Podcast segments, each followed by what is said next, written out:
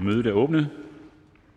I dag er der følgende anmeldelser: Susanne Simmer Frie Grønne beslutningsforslag nummer 90 om indførelse af en biodiversitetslov. Lotte Rod og Sofie Carsten Nielsen Radikale Venstre. Forspørgsel nummer 31 om elevers mulighed for at bidrage i skolerne med videre. Uffe Elbæk, Elbæk Frie Grønne. Forspørgsel nummer 32 om regeringens holdning til den kinesiske pres på Litauen. Titlen på de anmeldte sager vil fremgå af Folketingstidende. Medlem af Folketinget fru Pia Kjærsgaard Dansk Folkeparti har meddelt mig, at hun ønsker at tage følgende forslag tilbage. Forslag til folketingsbeslutning om ændring af eftervederlag for varetagelse af regionale og kommunale erhverv. Ønsker nogen at opretholde dette beslutningsforslag? Da det ikke er tilfældet, er det bortfaldet. Det første punkt på dagsordenen er første behandling af beslutningsforslag nummer B 34, forslag til folketingsbeslutning om at sikre frivillig elektronisk Øh, aldersverificering for butikker, så mindreårige ikke kan købe tobak, alkohol og andre produkter med aldersbegrænsning, og at indføre et forbud mod proxysalg. Forhandlingen er åbnet. Sundhedsministeren.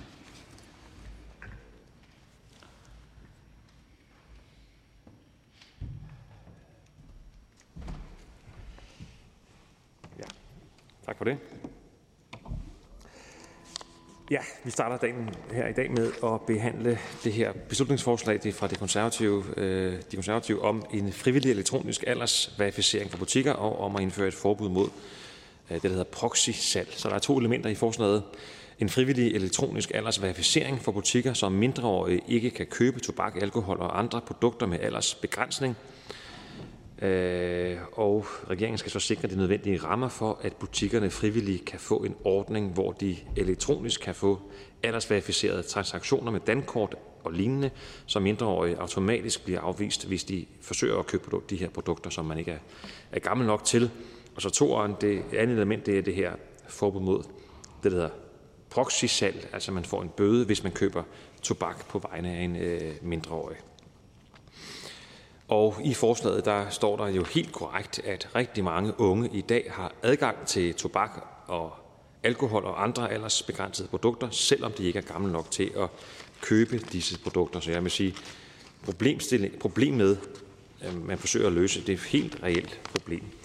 Da, ifølge, de her, ifølge forslagstillerne, så øh, kan det her forslag modvirke, at mindreårige kan købe for eksempel tobak, som de ikke er gamle nok til.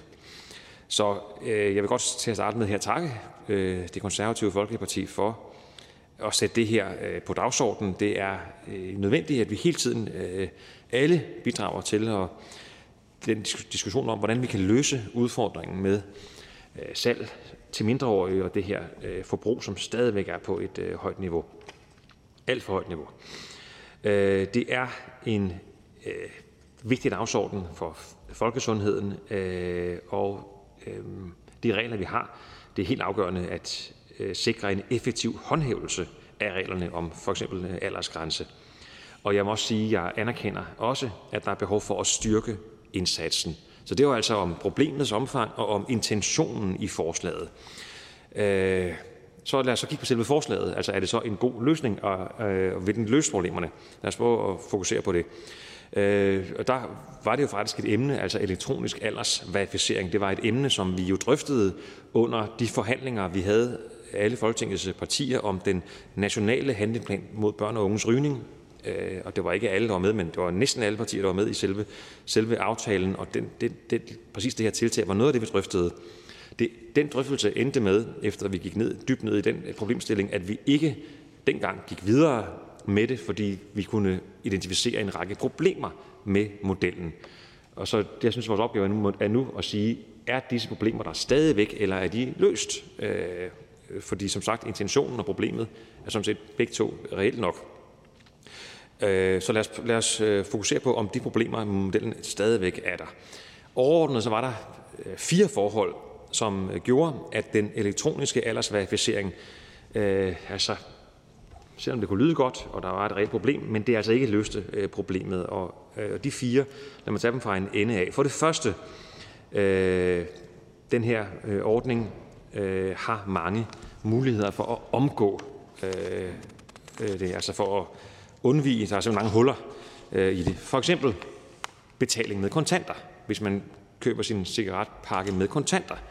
Eller, ja, så kan man jo ikke tjekke det. Eller bruger andres kort eller betaling med udenlandsk udstedte kort. Det er problemer, det er huller, der stadigvæk findes.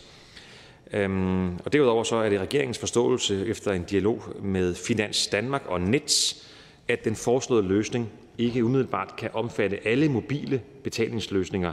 Og vi ved jo, at jeg tror også, der er sket siden vi drøftede det sidste gang, at der er endnu flere mobile betalingsmuligheder. Øh, man betaler ting med forskellige, mobil, forskellige apps og andet. Og især unge mennesker bruger det jo nok endnu mere. Øh, men, men det er jo virkelig noget, som finder fremgang her. Og, og der er altså også huller her i forhold til det. Øh, konkret har Nets oplyst, at de vurderer, at den foreslåede løsning i dag ville kunne fungere med Apple Pay, men ikke med Google Pay og heller ikke med Mobile Pay. Og der er rigtig mange, der bruger enten kontanter eller Google Pay eller Mobile Pay, og der vil det så ikke være muligt her.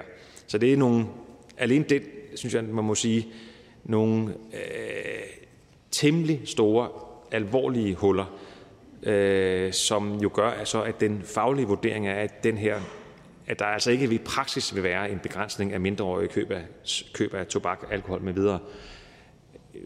Lad os forestille sig en, en der er, ikke har lov til det, en, der er under 18, som vil ud og købe cigaretter og har fået det her øh, øh misbrug af, af, af cigaretter. Må ikke personen kunne finde ud af at tage kontanter med, eller bruge mobile pay, eller de andre kæmpe huller, der er i det. Det er desværre det, jeg kunne frygte. Det var det ene.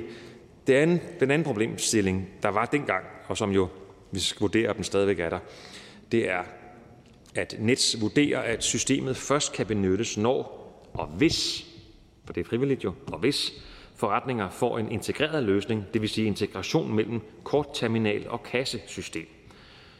Øh, det vil formentlig i praksis betyde, at ordningen i for eksempel små kiosker ikke vil kunne virke i udgangspunktet. Så en lille kiosk Øh, hvor det i hvert fald er min erfaring – det er ikke noget, jeg har undersøgelser, der dokumenterer, men min personlige erfaring og hvad jeg hører fra folk, det er, at der er i hvert fald nogle af de små kiosker, hvor, som, som ikke er så dygtige til at, overholde, til at få overholdt de her i forvejen. Og her vil løsningen ikke engang virke, øh, som udgangspunkt i hvert fald. Også her temmelig stort hul. For det tredje, at den elektroniske aldersverificering kan risikere at give en falsk tryghed, hvis kassemedarbejderen regner med, at systemet sørger for det hele. Nå ja, der er jo et, øh, der er jo et system til det her. Øh, for det meste, jamen, øh, så vil der opstå situationer, kunne man jo frygte, hvor der ikke bliver spurgt til billed-ID, selvom man burde gøre det. Øh, og, øh, Øh, og det burde man gøre, fordi så der er de her massive omgåelsesmuligheder, anvendelse af andres kort, mobile pay med mere. Øhm, så der er stadigvæk et behov for at spørge om billed-ID. Øh, det er ligesom debatten er, så behøver man ikke gøre det, men det gør man jo i den grad stadigvæk, når der er så markante store huller.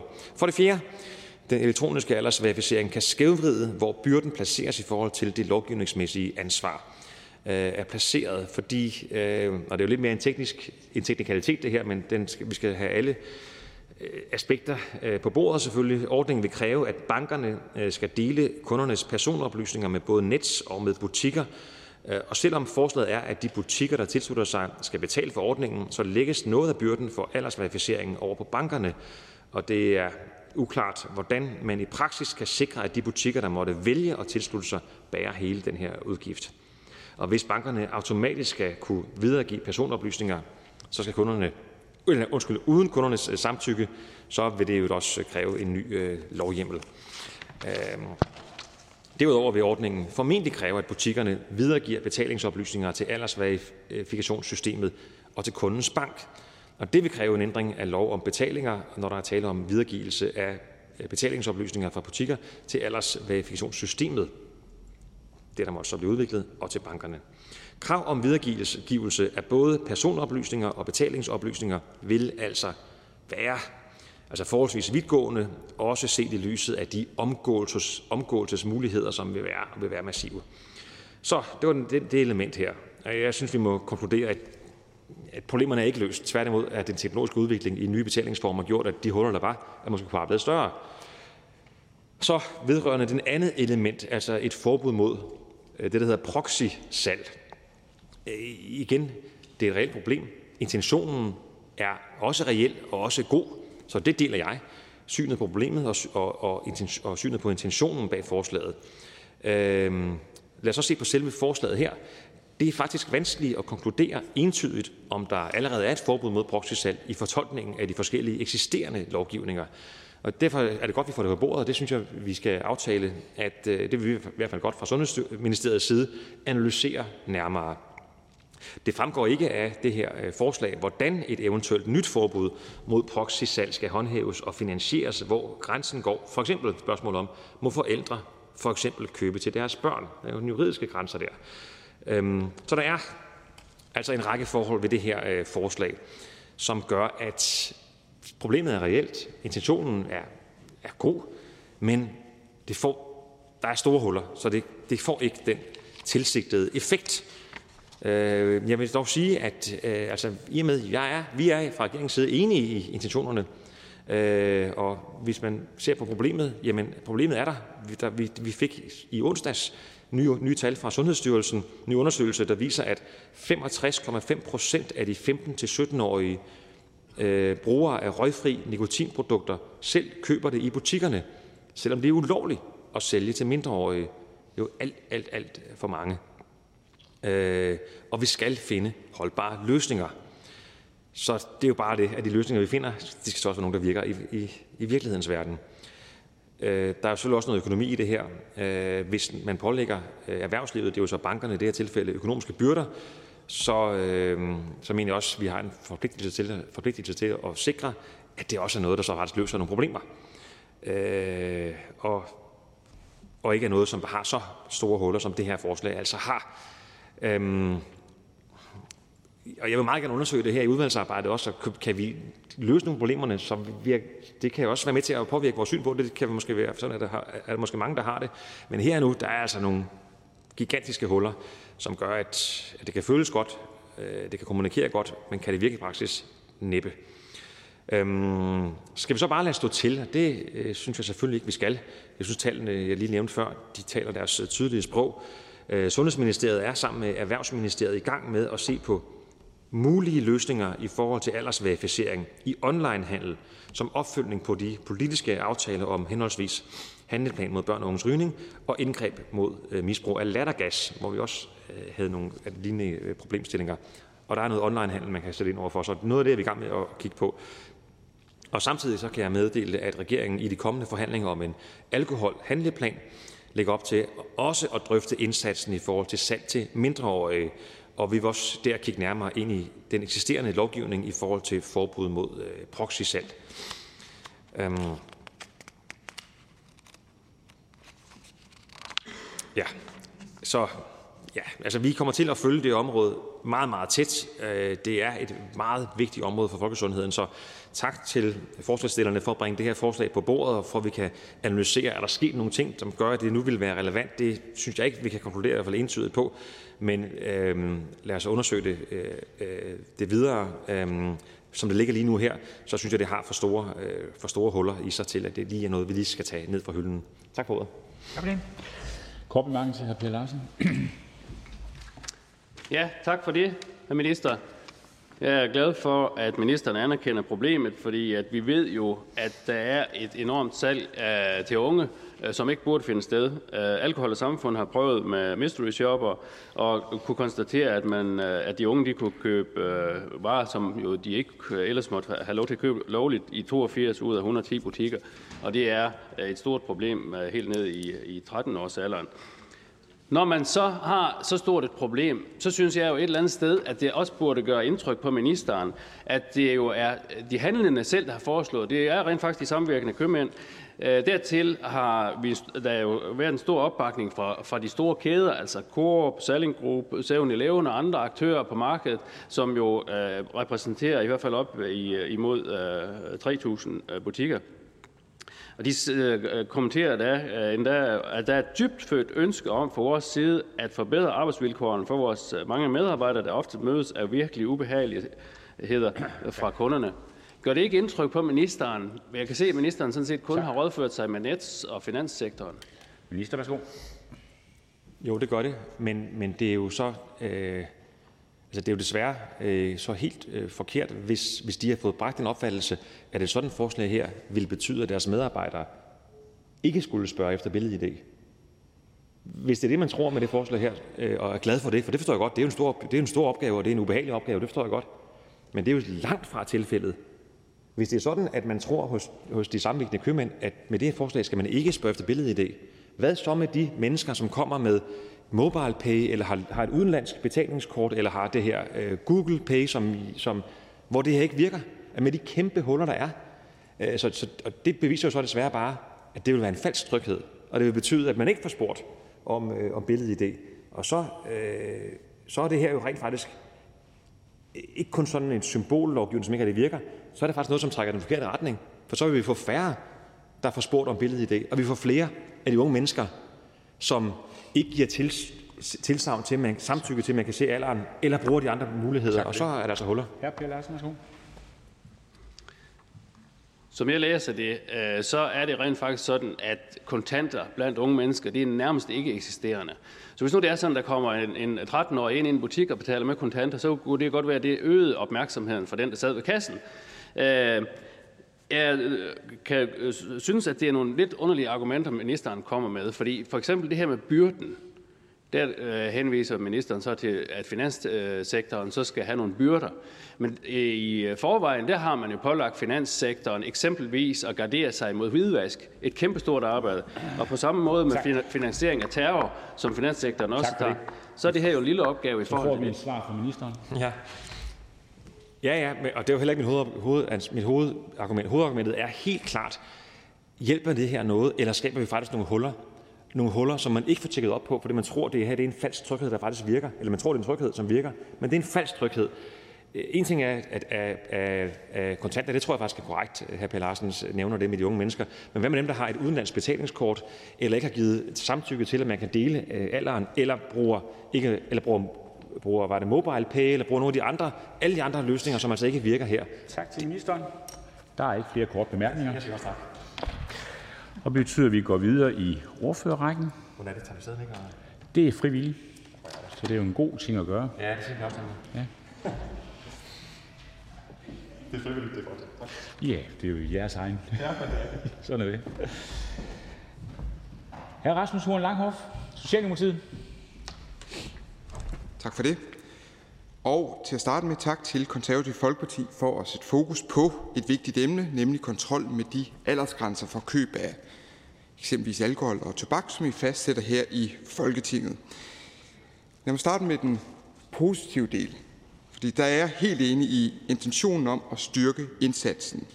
Og man skal nok ikke have talt med mange unge for at vide, at det bestemt ikke er noget problem for mindreårige at få fat i alkohol eller tobak for den sags skyld i dag. Vi læser også jævnligt historier fra medier om, hvordan mindreårige uden problemer har kunne skaffe sig alkohol.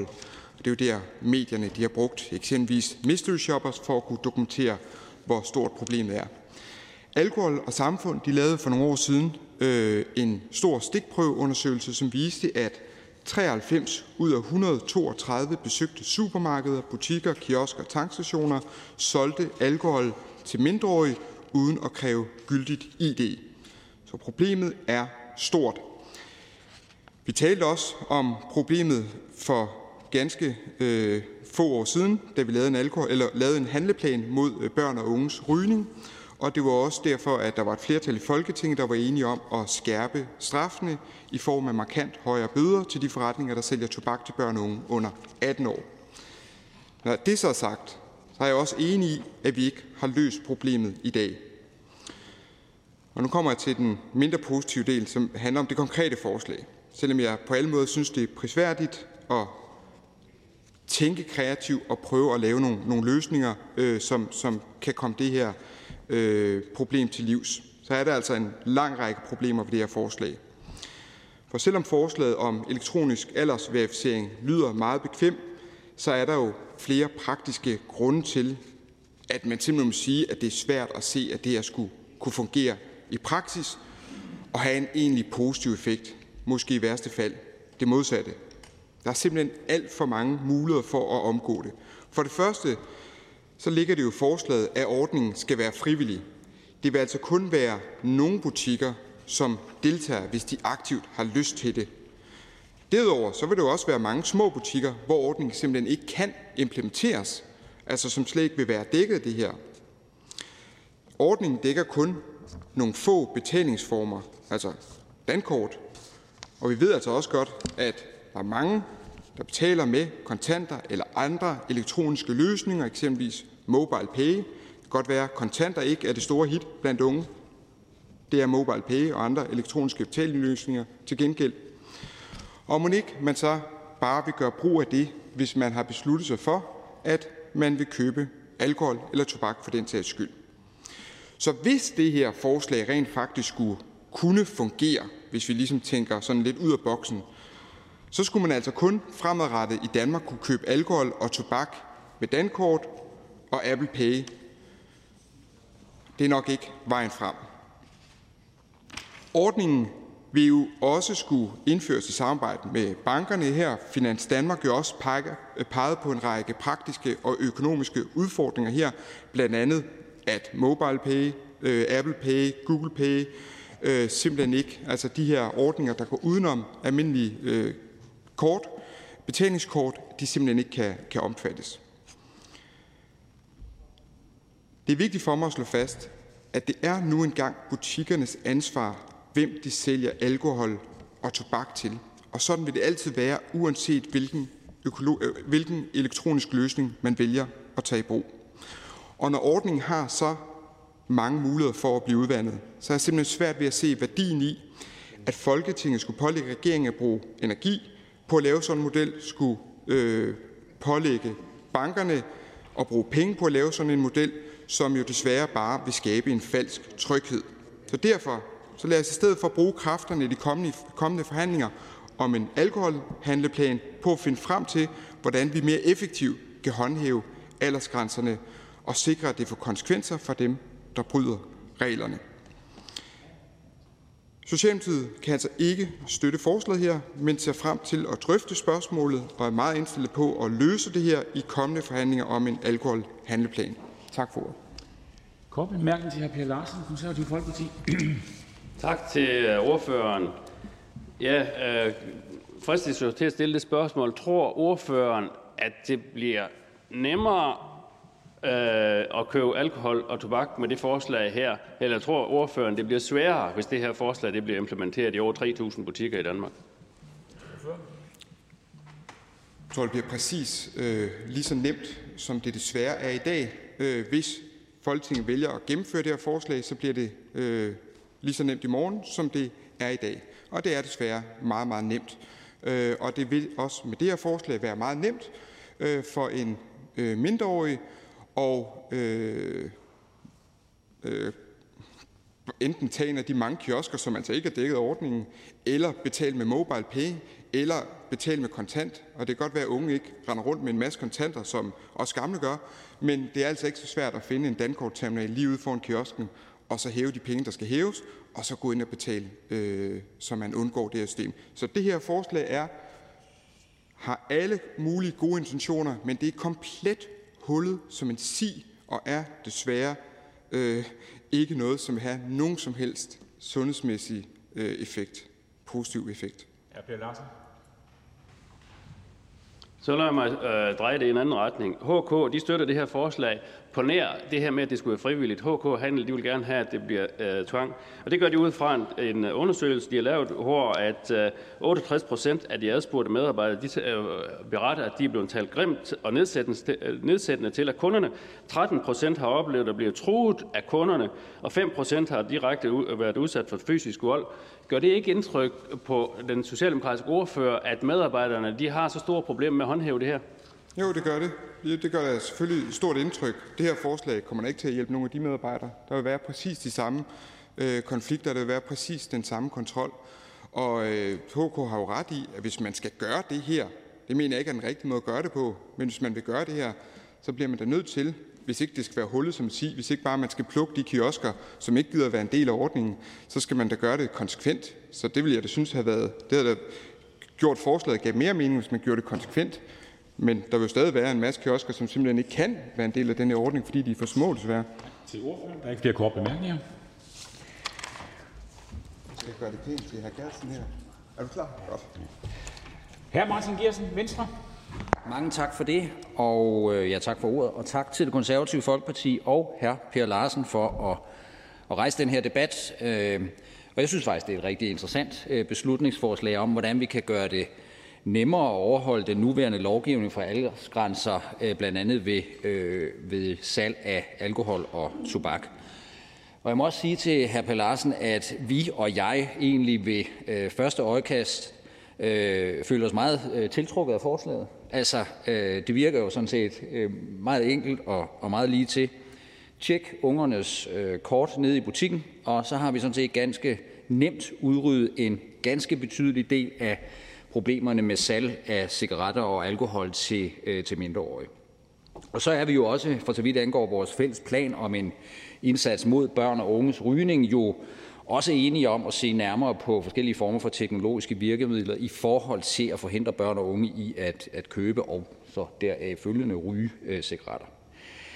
Øh, jeg må dog også sige, øh, og det overrasker sikkert ikke hr. Pelle Larsen, at der er, øh, synes jeg, en række dilemmaer forbundet med beslutningsforslaget, som det nok kræver, at vi dykker en lille smule længere ned i. Der vil, som andre også har været ude på, inde på, fortsat være rigtig mange måder, hvorpå man nemt kan omgå en aldersverificering af de sådan kendte danske kort, for eksempel ved at betale med, med kontanter, som andre også har fremhævet, og det samme gælder jo ved brug af udenlandske kort, som jeg forstår er i vækst, ikke mindst på grund af de såkaldte øh, neobanker. Og der vil jeg personligt sige, der er jeg ikke helt selv nået til endnu, øh, men, men det forstår jeg, andre er i den lidt yngre generation.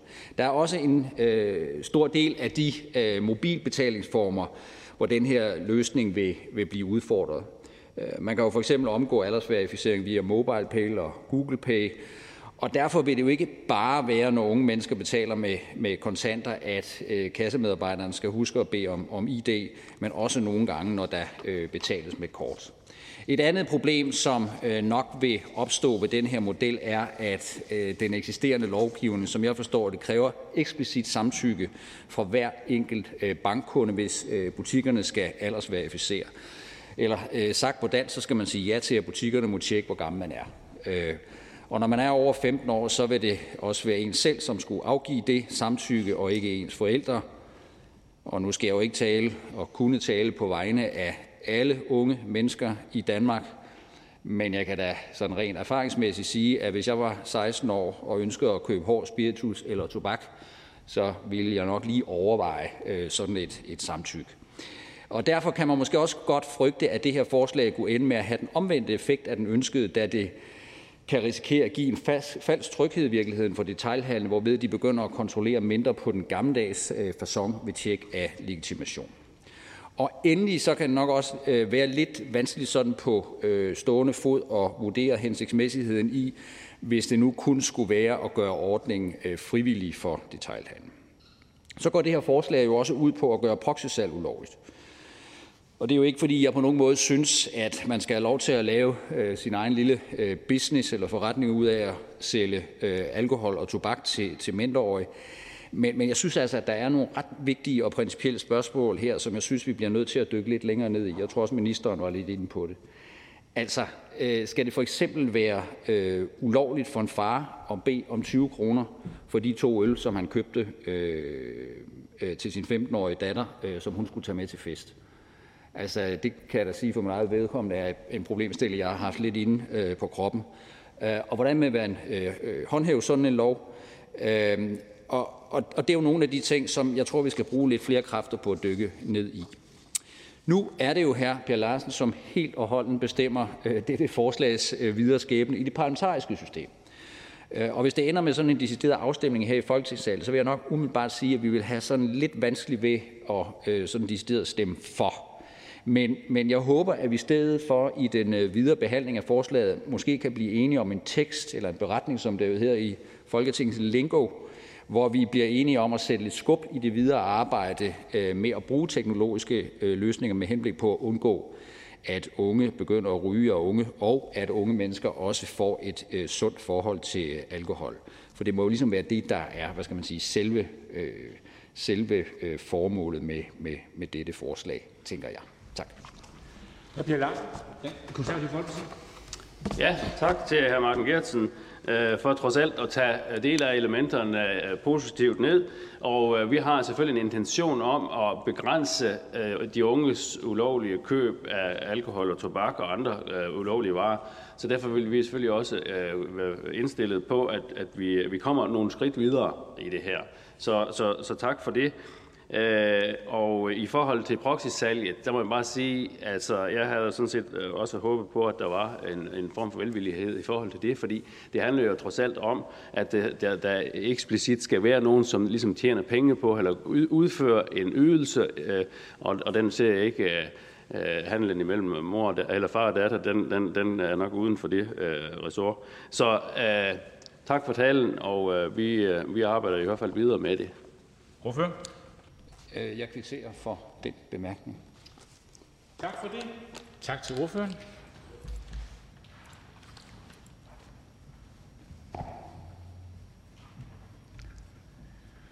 Tak for det, Martin. Så er det fru Liselotte Blikst, Dansk Folkeparti. Mange tak. Mange tak. Jeg vil starte med at rose alle de unge mennesker, fordi øh, jeg synes faktisk, de gør det rigtig godt. I en tid, hvor de lever i et presset samfund, hvor de ikke kan få lov til at agere, som de har lyst, men at de voksne bliver ved med at lægge krav, restriktioner, forbud ned over dem, så synes jeg faktisk, de klarer det rigtig godt. Øhm, jeg synes i stedet for, at vi burde fokusere på rigtig mange andre ting, som gør måske, at man hindrer, at unge mennesker tyr til at enten bedøve sig med det ene eller det andet. Da vi sad og talte om rygeloven, synes jeg selv, at det her lød som et øh, godt oplæg fra de samvirkende købmænd. Men når jeg så hører de problemstillinger, der er omkring det, så kan jeg ikke se mig for, hvordan vi skal sætte så stort et apparat i gang, lave noget, der er frivilligt, der vil være ulige konkurrencer, og dem, der så har gjort det frivilligt, de, de vil meget hurtigt lade være, fordi så finder de, finder de ud af, at de går ind og køber ind øh, i naboen ved siden af. Jeg synes faktisk, at vi skal holde op med at blive ved med at, at, at stramme de her forbud og krav. Vi skal kigge på, hvad er det, vi kan gøre for, at unge mennesker øh, stopper med at, at gøre det, der er ulovligt. Vi ved, der er en social ulighed. Den skal vi have taget fat på. Og så skal vi sikre, at der er alternativer til nogle af de ting, som man køber. Og det er noget, jeg kæmper hårdt for, det er, at for eksempel alkoholfri drikke osv., at vi kan få det ned i en pris, der bare er det samme som almindeligt. Altså, jeg synes jo, det er fuldstændig tåbeligt, at øh, går man ind og vil købe en øl, så koster en almindelig øl 4 kroner, og en øh, alkoholfri koster 6. Altså, så kan jeg da godt forstå, at de unge de siger, 4 kroner eller 6 kroner. Hvis nu det var samme pris, kunne det være, at de valgte noget af det, som vi gerne vil have, at de skal tage i stedet for det andet. Og så synes jeg faktisk, de gør det godt. Vi kan se på statistikkerne, der er færre, der starter med at ryge.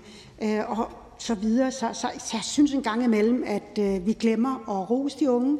Vi ved, at øh, hvis du har et barn, du bliver ved med at skælde ud og siger, at de er dumme, så bliver de dumme.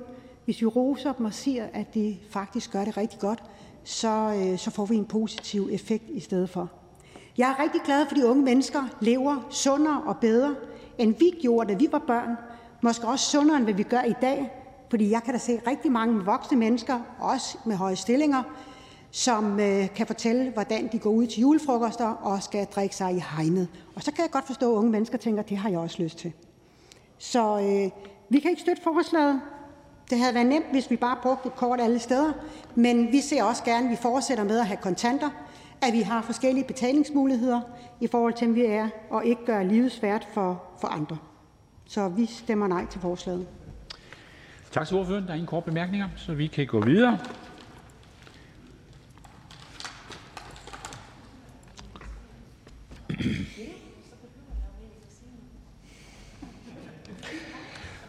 Fru Kirsten Normann Andersen, SF. Værsgo. Tak for det. Børn skal ikke købe cigaretter, alkohol, medicin, spil eller andet, som er forbeholdt voksne. Alligevel kan medierne igen og igen berette om, hvordan de med simple undersøgelser kan konstatere, at børn kan købe produkter, som er forbeholdt voksne. Pilen peger naturligvis på detailhandlen. Derfor er det også både sympatisk og forståeligt, at samvirkende købmænd stiller forslag om verificering af alder via betalingskort. Men som sundhedsministeren allerede har redegjort for det, så er den foreslåede model imidlertid hullet som en si. Forslaget vil derfor næppe løse problemerne med salg til mindreårige. Det taler også imod forslaget, at ordningen, som foreslås, også skal være frivillig. Det betyder jo desværre også, at den del af detailhandlen, som i forvejen ikke tager aldersgrænsen alvorligt, kan fortsætte deres salg af voksenprodukter til børn. Jeg vil egentlig gerne benytte lejligheden til at rose den store del af detailhandlen, som faktisk tager aldersgrænser alvorligt. Problemet er jo ikke jer, men de kolleger i branchen, som blæser på reglerne. Og en løsning skal derfor også ramme lige præcis dem. Jeg er stadigvæk ked af, at vi ikke i aftalekredsen om unges køb af cigaretter ikke kunne blive enige om en aftale øh, om Sikkerhedsstyrelsens kontrol. Vilkårene for Sikkerhedsstyrelsen i forhold til at afsløre ulovligt salg er ringe. Et forslag om at benytte mystery shoppers var der desværre ikke opbakning til. Men jeg er stadig af den opfattelse, at bøder og eventuelt forbud mod salg for de dele af detailhandlen, som ikke kan finde ud af at overholde reglerne, stadigvæk vil være det mest effektive. SF støtter kampen mod salg af voksenprodukter til børn. Det skal vi, det skal vi imidlertid ikke gøre ved, øh, det, skal, det skal vi ikke gøre ved at gøre livet mere besværligt for de unge, men ved at, gå, øh, men ved at få de voksne til, i det, og detailhandlen til at overholde loven. Øh, det her forslag løser bare ikke det problem, og derfor støtter SF heller ikke forslaget. Tak til ordføreren. Ingen korte bemærkninger.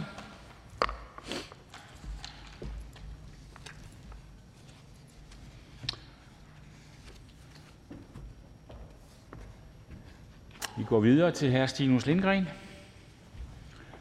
Radikale Venstre. Tak for det. Tak for ordet. Den første store aftale, jeg var med til at forhandle, efter jeg blev valgt til Folketinget, det var den nationale handleplan mod børn og unges rygning tilbage i december 2019. Og dengang der tog vi jo en række markante skridt imod den største enkeltstående trussel imod folkesundheden, nemlig rygning. Målet var og er, at så få unge som muligt skal begynde at ryge, og på sigt naturligvis at sikre en røgfri generation. Vi ved, at rygning øger risikoen for en lang række alvorlige sygdomme, hvilket desværre kan aflæses i levealder og dødstal. I Radikale Venstre er vi rigtig glade for de skridt, vi har taget, men det er ikke nogen hemmelighed, at vi gerne var gået endnu længere. Og i dag skal vi så diskutere et B-forslag stillet af det konservative Folkeparti, der skal sikre muligheden for frivillig elektronisk aldersverificering ved køb af aldersbegrænsede varer i butikker, såsom for eksempel alkohol og tobak. Øh, og vi skal også diskutere et forbud mod proxysalg, hvor man mod betaling køber eksempelvis tobak til mindreårige. I Sundhedsstyrelsens seneste undersøgelse viser de, at cirka to tredjedele af de 15-17-årige, de har talt med, køber deres nikotinprodukter i fysiske butikker. Så det er derfor helt oplagt, som også ministeren var inde på, at vi skal have bedre mulighed for alderskontrol. Vil en sådan ordning, som hr. Per Larsen foreslår her, udelukke alt salg til mindreårige? Nej, naturligvis ikke. Men det vil i mine øjne helt oplagt begrænse det. Det kan som så meget andet omgås, hvis man vil, men det skal i vores øjne ikke udelukke muligheden for at bruge dette værktøj. Der er blevet peget på flere mulige veje rundt om til inspiration for de unge, der ser med. Man kan bruge kontanter, udenlandske kort, misbrug af andres betalingskort eller digitale betalingsformer. Og det er helt klart, at øh, mange unge vil selvfølgelig prøve at omgå den her løsning, hvis vi indfører det. Men det sker jo også i dag. Og det vil ikke i sig selv et argument for, at vi ikke skal gøre det bedre, end vi gør det i dag. Vi ved, at de færreste unge bruger kontanter. Og det betyder jo, at det i sig selv vil være en lille smule mistænkeligt, og derfor også en god anledning til lige at bede om ID, hvis den unge køber sine cigaretter med kontanter. Og ligeledes vil det jo også være en oplagt anledning, hvis personen bevidst ikke har givet samtykke til aldersverificering, at spørge om ID. I det taget så jeg egentlig gerne, at man i langt højere grad ude i detaljhandlen bad om ID, når man solgte tobak og alkohol. Jeg vil også våge den påstand, at nok er de færreste unge, der vil erhverve sig et udenlandsk betalingskort for at kunne købe cigaretter i den lokale kiosk. At bruge andres kort, misbruge andres kort, det er selvfølgelig en mulighed, ligesom det er i dag. Men der er en række andre risici ved den model, der nok trods alt vil begrænse øh, muligheden. Og så er der de elektroniske betalingsløsninger. MobilePay har været nævnt flere gange. Selvfølgelig, selvfølgelig kan man løse det. Selvfølgelig kan man lave en elektronisk løsning i MobilePay, så aldersverificering indbygges der. De har i forvejen adgang til en lang række følsomme oplysninger, vores konti, vores transaktioner. Og i forvejen giver vi samtykke til en række ting, når vi anvender disse løsninger. Og her har jeg tiltro nok til, at Nets og deres dygtige programmerer nok skal kunne finde en løsning. Og i forvejen der er bankerne jo med til at løse en række samfundsmæssige opgaver omkring terrorfinansiering og hvidvask. Så hvorfor ikke også folkesundheden med et relativt lille greb? Forbud mod proxysalg har der været sagt et par ting om, og jeg synes, det er en sympatisk idé, men der er nogle detaljer, vi lige er nødt til at diskutere på plads, inden vi entydigt kan bakke op om den del. Men vi er enige med de konservative, når det kommer til den elektroniske aldersverificering. Det er ikke en perfekt løsning. Det er ikke en fuldstændig vandtæt løsning, men det er, ligesom de andre tiltag, vi har taget imod rygning, et skridt i den rigtige retning. Det kan ikke stå alene, men det betyder jo ikke, at det ikke vil have en effekt. Tak for ordet.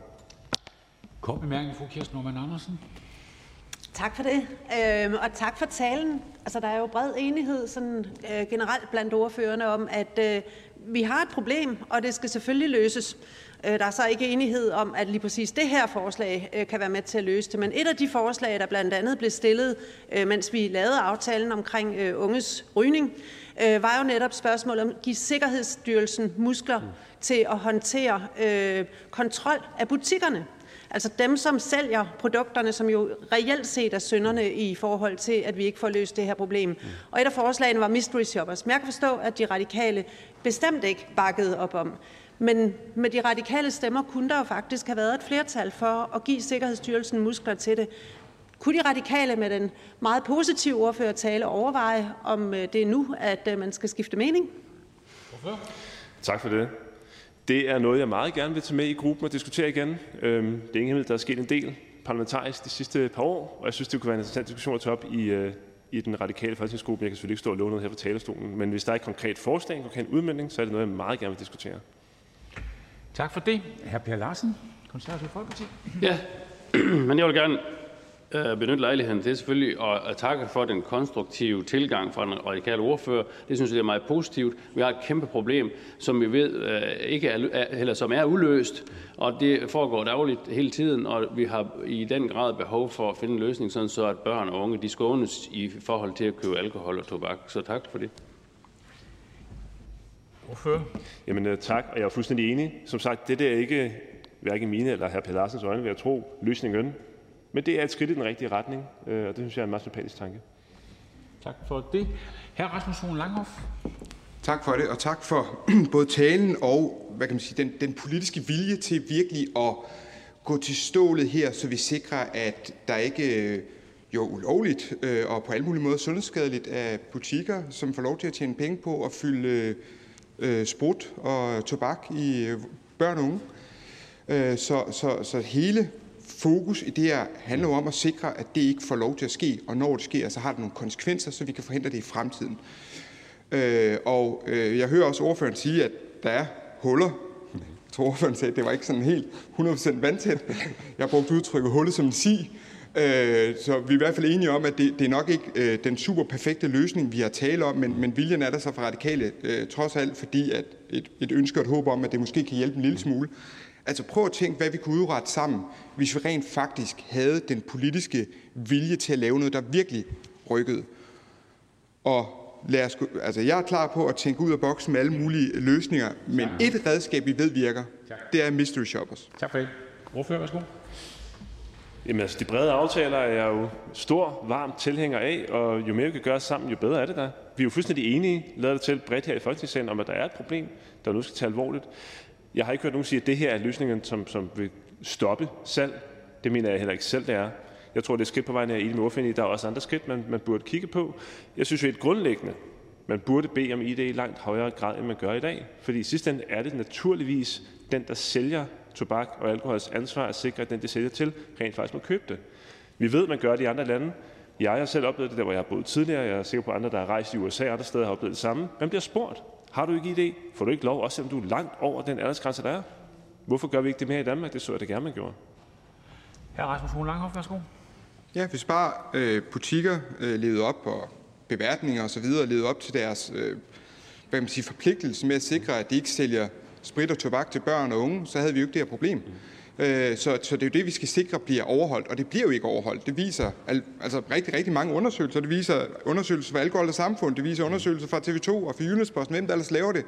Og den måde, de dokumenterer det på hver eneste gang, det er via mystery shoppers. Det er også det, der er gode erfaringer med andre lande. Så vi har altså et redskab lige ved hånden, som kræver faktisk bare lige præcis, at radikale venstre er med på tak. den, og så kan vi få det her til at virke. Så tak for det. Ordfører, bare et ønske herfra. Ordfører, værsgo. Som sagt, jeg er helt enig. Problemet er selvfølgelig, at der overhovedet bliver solgt til mindreårige. Og som jeg også sagde til fru Kirsten Norman Andersen, kommer der et konkret forslag, vil jeg meget gerne tage tilbage i den radikale gruppe og diskutere det der, men jeg har selvfølgelig ikke mandat på stående fod til at sige ja eller nej til noget, som vi ikke har, har set. Tak for det. Hr. Martin Gersen, Venstre. Ja, nu fik Kirsten Norman Andersen så den her debat til at køre sporet, og tak for det, fordi så kan vi lige tage en runde på det. Altså, jeg synes, at øh, den radikale ordfører jo skal stå øh, vagt om det, den radikale ordfører under normale omstændigheder står vagt omkring, nemlig retsstaten. Og jeg synes, at den øh, radikale ordfører skal gå tilbage i sin folketingsgruppe og sige, at det er sådan set noget, vi stadigvæk står øh, vagt omkring. Det der med at, be, at, at bruge skatteyderkroner, øh, skatteyderkroner på at betale unge mennesker for at gå ind og tjekke, om potentielt retskaffende mennesker overholder landets lovgivning.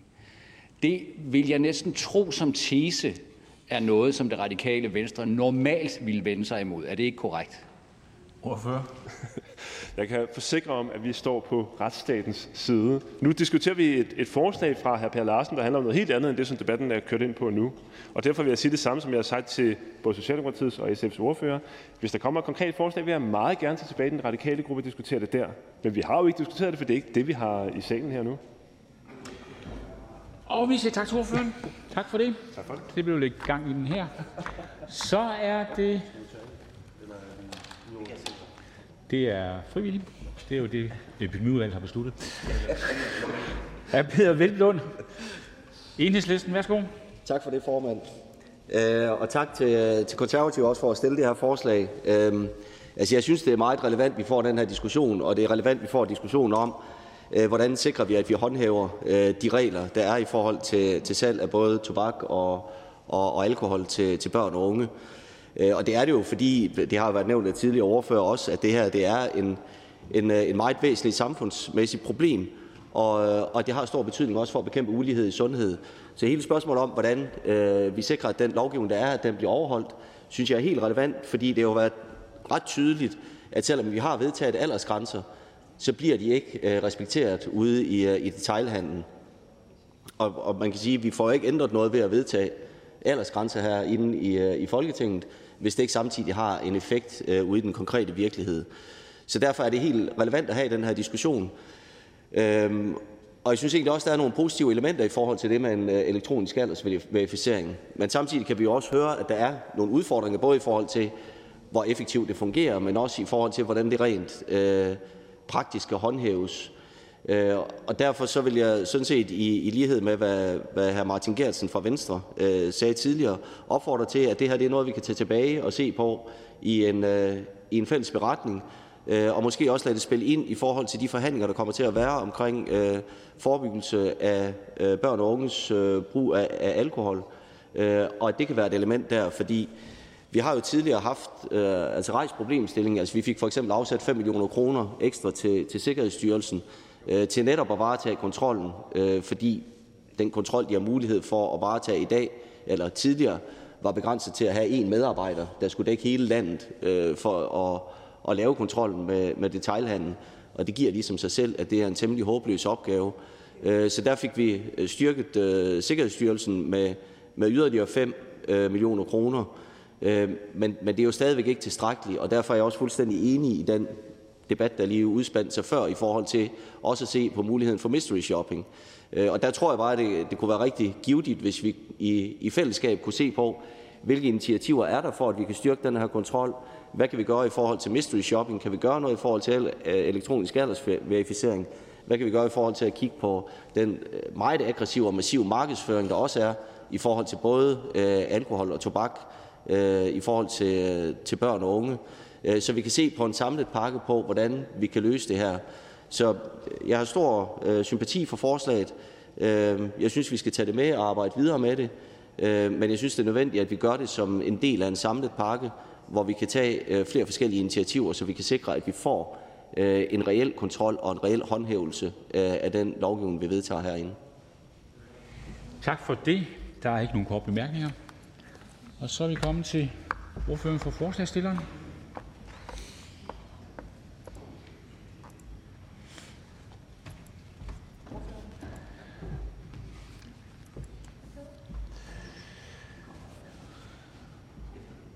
Per Larsen, Konservativ Folkeparti. Tak for det, og tak for debatten her i salen. Der er jo ingen tvivl om, at øh, viljen i forhold til at øh, intentionerne i forhold til at skulle undgå, at øh, børn og unge de kommer i gang med at ryge, øh, øh er der. Det har vi jo øh, lavet planer om, og det er, er ganske fint. Problemet er jo bare, at håndhævelsen af aldersgrænserne, det sejler altså. Det kan vi se gentagende gange i alle de undersøgelser, der bliver lavet. Der er et stor overvægt af butikker, som ikke får det håndhævet tilstrækkeligt. Og kontrollen med det er jo også utilstrækkelig. Øh, det har vi jo kunne se. Der er jo øh, ganske få, øh, der bliver fanget i forhold til at at skulle stå til regnskab for det. Ganske få bøder, og den kontrol, der er, den er utilstrækkelig. Så kan man nok afsætte den ene million efter den anden til at øge indsatsen, men det hjælper bare ikke. Og så for at se det klart og tydeligt, mystery shopper, altså statsansatte, øh, der skal gå ind, øh, børn, der skal gå ind og, og, og, og forsøge at købe ulovlige produkter i butikkerne, det er ikke noget, vi kommer til at, at synes om, øh, og det er en dårlig løsning. Men med de elektroniske løsninger, der trods alt er mulige, der er der, synes jeg, jo en oplagt mulighed for at lave en effektiv kontrol, sådan så det øh, klart og tydeligt kommer til at stå øh, på kasseapparatet, at her er altså en, der ikke er gammel nok til at købe de produkter, vedkommende prøver på at købe. Og øh, der er jo øh, øh en udvikling i de der elektroniske løsninger, som, øh, som bare buller derud af, der er ikke noget, der ikke øh, kan lade sig gøre. Så hvis det er sådan, at butikkerne de ikke vil modtage betalingsmidler, hvor man ikke har en aldersverificering på, så er det op til dem, og det tror jeg, de vil benytte sig af. Vi kan i hvert fald se, at der er kæmpe stor opbakning øh, fra detailhandlen. Stort set alle de store kæder bakker op omkring det. Det var de samvirkende købmænd, der introducerede det for et stykke tid siden, og der har været et stort ønske igennem efterhånden lang tid. Så det vil være hensigtsmæssigt at få det her implementeret, og jeg er helt sikker på, at det vil nedbringe salget af øh, ulovlige produkter til børn og unge, hvis man øh, stemte for det her og implementerede det. Men øh, vi skal jo selvfølgelig øh, videre, og når der ikke er flertal for det lige her og nu, så må vi jo lave en beretningstekst, som trækker i den rigtige retning. Det vil vi i hvert fald satse hårdt på. Tak for ordet. Kort bemærkning til fru Kirsten Norman Andersen. Jamen tak for det. Øh, adskillige ordfører har jo allerede gjort gældende, at øh, målet er vi enige om, mm. men modellen, som der bliver foreslået her, er hullet som en si. Alene det forhold, at kiosker og andre kan vælge ikke øh, at bruge øh, systemet, gør jo, at så er det der, børn og unge kan købe deres alkohol og cigaretter og medicin og spil. Og alligevel så afviser ordføreren og prøver at se på muligheden for at bruge mystery shoppers, som medierne jo igen og igen og igen bruger, og beviser, at problemet er kæmpestort, og bruger deres artikler til at håne os for, at vi ikke kan finde ud af at få skabt et system, hvor vi kan kontrollere, at børn og unge naturligvis ikke skal have mulighed for at købe øh, alkohol og tobak i, øh, i butikkerne. Altså at man slår ned på butikkerne. Vi kan ikke med sikkerheds, de øh, muligheder, Sikkerhedsstyrelsen har i dag, er ikke tilstrækkelige til at løse problemet. Er ordføreren fuldstændig afvisende over for at se på en mulighed for at give Sikkerhedsstyrelsen større muskler, så vi rammer butikkerne mere, end vi rammer de unge? Ordfører? Som jeg også fik sagt i min tale, så er vi direkte modstandere af, at staten skal til at ansætte nogle børn øh, til at gå ind i butikkerne og forsøge at købe nogle varer, som de ikke er gamle nok til at købe. Det synes vi simpelthen er en usympatisk øh, tanke. Hvorimod øh, det, vi lægger frem her, det er trods alt en, en rigtig fin mulighed for, at dem, der sidder ved kassen, de får øh, sikkerhed for, at dem, der kommer og køber varer, øh, de også har den alder, de nu skal have for at købe de pågældende varer. Øh, og det er også derfor, at HK de efterspørger det så kraftigt, som de gør, at de faktisk foreslår, at det skulle være tvang, at det skulle indføres. Tak. Tak for det. De store medier gør det altså igen og igen og igen. Mm. Så vil jeg bare spørge ordføreren, om ordføreren forestiller sig et forslag, der handler om at give medierne forbud mod at bruge unge øh, under 18 år øh, som mystery shoppers i deres undersøgelser, hvor de beviser, at øh, der er visse butikker, der har store problemer med at overholde reglerne. Hvorfor? Nej, det har jeg ingen intentioner om. Øh, det må være op til de pågældende institutter og medier at finde ud af, hvordan de vil agere. Men jeg siger bare, at staten skal ikke ansætte børn som en form for stikker og, og, og efterspørge den slags ting, som de ikke har mulighed for at købe. Det synes jeg bestemt ikke. Tak for det. Ikke flere kort bemærkninger. Og der er ikke flere, som har bedt om ordet, og forhandlingen sluttede. Jeg foreslår, at forslaget henvises til Sundhedsudvalget. Og hvis ingen gør indsigelse, betragter jeg det som vedtaget. Det er vedtaget. Det næste punkt på dagsordenen er forespørgsel nummer F 20, forespørgsel til statsministeren og justitsministeren om regeringens overdragelse af oplysninger til Grænsningskommissionen af Peter Skåb og Morten Messerschmidt, Dansk Folkeparti. Jeg skal lige tjekke, om vi har teknikken i orden med ordfører på forreste række med videre. Det skulle være i orden det hele. Godt. Så skal vi i gang med begrundelsen, og det er ordføreren for forespørgerne, hr. Morten Messerschmidt, Dansk Folkeparti. Værsgo. Også for at skabe en rigtig fredagsstemning. Tak, formand.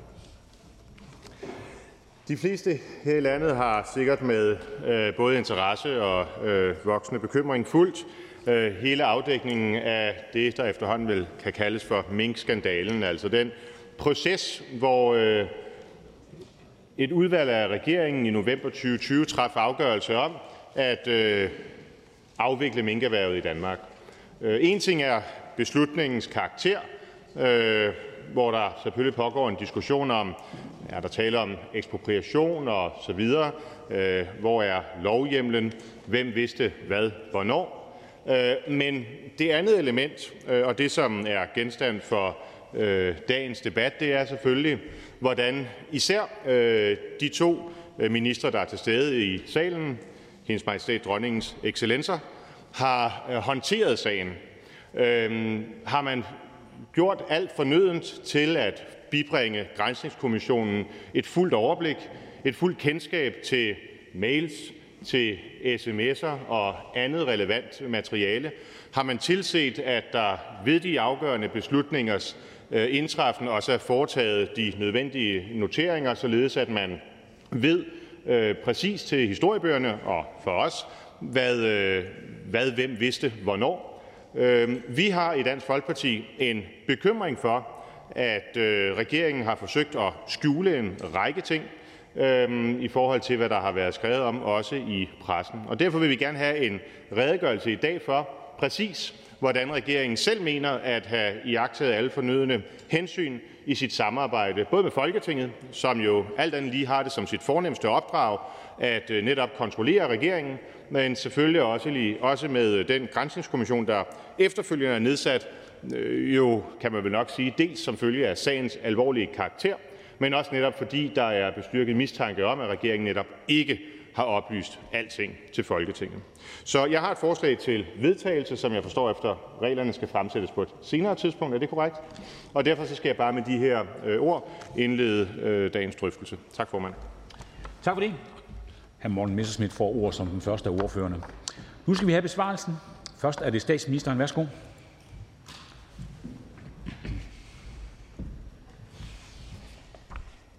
Tak for det. Og tak for muligheden for at drøfte spørgsmål om udlevering af materiale til kommissionsundersøgelser igen. Det er jo en debat om, hvordan vi sikrer, at det materiale, som vi øh, ønsker skal være tilgængeligt for kommissioner fremover, også bliver det, i det her tilfælde sms-beskeder. Jeg vil starte med at understrege, at der i praksis er udleveret meget store mængder materiale til undersøgelseskommissioner. I forhold til Grænsningskommissionen om mink har Statsministeriet således udleveret over 22.000 sider skriftligt materiale, navnlig materiale sendt via e-mail, og ca. 200 siders afskrifter af sms-beskeder. Og herudover er det fulde indhold af 38 mailbokse, herunder min egen mailbox, for den relevante periode også udleveret. Jeg forstår imidlertid spørgsmålet sådan, at der navnlig, navnlig ikke navnlig, men navnlig sigtes til den problemstilling, at sms-beskeder kan være slettet, og at der derfor er beskeder, der ikke har kunne udleveres til Mink-kommissionen. Jeg har tidligere i forbindelse med et samråd i Folketingets retsudvalg redegjort for den tilgang, der hidtil har været til sms-beskeder. Jeg redegjorde for, at sms-beskeder ikke tidligere har været anset som en kommunikationsform, der skulle gemmes af dokumentationshensyn, ud over de sjældne tilfælde, hvor en sms-besked måtte være journaliseringspligtig. Og at indholdet på telefoner herunder sms-beskeder slettes i forbindelse med eksempelvis fratrædelse. Det skyldes hensynet til informationssikkerhed, herunder også hensyn til privatliv. sms-beskeder bruges i langt højere grad end e-mails til privat kommunikation. Og jeg redegjorde for, at beskederne blandt andet i sådan et tilfælde ikke længere vil være til stede til brug for kommissionsundersøgelser. Hvis man i dag nedsatte en undersøgelseskommission om forhold under den tidligere regering eller under den forrige regering, så vil sms-beskeder fra de relevante minister ikke længere være til rådighed i ministeriet til brug for en sådan undersøgelse. SMS-beskeder går således efter hidtidig praksis tabt i det omfang, de ikke journaliseres. Sådan har det været under tidligere regeringer, og som jeg har nævnt ved flere lejligheder, er det ikke mit indtryk, at tidligere ministre har journaliseret sms'er i nævneværdigt omfang, hvilket jeg i øvrigt stadig har til gode at høre nogen tidligere minister modsige, hvis det skulle være tilfældet. Det står klart, at den tilgang jo ikke kan opretholdes fremadrettet, øh, og ansynligt er der et øh, ønske i Folketinget om, at sms'er i fremtiden skal udleveres. Øhm, og øh, der er således nogle nye ønsker til, øh, hvad det er for et materiale, der skal stilles til rådighed.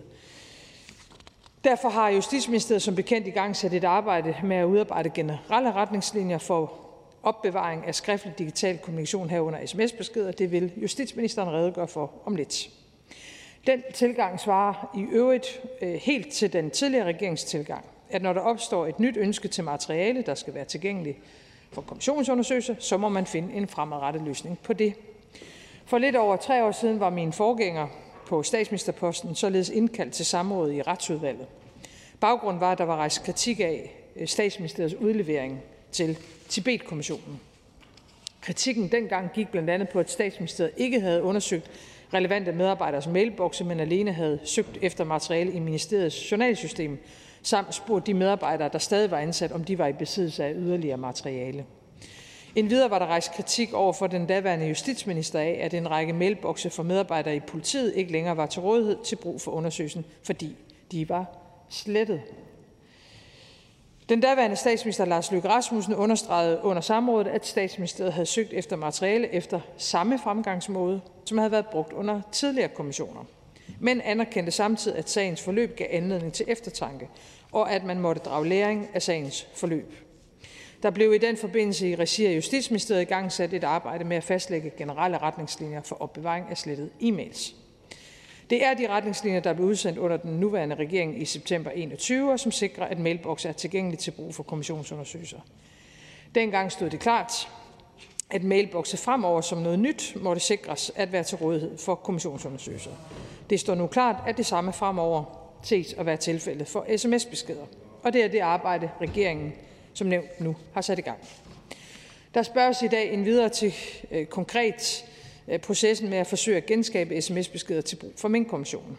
Jeg vil i relation hertil først og fremmest henvise til den store mængde af spørgsmål fra retsudvalget, udvalget for forretningsorden og grænsningsudvalget, jeg har besvaret herom.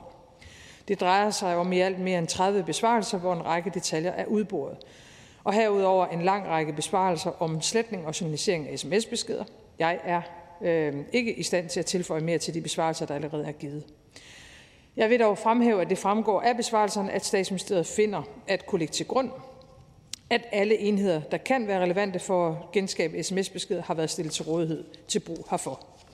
I forhold til politiets teknikers forsøg på genskabelse af sms-beskeder vil justitsministeren komme ind på det. Jeg ser frem til debatten i dag, og øh, så ser jeg frem til færdiggørelsen af det arbejde, der nu er i gang sat i Justitsministeriet, med at sikre, at også sms-beskeder vil være til rådighed for fremtidige kommissionsundersøgelser, på samme måde som regeringen har sikret det med hensyn til e-mails. Tak. Tak for det. Der er nu mulighed for en kort bemærkning fra hovedordførerne. Først er det hr. Morten Messerschmidt, Dansk Folkeparti. Tak til statsministeren for øh, besvarelse. Øh, der er jo flere øh, ting, der påkalder sig interesse. Måske vil statsministeren ikke mene, det er ny interesse, men det er i hvert fald en interesse, der er foranledet af, at vi ikke har fået de nødvendige svar endnu. Blandt andet i forhold til den slettepraksis, som til synligheden er, er introduceret under den her øh, regering. Kan statsministeren komme lidt ind på, hvornår man øh, indledte den praksis, at man øh, automatisk slettede øh, sms-beskeder, øhm, og hvad den konkrete anledning var. Fordi vi har jo hørt ind til ganske mange medlemmer af de tidligere regeringer, som har fortalt, at der altså ikke var en sådan praksis. Så præcis hvornår og hvorfor valgte man at gøre det? Statsminister. Øh, forholdet omkring opsætning af min telefon er efterhånden meget velbeskrevet. Og øh, det er både sket i forbindelse med afholdt pressemøder og et stort antal øh, folketingsbesvarelser. Og jeg har ikke yderligere tilføje til de spørgsmål, der er besvaret tidligere. Tak til statsministeren. Der er ikke flere, der beder om en kort bemærkning. Og så fortsætter vi med ministerbesvarelsen. Men nu er det justitsministeren.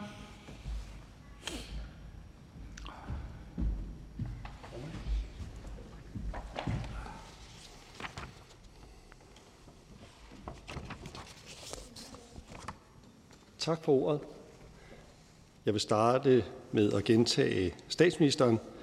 Regeringen har under hele forløbet samarbejdet fuldt og tæt med Minkkommissionen. Justitsministeriet har, ligesom Statsministeriet, udleveret et meget, meget omfattende materiale til kommissionen. Der er udleveret mange tusind siders materiale fra ministeriets journalsystem. Der er udleveret fulde mailkonti for mig selv og for adskillige medarbejdere og der er udleveret utallige sms'er, også mine egne. Derudover er et stort antal personer blevet afhørt i kommissionen, blandt andet mig selv og andre ministre. Men det er også et faktum, at nogle telefoner har været indstillet til at slette sms'er automatisk, og der derfor ikke har været muligt at udlevere sms'erne til øh, kommissionen. Det har været helt i overensstemmelse med reglerne at indstille sin telefon til automatisk at slette sms'er, så længe man har overholdt journaliseringspligten. Og som statsministeren var inde på, så er årsagen til, at vi har stået, ikke har stået i en lignende situation før, at sms'er ikke har været et tema i materialeudleveringerne til tidligere kommissioner på samme måde, som det har været det denne her gang. Det betyder, at hvis der nu blev nedsat en kommission i morgen, som ville undersøge et eller andet forhold under en tidligere regering, så ville man heller ikke kunne få udleveret alle de ikke journaliserede sms'er fra tidligere ministre eller embedsmænd, som øh, der måtte være. For det er helt fast praktisk, at ministerierne sletter indholdet af tjenestetelefoner, som returneres, når man fratræder. Det siger jeg ikke for at mistænkeliggøre nogen som helst tidligere minister, kun for at minde om, at det er nyt, at kommissioner interesserer sig for sms'er i sådan en grad, og myndighedernes praksis ikke har taget højde for det. Vi må se for os, at sms'erne kommer til at indgå i kommissionsundersøgelser i langt højere grad, end vi har været vant til fremadrettet. Og derfor er vi også i gang med, som det også blev nævnt før, at lave fælles retningslinjer for, hvordan sms'er skal opbevares, så de kan udleveres til brug for eventuelt kommende kommissionsundersøgelser. Det er et kompliceret arbejde. Det tager tid. Det handler blandt andet om at finde de rigtige tekniske løsninger. I mellemtiden så arbejdes der på nogle forløbige retningslinjer, som tager højde for det nuværende IT-setup. De forløbige retningslinjer forventes at være klar i første halvår i år. Der vil finde politiske drøftelser sted i forbindelse med udarbejdelse af retningslinjerne, herunder også i forhold til de forløbige retningslinjer. Der er også spurgt ind til politiets forsøg på at genskabe de sms'er, som er blevet slettet automatisk. Jeg havde i december sidste år lejlighed til at redegøre i detaljer for det spørgsmål på et lukket samråd i Grænsningsudvalget. Det er vigtigt i den her sammenhæng, at det er lukket, fordi det gav anledning til, at vi faktisk kunne gå dybere i at få præsenteret, hvad det var for nogle metoder, Øh, politiet har brugt. Jeg synes selv, det virkede, og det var også indtrykket på de tilstedeværende, virkede ganske overbevisende. Så hvis jeg kort skal summere, Justitsministeriet tog efter aftale med Statsministeriet det helt ekstraordinære skridt at bede politiets teknikere om bistand til at forsøge at genskabe sms'erne. Det er nogle af landets dygtigste IT-teknikere, som til daglig efterforsker og med til at opklare meget alvorlig kriminalitet, drab, voldtægt, organiseret kriminalitet osv. De har stor erfaring med lige netop denne her type opgaver, og de har adgang til de relevante værktøjer. Konkret anvendte politiet de øh, værktøjer, som de anvender i efterforskning af alvorlig kriminalitet, for at genskabe sms'erne. Desværre lykkedes det ikke at genskabe sms'erne i det omfang, som vi havde håbet, men konklusionen fra NC3, som enheden hedder, er klar. De har foretaget alle relevante undersøgelser ved brug af deres værktøjer, og efterfølgende har Center for Cybersikkerhed, der er en del af Forsvarets efterretningstjeneste, oplyst, at centret ville have fulgt de samme fremgangsmåder og brugt de samme redskaber, som politiet gjorde. Nogen har så spurgt, om man ikke skal sende enhederne til private aktører. Det spørgsmål forudsætter vel, at de private aktører skulle være bedre til at løse den her type opgaver end politiet og vores efterretningstjenester. At de skulle have mere erfaring end politiet og efterretningstjenesterne med at genskabe indhold fra telefoner, eller at de skulle have adgang til andre værktøjer. Sådan forholder det sig ikke, og det tror jeg også godt, at øh, dem, der har deltaget i den her debat, dem, der har været en del af den tidligere, er klar over. Tak for ordet. Tak for det. Jeg ser, at statsministeren beder om at få en spørgsmål til justitsministeren. Det får man, så, det får man selvfølgelig mulighed for, hvis man ønsker det. Det står på min skærm. Men øh, jeg forstår, at statsministeren frafalder. Ja, godt. Så er det her Morten Messersmith. Værsgo. Tak for det, og tak til statsministeren for at frafalde. Øhm, I hvert fald spørgetiden. Øhm, Nej, jeg vil selvfølgelig gerne rette det samme spørgsmål til øh, til øh, justitsministeren, som jeg ikke fik svar på hos øh, statsministeren. Øhm, det, der må være det rare for en regering, når en sag har trukket meget, meget langt ud, det er, at man så også kan henvise til, at den har trukket meget, meget langt ud, og man har svaret mange gange, i det man så godt nok ikke har svaret, men man kan, i hvert fald svare, at man har svaret, også selvom man ikke har svaret. Og derfor kan det jo være spændende at høre nu, om justitsministeren sagt at svare, eller om vi endnu en gang får en henvisning til de svar, der ikke var svar. Spørgsmålet lyder, hvorfor, hvornår valgte man at træffe afgørelse om automatisk sletning af centrale ministres sms-beskeder? Altså, hvad var begrundelsen, og hvad var tidspunktet? Minister? Dels er der svaret på det, og dels må jeg jo bare sige for mit eget vedkommende, at jeg fik den telefon, jeg fik udleveret, da jeg blev minister. Den var ikke sat op til at slette sms'er. Længere er den sådan set ikke. Der er ikke flere korte bemærkninger, og da vi så er færdige med besvarelsen, så går vi over til ordførerrunden. Og den første ordfører, der får ordet, er ordføreren for forspørgerne, hr. Morten Messerschmidt, Dansk Folkeparti. Tak, formand. Og tak for indlæggene fra de to øh, ministre. Øh, jeg tror godt, jeg kan sige, at det her jo ikke er første gang, vi drøfter de her anlægner, og det kommer nok heller ikke til at være sidste gang.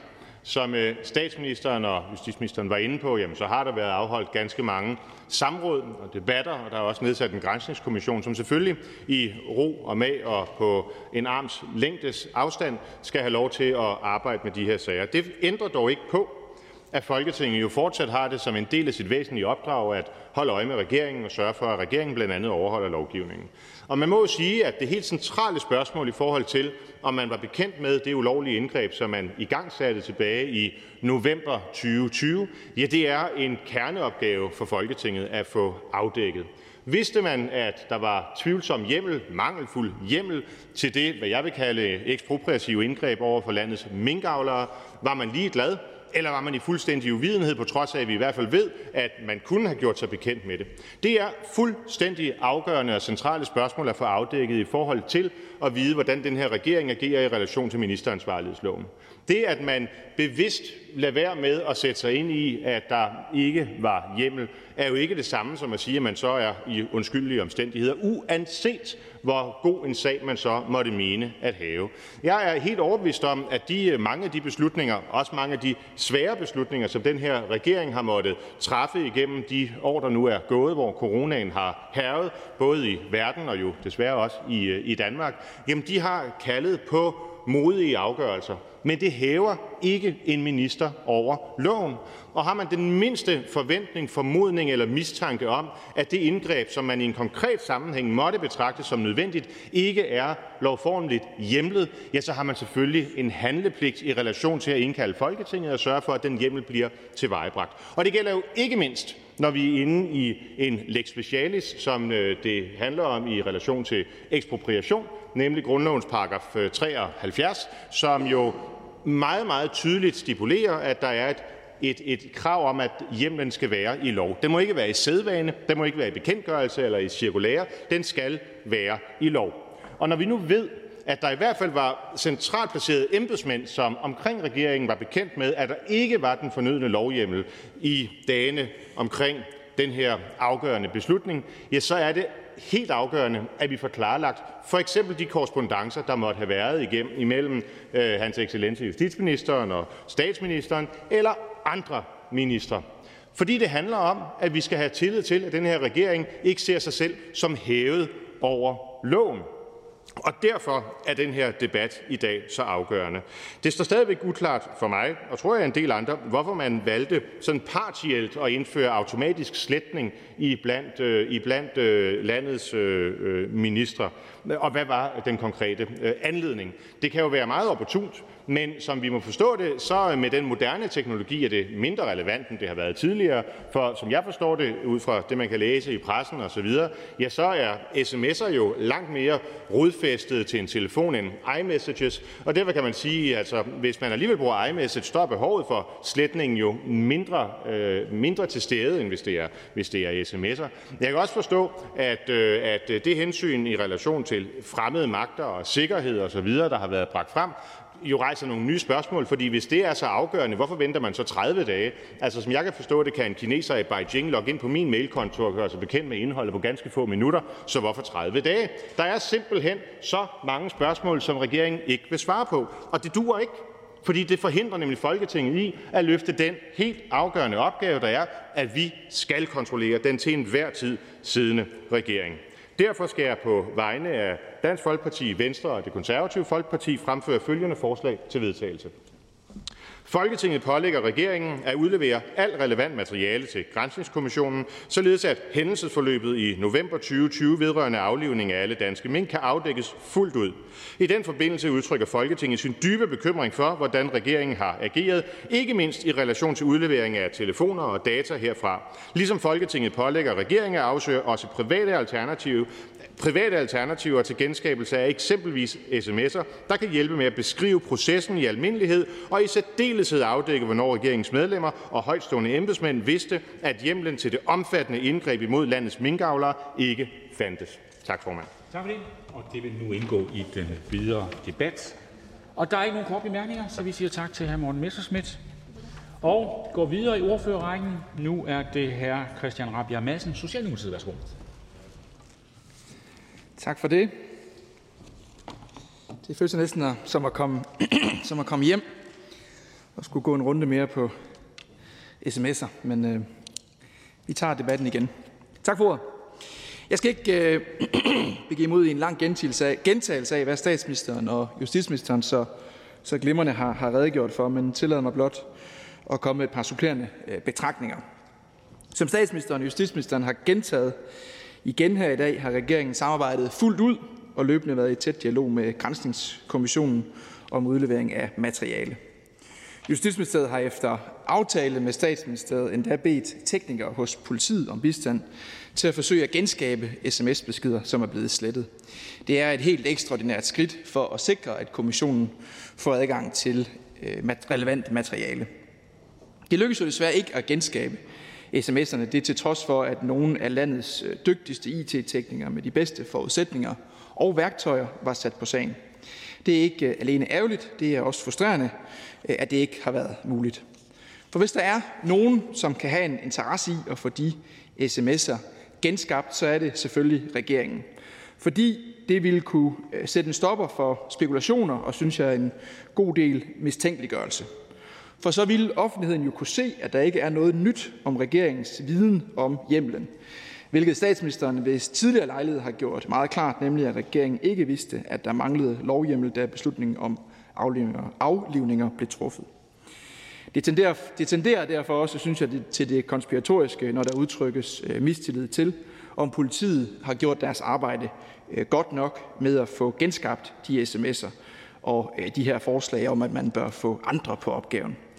Jeg synes, man skal minde sig selv om, at også Center for Cybersikkerhed i Forsvarets efterretningstjeneste jo har tilkendegivet, at de vil have fulgt de samme retningslinjer med de samme værktøjer, øh, som politiet øh, har forfulgt. Når det er sagt, så har øh, Mink-kommissionen, som statsministeren også var inde på, modtaget meget store mængder materiale fra danske myndigheder herunder øh, mange sms'er.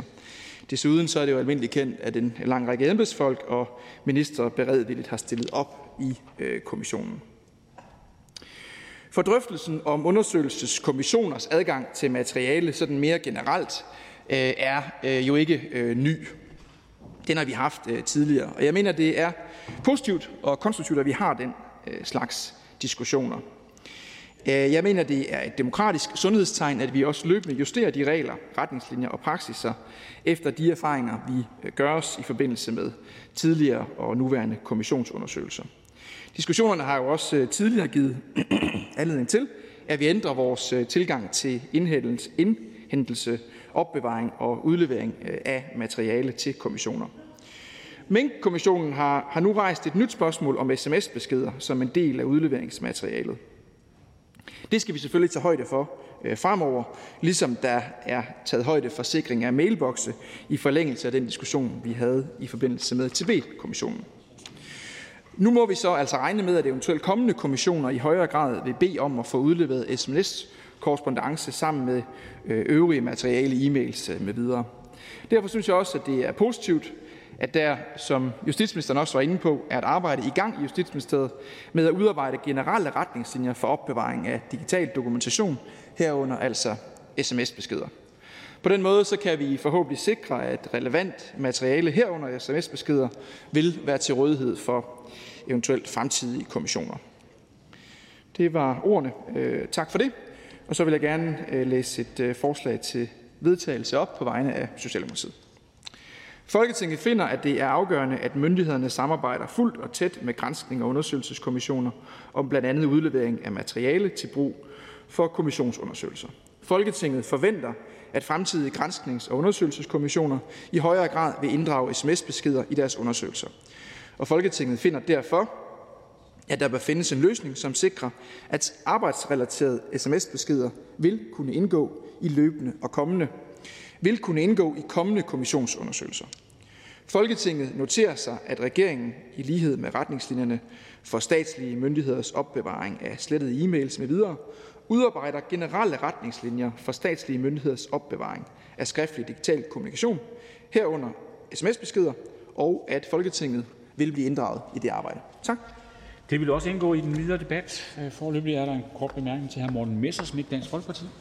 Tak, formand. Og det er jo rørende selvfølgelig, at regeringen fremadrettet øh, vil samarbejde med Folketinget. Det er jeg helt overbevist om, at det, det, det vil man kvittere for. Det er jo bare ikke det, vi taler om i dag. Altså, vi taler om det, som er sket, hvor vi forsøger at afdække, hvad det er, der er sket eller ikke sket i, øh, i regeringens øverste øh, organer.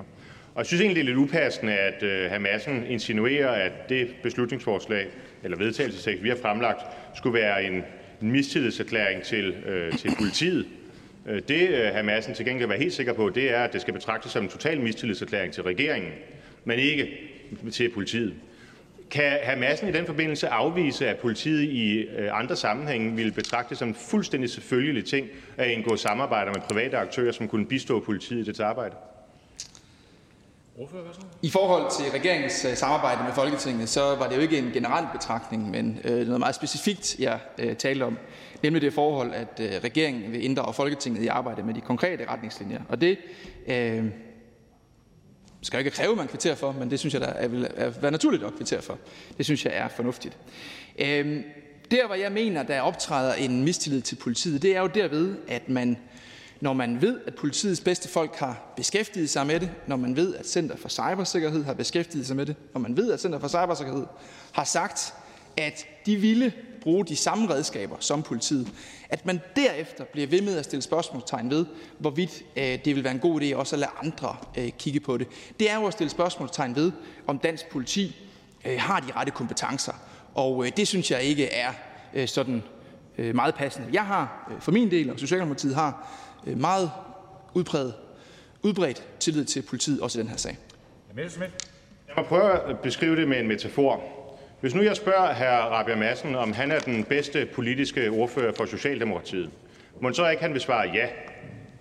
Hvis jeg spørger andre medlemmer af den socialdemokratiske folketingsgruppe, kunne det så ikke være, at der var øh, flere nuancer på spørgsmålet? Det samme kunne man godt forestille sig i forhold til politiet. Hvis man siger til politiet, er I de bedste i hele verden til at finde statsministerens slettede sms'er, så vil det ikke ligefrem være øh, et avancement på, øh, på karrierestigen at sige nej. Men det kunne være, hvis man spurgte nogle af de private aktører, at de så ville komme med nogle kvalificerede bud på, hvorfor svaret kunne være ja.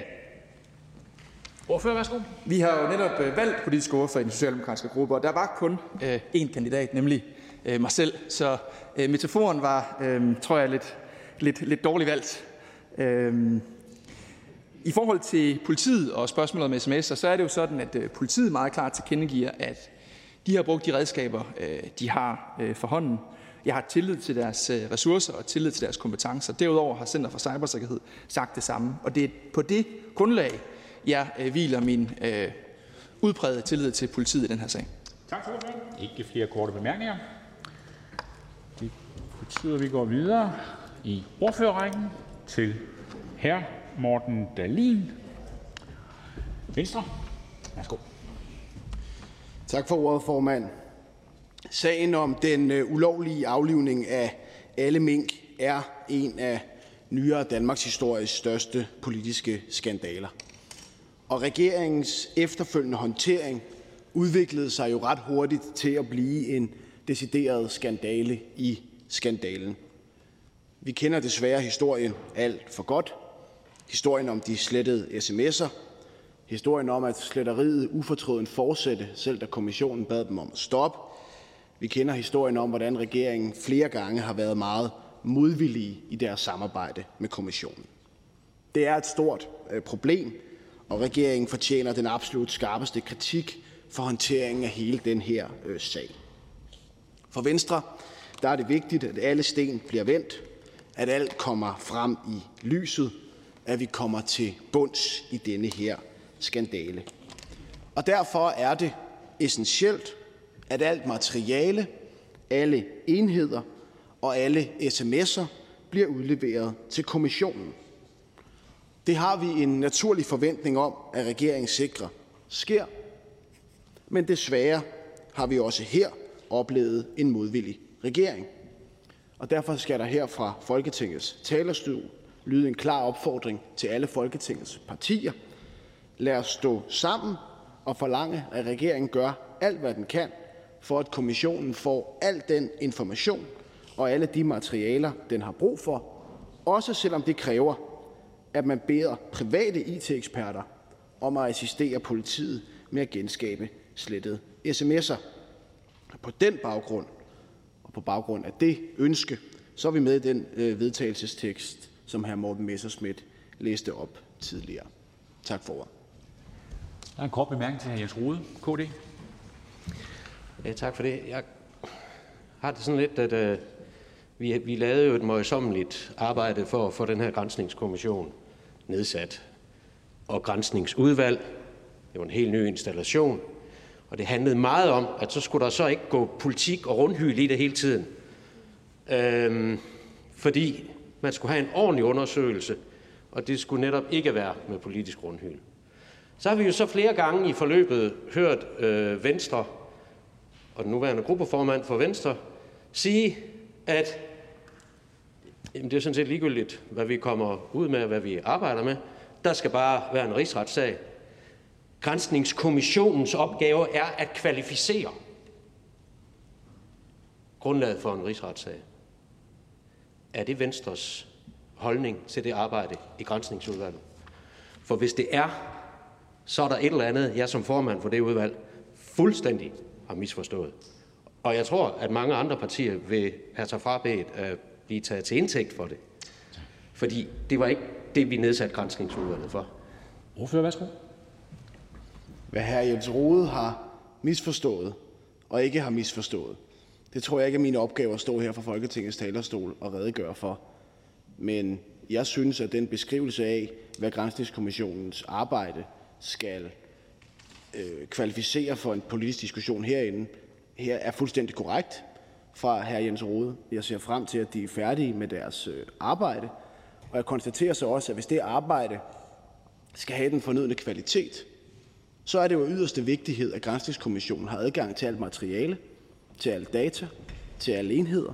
Og derfor er det vigtigt, at man har en regering, der ikke modarbejder, men derimod samarbejder med kommissionen. Fordi det er godt nok svært at lave et grundigt arbejde, hvor alt kommer frem i lyset, hvis man ikke har adgang til alle data.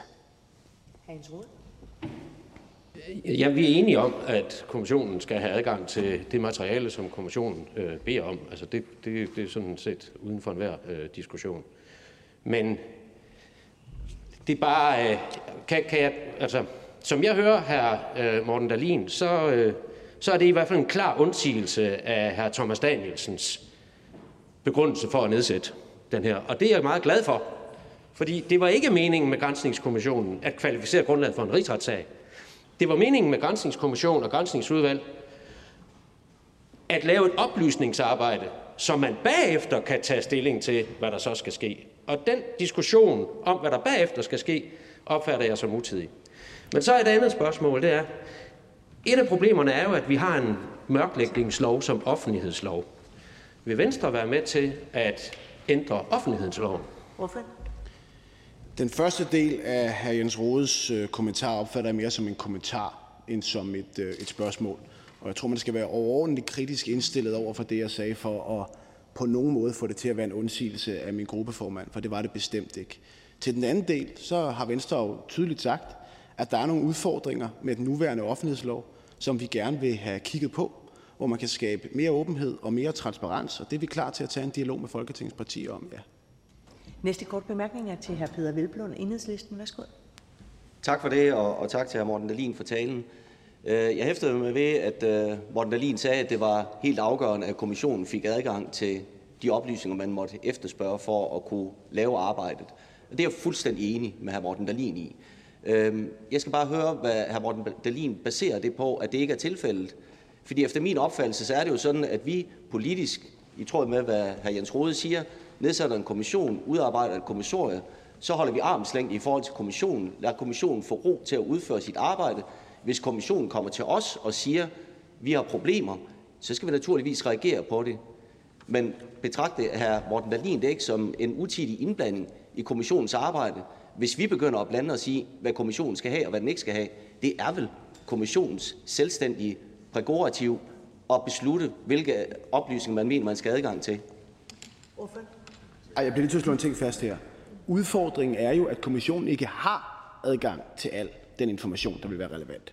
Fordi sms'erne systematisk er blevet slettet. Og fordi det indtil videre ikke har været muligt for politiet at genskabe sms'erne, så har kommissionen ikke mulighed for at få alt det materiale, der vil være relevant, for at få hver en sten vendt, for at få alt frem i lyset. Det er simpelthen ikke et problem, at Venstre prøver at løse det problem. Fordi skal vi have alt frem i den her sag, så er det da vigtigt, at vi gør alt, hvad vi overhovedet kan, for at få genskabt de sms'er, så kommissionen kan få adgang til den data, kommissionen jo helt åbenlyst ikke har adgang til i dag. Hr. Peter Velblom. Men jeg skal bare høre efter, om det er hr. Morten Dalins problem, eller om det er kommissionens problem. Jeg har ikke hørt kommissionen udtrykke et ønske om, at der er oplysninger, de ikke kunne få adgang til, øh, som de er blevet forhindret i. Hvis de til gengæld har gjort det og bedt os om at være med til at hjælpe med at tilvejebringe de oplysninger, så har vi selvfølgelig været klar til det.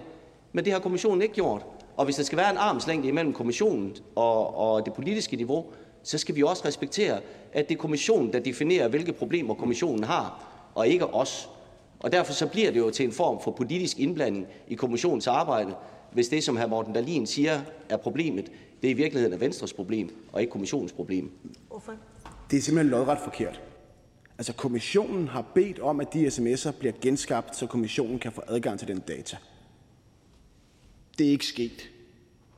Så der er noget data, kommissionen har efterspurgt, som de i dag ikke har i form af de slettede sms'er. Og hvis vi har nogen som helst værktøjer, vi kan trække op af værktøjskassen for at hjælpe kommissionen med at få adgang til den data, så burde vi da som samlet folketing gøre det. Det er data, det er information, som kommissionen gerne vil have fingre i, men som de kan kunne, fordi der fra regeringstoppen er sket en systematisk sletning af sms-beskeder. Kan vi hjælpe med at genskabe den data på nogen måde, så skal vi gøre det.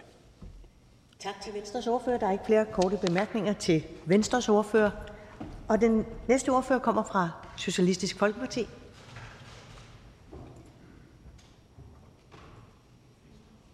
Det er fru Lisbeth Bæk Nielsen.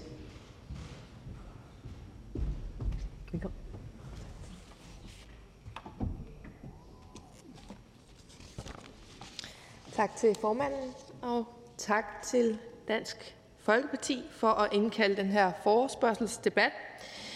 Jeg vil ikke øh, gentage, hvad der allerede er blevet sagt om forløbet og baggrunden for, hvorfor vi står her i dag. Øh, jeg vil bare understrege, at fra SF's side der har vi to væsentlige budskaber til den her debat. For det første har Folketinget nedsat en grænsningskommission og dermed lagt ansvaret for grænskningen ud til kommissionen. Det første budskab er derfor også helt naturligt, at Grænsningskommissionen skal have det materiale, den beder om, og i øvrigt udvises, øh, udvise den respekt og lade kommissionen arbejde. Folketinget laver kommissoriet, kommissionen udfører arbejdet. Det er arbejdsdelingen. Det princip er vigtigt at holde fast i, så der ikke hele tiden skal hverken detaljstyres fra Folketingets side eller slås politisk plat på en kommission, man selv har nedsat. Det andet budskab er, at det ikke bare årsagen til, at vi har Grænsningskommissionen, men også en lang række andre sager med al tydelighed viser, at vi har brug for en ændring af vores offentlighedslov. Dels fordi det er godt og vigtigt i sig selv, at magten kan gås efter i sømmene, men også fordi en række sager over en årrække har eroderet tilliden mellem politikerne og borgerne. Jeg behøver næppe at minde om den blå del af Folketinget om, hvordan man fra den daværende borgerlige regerings side forvaltede magten, når der blev spurgt kritisk til Irak-krigen, og hvordan man fra borgerlig hold lagde Irak-kommissionen i graven og hvordan journalister igen og igen blev nægtet både aktindsigter og interviews med de daværende ministre, og hvis de modtog akter, så var alting overstreget med sort. Bare lige så vi får lagt hyggeleriet på hylden. Til den aktuelle sag, altså Grænsningskommissionens arbejde, så har der i hele forløbet været SF's position, at kommissionen skulle have adgang til, hvad den behøvede, hverken mere eller mindre. Hvad er det egentlig problem, vi står her med? Nogen siger en magtfuldkommen regering. Men hvis det magtfuldkommende har automatisk sletning af sms'er, hvorfor er det så lovligt? Det har der også været under borgerlige regeringer, hvor der i øvrigt også har været eksempler på ministre, der slettede sms'er. Hvis de borgerlige politikere virkelig er optaget af substansen her, altså af at sikre, at oplysninger er tilgængelige for offentligheden, så må det vigtigste være, at både offentligheden og den vedtagende praksis gør det fuldstændig krystalklart, hvilke oplysninger en regering har pligt til at bevare og overlevere til også potentielle kommissioner og andre instanser, som Folketinget beslutter sig for at nedsætte. Belært af erfaringerne med autoslet på sms'er og det forhold, at denne aktuelle kommission i modsætning til andre tidlige kommissioner har efterspurgt e-, sms-korrespondancer, så er det ubetinget et krav til fremtiden, at sms'er skal journaliseres som dokumenter, og at journaliseringspligten, som den er udformet og fortolkes i dag, har vist sig at være utilstrækkelig. Ligesom med habilitet øh, er problemet jo ikke, om der i realiteten er et habilitetsproblem, men i endnu højere grad, at selve mistanken om det er skadelig.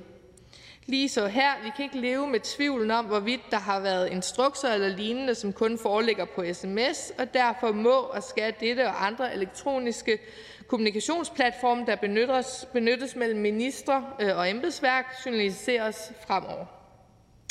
Vi vurderer, at der i midlertid har været gjort de forsøg på rekonstruktion af sms'er med mere, som vi kan forvente, og derfor er vores blik rettet mod fremtidige øh, problemer. Og som min kollega hr. Jens Rode jo også sagde, så har det været behandlet øh, i udvalget, øh, og der er gjort alle tænkelige forsøg på at rekonstruere. Øh, rekonstruere. Men det havde klædt den øh, siddende regering, som selv har skabt tvivlen, at, komme med, øh, at fremme processen med forhandlinger om en ny øh, offentlighedslov. Jeg synes bare, at man jo kan konkludere nu, at vi så rigeligt har øh, et flertal i Folketinget til at forhandle øh, en ny offentlighedslov, og det behøver vi ret beset ikke at vente på en regering for at gøre. Men jeg synes, det vil klæde regeringen at sige, at det er det naturlige øh, udkomme af dagens debat. Det er, at vi skal sætte os sammen og lave en ny offentlighedslov. Til slut så vil jeg gerne på vegne af SF, øh, Radikale Venstre, Enhedslisten, Alternativet og Kristendemokraterne øh, læse forslag til vedtagelse op. Folketinget konstaterer, at flere politiske processer fra Irakkrigen til Mink-sagen har været anledning til en tillidskløft mellem Folketinget og skiftende regeringer og mellem borgerne og magten. Roden til dette er upræcise og uklare praksiser for udlevering af oplysninger og decideret mørklægning i form af en offentlighedslov, der er en primær kilde for den politiske tillidskrise. Folketinget finder imidlertid, at loven om miljøoplysninger fungerer som et levende bevis for, at selv betydelig udvidet mere offentlighed ikke hæmmer regeringens mulighed for at have et rimeligt albu- og troværdighedsrum. Folketinget mener, at den nye offentlighedslov bør ledsages af præcis lovgivning for bevarelse og sletning af information samt overlevering heraf til alle relevante instanser herunder kommissioner. Folketinget indstiller regeringen til omgående at åbne for forhandlinger om en ny og langt mere åben offentlighedslov med inspiration fra miljøoplysningsloven med skyldige hensyn til legitime interesser såsom rigets sikkerhed, statens kommercielle interesser, beskyttelse af personoplysninger med videre. Tak til fru Lisbeth Bæk Poulsen, og forslaget til vedtagelse vil indgå i de videre forhandlinger. Og der er ingen kort bemærkninger til ordføreren, og dermed kan jeg byde velkommen til den næste ordfører, Radikale Venstres ordfører, fru Samira Nawa.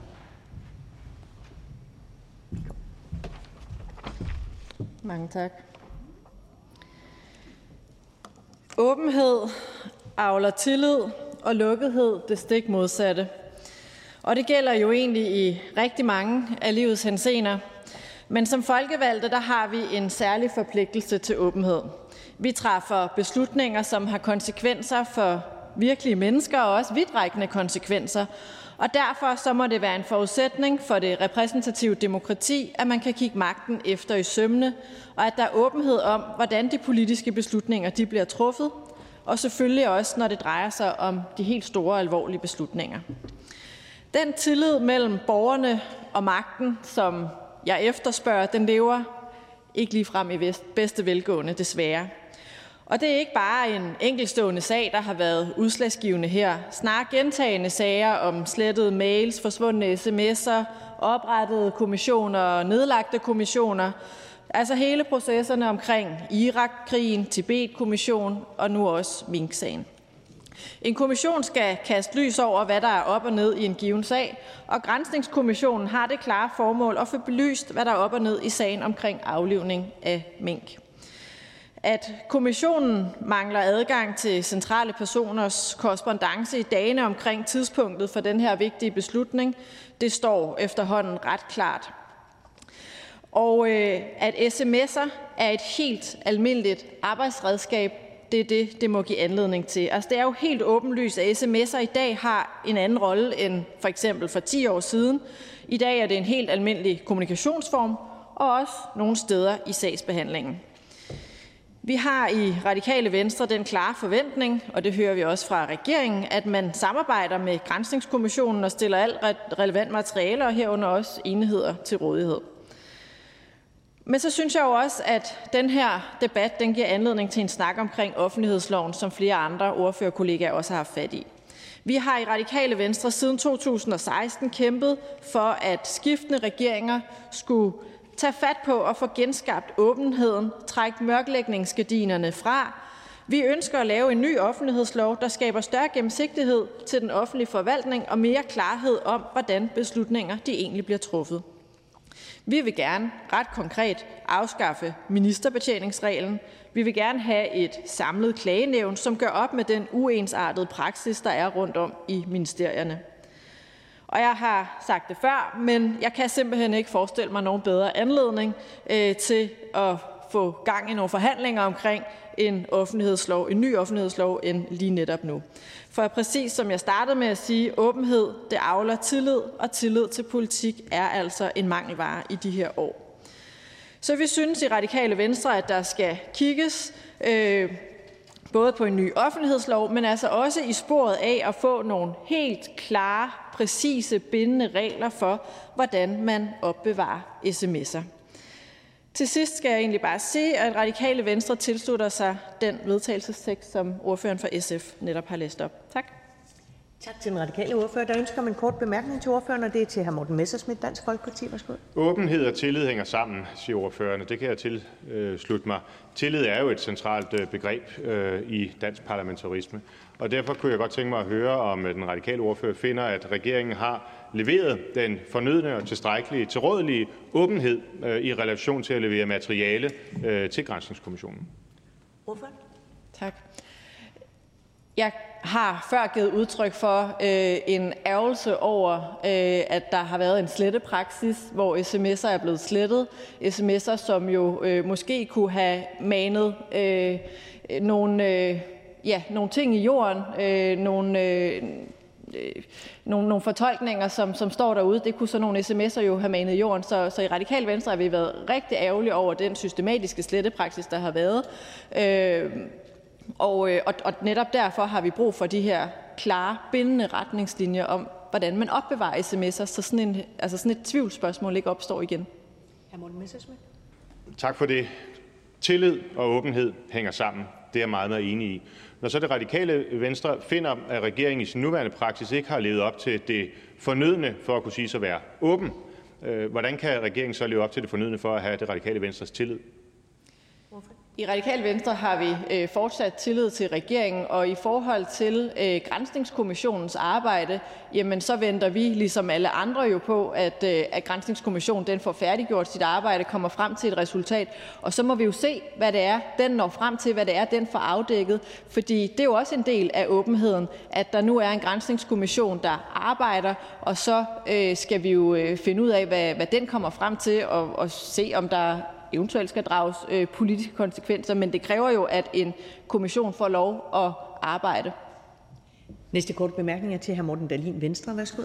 Tak til ordføreren for, øh, for talen og også ordene omkring tillid. Derfor kunne jeg godt tænke mig at stille Radikale Venstre et uh, principielt spørgsmål omkring tillid. Uh, kan det Radikale Venstre have tillid til en regering, hvis regeringen begår en ulovlig handling, for at vide, at den handling er ulovlig, men fortsætter med at begå ulovligheder? Altså, hvis der er nogen, der får at vide, at øh, her er en ulovlig handling, og man så siger, øh, okay, den er ulovlig, men øh, skidt pyt med det. Jeg går øh, videre med det, og det så er en minister, nej, selvfølgelig. Øh, det, det, vil, det vil man da ikke have tillid til. Hr. Morten Dahlin. Så hvis det er en regeringstop, der begår en ulovlig handling, finder ud af, at det er ulovligt, og fortsætter med at begå den ulovlige handling, så kan det radikale venstre ikke længere have tillid til den regering som helhed. Er det korrekt forstået? Jamen prøv at høre, altså der skældner vi jo ikke mellem, om det er en regeringstop, om det er den ene minister eller den anden minister, om det i øvrigt er en rød regering, en blå regering, eller hvad det måtte være. Hvis der er nogen, der får at vide, at her er en handling, der er ulovlig, og så med åbne øjne siger, øh, pyt med det, jeg har da tænkt mig at gøre det alligevel, så har jeg øh, ret svært ved at se, at vi i Radikale Venstre skulle kunne have tillid. Næste kort bemærkning er til hr. Jens Rode, Kristendemokraterne. Værsgo. Jamen, det er fordi, jeg synes, det er interessant, at Radikale Venstre siger, at man har tillid til regeringen, alt den stund, at stort set hver uge byder på en historie i medierne med den radikale leder som afsender om, at vi har en regering, der er magtfuldkommen og enrådig. Det er faktisk meget svulstige udtryk, man bruger om regeringens øh, gøren og, øh, og laden. Og hvis man nu synes, at man har en regering, der er så magtfuldkommen og enrådig, og, og, og så nærmest øh, skal vi sige, bagtæppet er, at, at den nærmest sådan for, forbryder sig mod sådan øh, øh, almindelige øh, demokratiske spilleregler, hvorfor trækker man så ikke bare øh, tæppet under øh, regeringen og sørger for, at vi kan få et valg? Jamen, jeg tror også selv, jeg har øh, fået sagt på et tidspunkt, at der er øh, en minister, som simpelthen gambler med radikale venstres tillid. Det er øh, justitsministeren i forhold til en helt anden sag omkring lokning. Øh, men, men vi, har jo, vi har jo draget den konsekvens i radikale venstre, at øh, vi meget tydeligt har sagt, at den magtfuldkommenhed, som vi oplever, der er omkring regeringen, den jo særligt opstår omkring det at være en etpartiregering. Og derfor kan vi ikke se os selv øh, pege på en etpartiregering, fordi øh, at de nødvendige spørgsmål, som der vil opstå i en regering, der består af flere partier, de spørgsmål de bliver ikke stillet, de opstår ikke. Og, og vores læsning er jo, at det er derfor, vi blandt andet er havnet i sådan en her situation, øh, hvor der skal en grænsningskommission, øh, der skal grænske en siddende regering. Hr. Jens Rode? Nå jo, altså nu er det jo ikke første gang, vi sådan har kommissioner til at kigge øh, skal vi sige, et forløb øh, igennem. Det virker bare sådan øh, påfaldende, og undskyld, jeg siger det en lille smule utroværdigt, at man konsekvent kaster sig op til at bruge alle de her voldsomme udtryk om, øh, om en regering. Og indtil nu har vi jo ikke set radikale venstre have mod til at drage konsekvensen af det. Det kan vi jo bare konstatere. Og det er jo efterhånden temmelig lang tid, at vi har oplevet, altså vi troede egentlig, det sluttede med hr. Morten Østergaard, at, at, at nu skulle vi holde op med i radikale venstre og hele tiden true regeringen. Øh, men det er da kun blevet værre, for nu at sige det mildt. Hvorfor? Jeg tror nu nok, at regeringen har bemærket den konsekvens, som øh, det jo er, når radikale venstre siger, at vi ikke kan støtte en etpartiregering. Øh, så jeg er ikke enig i, at vi ikke ligesom har draget nogle konsekvenser af det, vi har set. Øh, og så siger her Jens Rode, at det er utroværdigt. Øh, jeg tror først for alvor, at utroværdigheden opstår, hvis ikke man er ærlig. Og der er vi bare ret ærlige i radikale venstre. Også over for den regering, som vi er støtteparti overfor. Øh, og det mener jeg simpelthen, at, at man skal være for netop at kunne øh, have troværdighed. Tak til fru Samir Navar, Radikal Venstre. Der er ikke flere korte bemærkninger til ordføreren. Næste ordfører kommer fra Enhedslisten, og det er hr. Peder Velblom. Velkommen. Tak for det, formand. I Enhedslisten der er vi selv sagt optaget af at komme til bunds i den her sag omkring aflivning af mink og den manglende lovhjemmel, og selvfølgelig også i spørgsmålet om, hvem der vidste hvad og hvornår. Det er ikke fordi, at vi ligesom højrefløjen er uenige i den beslutning, der blev truffet. Tværtimod, så mener vi, at det var en rigtig og en klog og en nødvendig beslutning, fordi den sikrede folkesundheden midt i en farlig og alvorlig epidemi. Vi er optaget af det, fordi vi går op i, at der er fuld gennemsigtighed i, hvordan magten fungerer i Danmark, og fordi vi naturligvis skal kunne stole på de oplysninger, vi får fra regeringen. Her er der ikke nogen slinger i valsen for os. Vi behandler røde og blå lige. Vi går op i sagens substans. Og det er jo fuldstændig centralt, at vi får afdækket det forløb, der har været omkring den manglende lovhjemmel i forhold til øh, aflivning af mink uden for zonerne. Og den øh, debat, vi har her i dag, er jo også en udløber af det. Til det formål der har vi nedsat en kommission. Den har vi givet et kommissorie. Vi har bedt den om at arbejde ud fra det kommissorie og løse opgaven. Nu er det jo os, der har bestilt kommissionen til at løse den her opgave, og derfor har vi selvfølgelig også en særlig forpligtelse til ikke at blande os i kommissionens arbejde. Hvis man på samme måde skal sikre, at kommissionen får troværdighed og integritet i forhold til sit arbejde, ja, så er det jo helt afgørende, at vi netop ikke blander os i kommissionens arbejde, men tværtimod bistår den, hvis den kommer til os og beder os om bistand. Men kommissionen har ikke bedt om vores hjælp her. Kommissionen har ikke sagt, at den mangler oplysninger, og at den ikke kan tilvejebringe dem i samarbejde med regeringen. Den har ikke bedt om at få yderligere redskaber. Og derfor så synes vi, det vil være, at det er en ret utidig indblanding med den debat, vi har i dag. For vi har jo også drøftet hele spørgsmålet omkring adgang til de slettede sms'er, som jeg er helt enig i er en øh, uacceptabel praksis, som skal ændres. Rigspolitiet har haft muligheden for at forsøge at genskabe. Vi har ovenikøbet spurgt Center for Cybersikkerhed. Jeg vil sige heldigvis, også for øh, justitsministeren, øh, viser det sig, at de vil have gjort præcis det samme som, som øh, politiets IT-eksperter, for ellers vil jeg også sige, så stod vi med et større problem, hvis de fremmeste IT-eksperter ikke sad hos politiet, som nu skal efterforske kriminalitet. Men til gengæld så er den, den debat, vi har i dag, det er jo en debat om, at vi generelt har set en udvikling hen imod, at magten lukker sig om sig selv. Og at der her i de seneste 10 år med skiftende regeringer er kommet større afstand mellem befolkningen og magten. Tilliden til politikerne og til regeringen er blevet mindre og mindre. Det skyldes selvfølgelig, at der har været en del sager, som har givet anledning til mistillid. Men det er som sådan ikke noget nyt, selvom det helst ikke skulle, skulle ske. Det, der til gengæld er nyt, det er, at der er et flertal tilbage i 2013, der valgte at ændre i offentlighedsloven.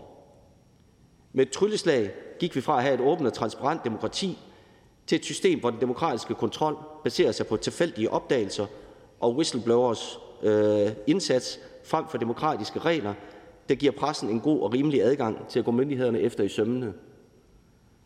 Og derfor synes jeg også, at hvis det er sådan, at højrefløjen mener den her tale om åbenhed og adgang til oplysninger, så burde det være helt naturligt, at man også her sætter hårdt ind på, at vi skal have ændret offentlighedsloven og afskaffet øh, de forringelser, der kom med ændringen tilbage i 2013.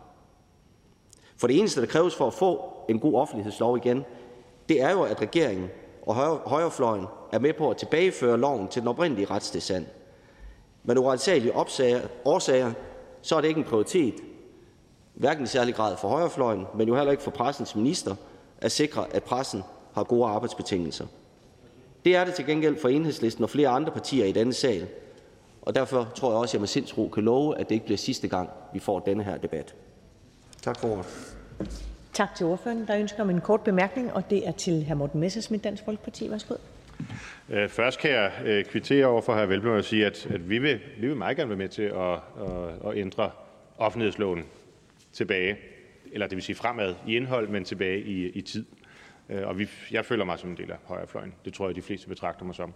Øhm, men det, jeg egentlig vil spørge om, øh, det er i forhold til, om at det er hr. Velbloms opfattelse, at, øh, at Grænsningskommissionen har fået de sms'er, som de har bedt om. Altså min opfattelse er, at Grænsningskommissionen har øhm, anmodet om at få alle relevante sms'er udleveret, hvorimod regeringen så har svaret, at det af forskellige tekniske årsager ikke kan lade sig gøre. Man så har spurgt politiet, ja. Man har spurgt øh, Center for Cyberkriminalitet, ja. Men man har for eksempel ikke overvejet at spørge øh, private aktører, fordi dem er man overbevist om ikke kan mere end de to førstnævnte. Så spørgsmålet er, er det hr. Velbloms opfattelse, at regeringen har udleveret de sms'er, som øh, Grænsningskommissionen har ønsket? Hvorfor? Altså, nu er det jo altid interessant at diskutere både, hvad hr. Messerschmidt øh, mener og oplever, og hvad øh, undertegnet mener og oplever. Men det, der er interessant i denne her sag, det er jo, hvad kommissionen oplever. Og hvis det er sådan, at kommissionen kommer og siger, vi mangler simpelthen redskaber til at få adgang til nogle oplysninger, som vi ikke har kunne få, så er det klart, så skal vi se på det.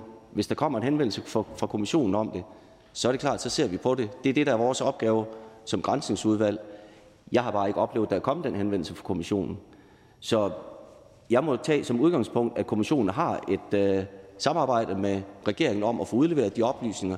Hvis det ikke er tilfældet, så går jeg ud fra, det synes jeg, vi har signaleret temmelig kraftigt, så er kommissionen velkommen til at henvende sig og sige, at de har brug for bistand til det, og ellers så kommer det til at fremgå af, den, øh, af den konklusion, som øh, kommissionen kommer til at aflevere her i juni måned. Og så er det klart, så kommer det til at indgå i det samlede billede. Hr. Morten Messerschmidt. Det tror jeg er et, øh, et af de bedste svar, vi har fået i dag, fordi det vil selvfølgelig også blive læst og modtaget derude øh, som en åben invitation til, at skulle der være en bekymring over, at de ting, som så er blevet slettet, øh, ikke kan blive udleveret, jamen, så vil man henvende sig til Folketinget, sådan at vi kan, med det flertal, der så forhåbentlig være, med enhedslisten og det, som hr. Velblom kalder for højrefløjens partier, øh, det er nu noget, jeg bærer med fornøjelse og ære, men, øh, men øh, at vi så vil kunne øh, tvinge regeringen til det, for eksempel ved private aktørers mellemkomst. Er det rigtigt forstået? Ja, det er klart, hvis der kommer en henvendelse fra kommissionen om, at den mangler redskaber til at, at kunne, kunne arbejde med det her, så vil man naturligvis se på det. Det har jeg ikke hørt fra kommissionen endnu, og jeg går ud fra, at øh, hvis det er kommissionens opfattelse, så vil den gøre det. Øh, og ellers så vil det jo netop, som jeg sagde tidligere, komme til at fremgå af, af, af den konklusion, som, øh, som kommissionen kommer til at aflevere her i, i juni måned. Næste kort bemærkning er til hr. Morten Dahlin, Venstre. Værsgo. Et principielt spørgsmål til enhedslisten. Kan enhedslisten støtte en regering, hvis en regering begår noget ulovligt, bliver gjort opmærksom på, at de begår noget ulovligt, men fortsætter med at begå ulovlighederne?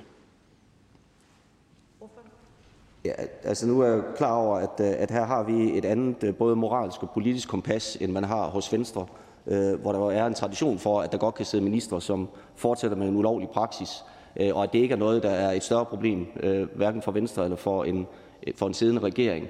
Øh, den opfattelse har vi ikke i enhedslisten, øh, og det tror jeg sådan set også øh, afspejles i, at, at vi både har haft en, en, en tidligere fødevareminister, som øh, vi ikke har haft tillid til, og så sent som i, i sidste uge øh, har der været en, øh, en transportminister, hvor vi også måtte konstatere, at der er sket både øh, tilbage, øh, tilbageholdelse af oplysninger og vildledning, og at det blev talt usandt over for ordfører. Og det er klart, så har man ikke tillid, tillid længere. Øh, og, og der kan jeg jo bare konstatere, at der har vi en anden, øh, og efter min opfattelse mere øh, demokratisk korrekt opfattelse af, hvad man kan tillade sig, øh, både som regering og som minister, end man har i Venstre. Hr. Morten Dahlin.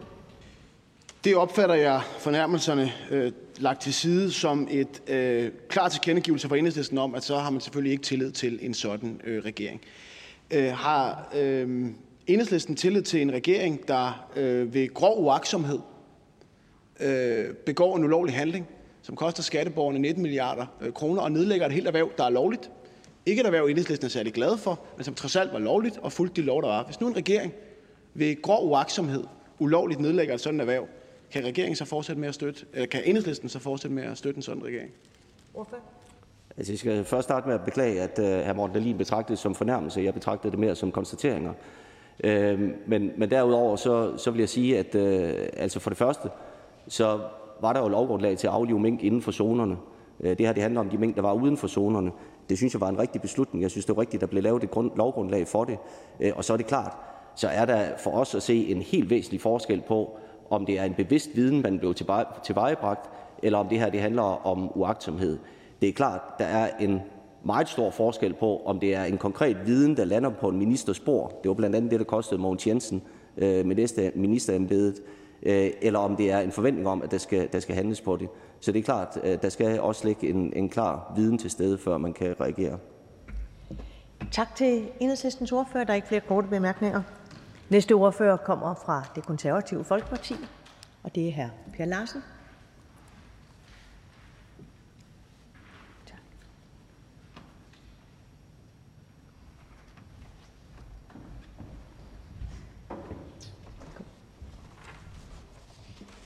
Tak for det, formand.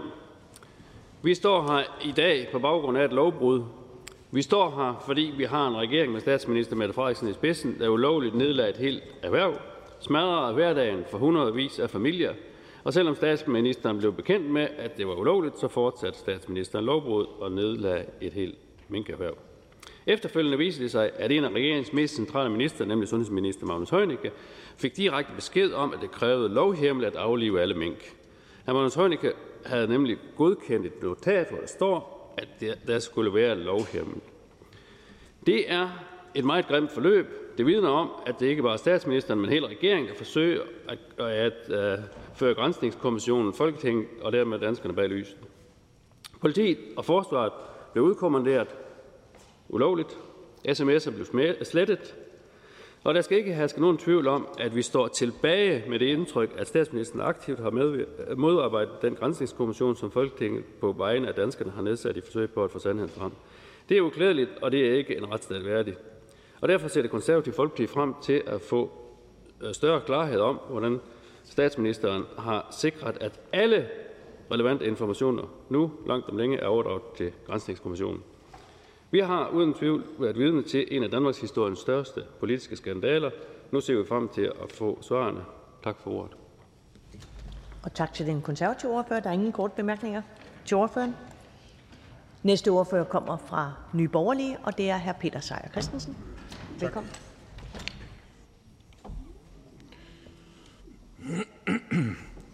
Minkskandalen er en af de største skandaler i nyere tid.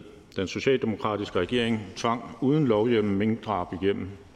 En beslutning helt uden sidestykke i dansk historie. Nedlukningen af minkbranchen ramte alle uventet og hårdt. Regeringen brød loven ved ikke at have lovhjemmel, da alle minkavlere blev beordret at aflive deres dyr, og ydermere fortsatte den, da det stod klart, at der ikke var, da der stod klart, at der ikke var lovhjemmel. Det er på ingen måde en retsstat værdig. Det var beskæmmende at være vidne til, og jeg var netop vidne til det på sidelinjen uden at være blevet inddraget. Minkskandalen er symptom, symptomatisk for, hvordan regeringen har ageret under covid-krisen. Det er trist. De indledende undersøgelser herunder at sikre, at alle relevante informationer fra blandt andet statsministeriet bliver overdraget til Grænsningskommissionen, er indtil videre til endebragt. Kommissionen er nu ved at skrive på den endelige beretning. Sagen om de slettede sms'er er dybt besynderlig. Det har tilsyneladende ikke været muligt at genskabe den. Hvis der er yderligere muligheder at afprøve, vil Nye Borgerlige gerne støtte det. Ellers må vi erkende, at de er gået tabt. Regeringen siger, at den gerne så dem genskabt, men alligevel er praksis med automatisk sletning fortsat. Grænsningskommissionen er forankret i Folketinget. Det er også Folketinget, der i sidste ende modtager den endelige beretning, som beskriver Grænsningskommissionens resultater. Hvis ministre skal stilles til ansvar, er det Folketinget, der efterfølgende skal gå videre med det. Når Grænsningskommissionens beretning foreligger, vil Nye Borgerlige arbejde for, at regeringens relevante ministre, herunder statsministeren, bliver stillet til ansvar. Tak for ordet. Tak til ordføreren. Der er ingen korte bemærkninger til Nye Borgerliges ordfører. Og hermed kan jeg give ordet til ordføreren fra Kristendemokraterne.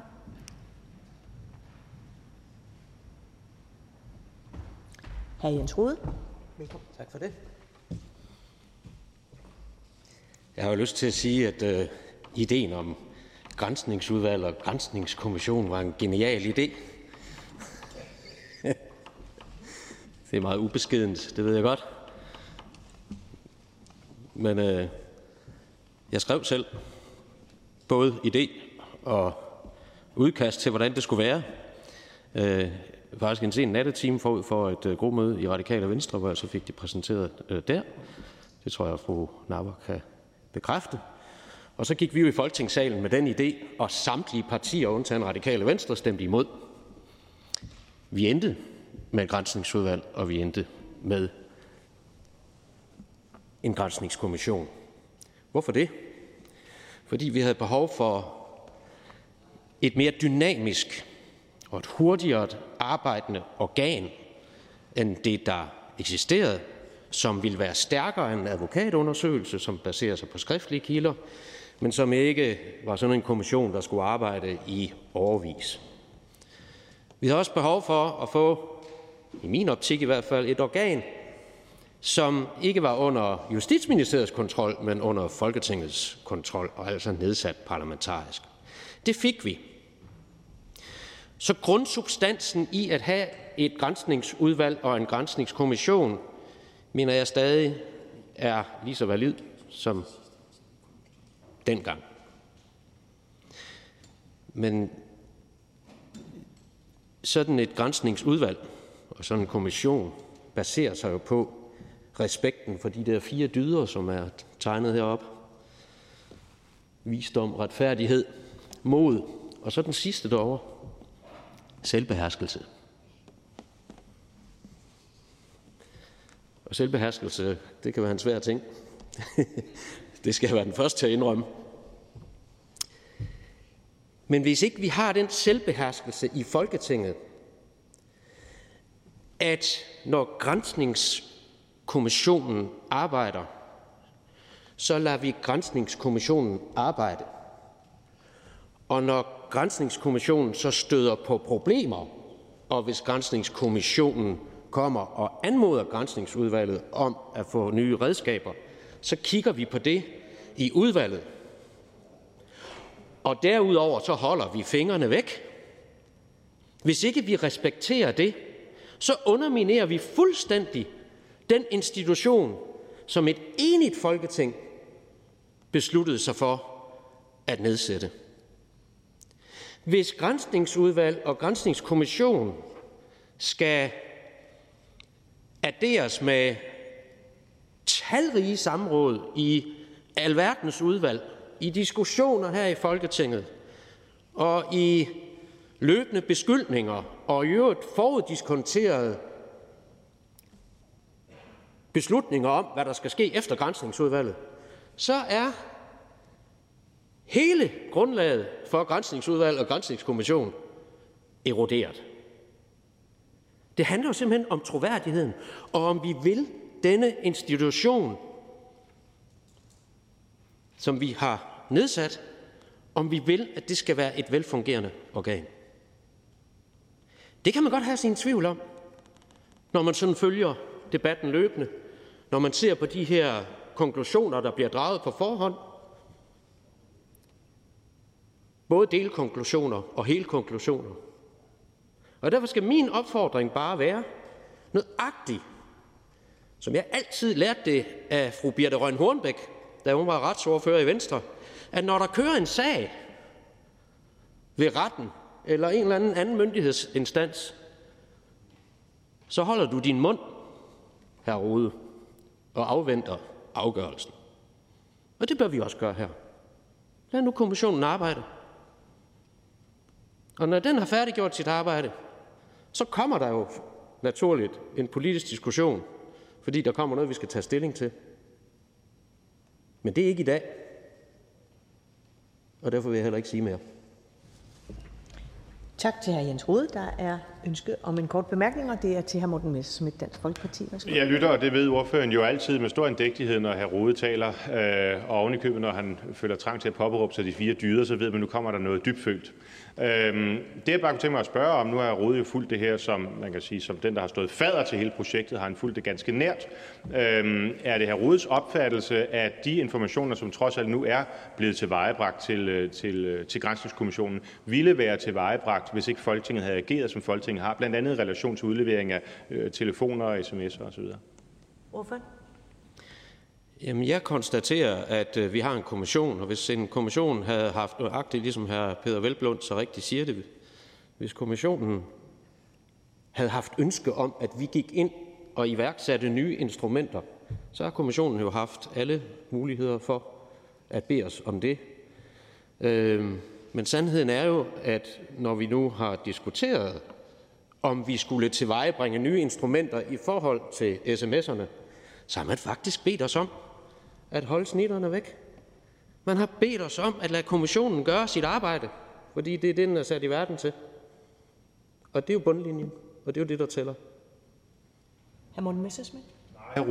Nej, hr. Rode, er sandheden ikke snarere, at det netop er på grundlag af journalisters aktindsigter og udvalgsspørgsmål, paragraf 20-spørgsmål, det overhovedet blev kom for en dag, øh, at der var foretaget omfattende sms-sletninger, og at det netop var på grund af de muligheder, øh, at man så fra Folketingets side kunne lægge pres på regeringen, sådan at Grænsningskommissionen øh, blev bekendt med i hvert fald en del af det. Noget har man så ikke kunnet eller ville gendanne, men i hvert fald en del af det. Så er, er det ikke sådan, altså jeg er sådan helt enig i, at der skal være en, en tilbageholdenhed. Jeg betonede også armslængdeprincippet i mit oprindelige, i mit første indlæg. Men, men er det ikke også rigtigt at sige, at havde Folketinget og pressen været fuldstændig apatiske, som hr. Rode lægger op til, så havde Grænsningskommissionen haft et ringere grundlag at konkludere ud fra? Jamen, det ved jeg ikke, om jeg kan konkludere. Altså, vi har jo grænsningsudvalg for, at grænsningsudvalget selvfølgelig kan følge øh, det her løbende. Det har været meningen med det, netop for, at det ikke lå over Justitsministeriet. Så den del er fin, men det er jo hele tiden i dialog med kommissionen, og vi har jo haft mange forskellige personer inde til at øh, rådgive os. Og selvfølgelig er der en dynamik i det. Det var faktisk også meningen, at der skulle være en dynamik. Men vi er nødt til hele tiden at have fokus på selvbeherskelsen i det her, hvis ikke vi skal erodere den institution og troværdigheden af institutionen. For jeg ser jo gerne et grænsningsudvalg og muligheden for at nedsætte hurtigt arbejde grænsningskommissioner også kan være et redskab i fremtiden. Men det vil det ikke være, hvis ikke vi er meget forsigtige med, hvordan vi agerer her i Folketinget. Tak til hr. Jens Rode. Til kristendemokraterne der er ikke flere korte bemærkninger, og således øh, er ordførerrækken gennemført, og jeg kan hermed give råd til justitsministeren.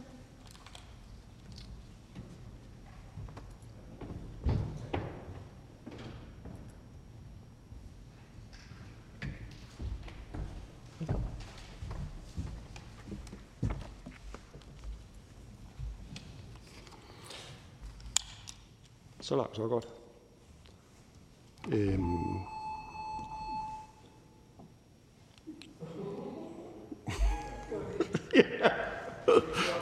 Det var det. Det var en PC. Øhm, der er blevet spurgt noget. Pernille, er det dig?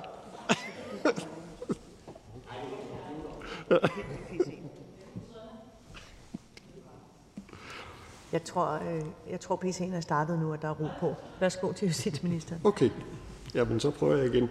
Øhm, det, der vel står tilbage efter snakken i dag, udover vi har været vidt omkring, det er, øh, det er vel lige at repetere, øh, at der er i gang sat arbejde med at lave fælles regler for opbevaring af sms'er. Øhm, når det ikke er sket før, står det vel på, det som man fokuseret på e-mails, men også at at den interesse, der har været for sms'er i forbindelse med øh, kommissionen, at den er ny i forhold til tidligere kommissioner.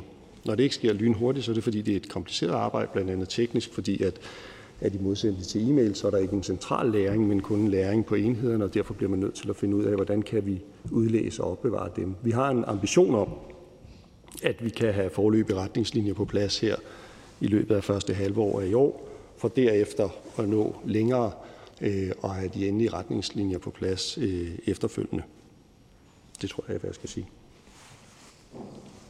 Tak til ministeren. Der er et par kort bemærkninger til ministeren, og det er først til hr. Morten Messerschmidt, Dansk Folkeparti. Værsgo. Tak for det. Det er bare for at kortlægge det historiske forløb, som er sket i forbindelse med grænsningsundersøgelsen, mest i relation til det, som hr. Rode var inde på øh, tidligere, fordi jeg øh, har den oplevelse, at øh, i hvert fald visse af regeringens medlemmer deler den opfattelse, hr. Rode har om, at det er utidigt, når Folketinget og Folketingets institutioner øh, bistår øh, for at få ting frem. Og der vil jeg bare gerne høre, om ikke justitsministeren kan bekræfte, at da, jeg tror det var Dagbladet BT, fik nys om, at, øh, at øh, der skulle have været slettet sms'er, og således at regeringen tilvejebragte et ufuldstændigt øh, datagrundlag for kommissionen, så valgte ombudsmanden at gå ind i sagen. Og det var så først, da der var en positiv tilkendegivelse som følge af presseopmærksomheden fra kommissionen over, at man nu selv ville se på sagen, og ombudsmanden så valgte at trække sig. Kan justitsministeren ikke bekræfte det hændelsesforløb? Minister? Jeg tror, hvis man, skal, øh, hvis man vil øh, se hændelsesforløbet i forbindelse med, øh, med øh, sms'er og minksagen osv., så, så skal man, og jeg er sikker på, at det kan genfindes, så skal man se det pressemøde, som blev holdt, hvor jeg havde en relativt udførlig øh, redegørelse for øh, tilvejebringelse af et materiale. Jeg ved ikke, om det er, fordi lyden er dårlig, eller indholdet var det. Jeg forstod simpelthen ikke det svar, så jeg prøver lige en gang til. Altså, øhm, er det ikke rigtigt, at BT fandt ud af, at man i Statsministeriet og andre steder havde slettet sms'er? Skrev en artikel om det. Ombudsmanden, altså Folketingets ombudsmand, går ind i sagen, og for en ledet af det vælger Grænsningskommissionen så at spørge sig specifikt til disse områder, hvorefter ombudsmanden selvfølgelig trækker følehornene tilbage igen. Er det ikke korrekt? Og er det ikke et godt billede på, at hvis ikke BT og Folketinget og ombudsmanden havde reageret, ja, så havde den her undersøgelse kørt med et ufuldstændigt datagrundlag, nemlig de slettede sms'er, uden man anede det. Minister? Ej, jeg tror godt, øh, hr. Morten Messerschmidt forstod svaret, øh, og også udmærket godt er klar over, at hvis man går ind og genbesøger øh, det pressemøde, så vil man kunne konstatere, at der har været et systematisk og tæt samarbejde mellem regeringen og kommissionen om at tilvejebringe det materiale, som er nødvendigt for, at kommissionen kan gennemføre sin undersøgelse. Næste kort bemærkning er til fru Lisbeth Bæk Nielsen, Socialistisk Folkeparti. Værsgo. Tak. Jeg vil gerne øh, spørge justitsministeren, om ikke netop den her sag er en god anledning til øh, at genbesøge øh, offentlighedsloven. Øhm, set i lyset af, at Venstre, det ved jeg ikke, hvor meget jeg skal lægge i det, men i hvert fald siger, at de gerne vil være med til at, at ændre offentlighedslov, offentlighedsloven også. Tak. Minister? Jo, men vi forhandler jo i øjeblikket om offentlighedsloven. Der er bare et forlig, og derfor forhandler forligspartierne, Socialdemokratiet, Venstre og Konservative. Fru Lisbeth Bæk Nielsen. Men så øh, spurgt på en anden måde, altså jeg har ikke hørt øh, Socialdemokraterne, øh, regeringen på noget tidspunkt være øh, positivt indstillet over for at ændre offentlighedsloven. Er regeringen det nu? Minister? Grundlæggende synes vi, at offentlighedsloven er god, som den er.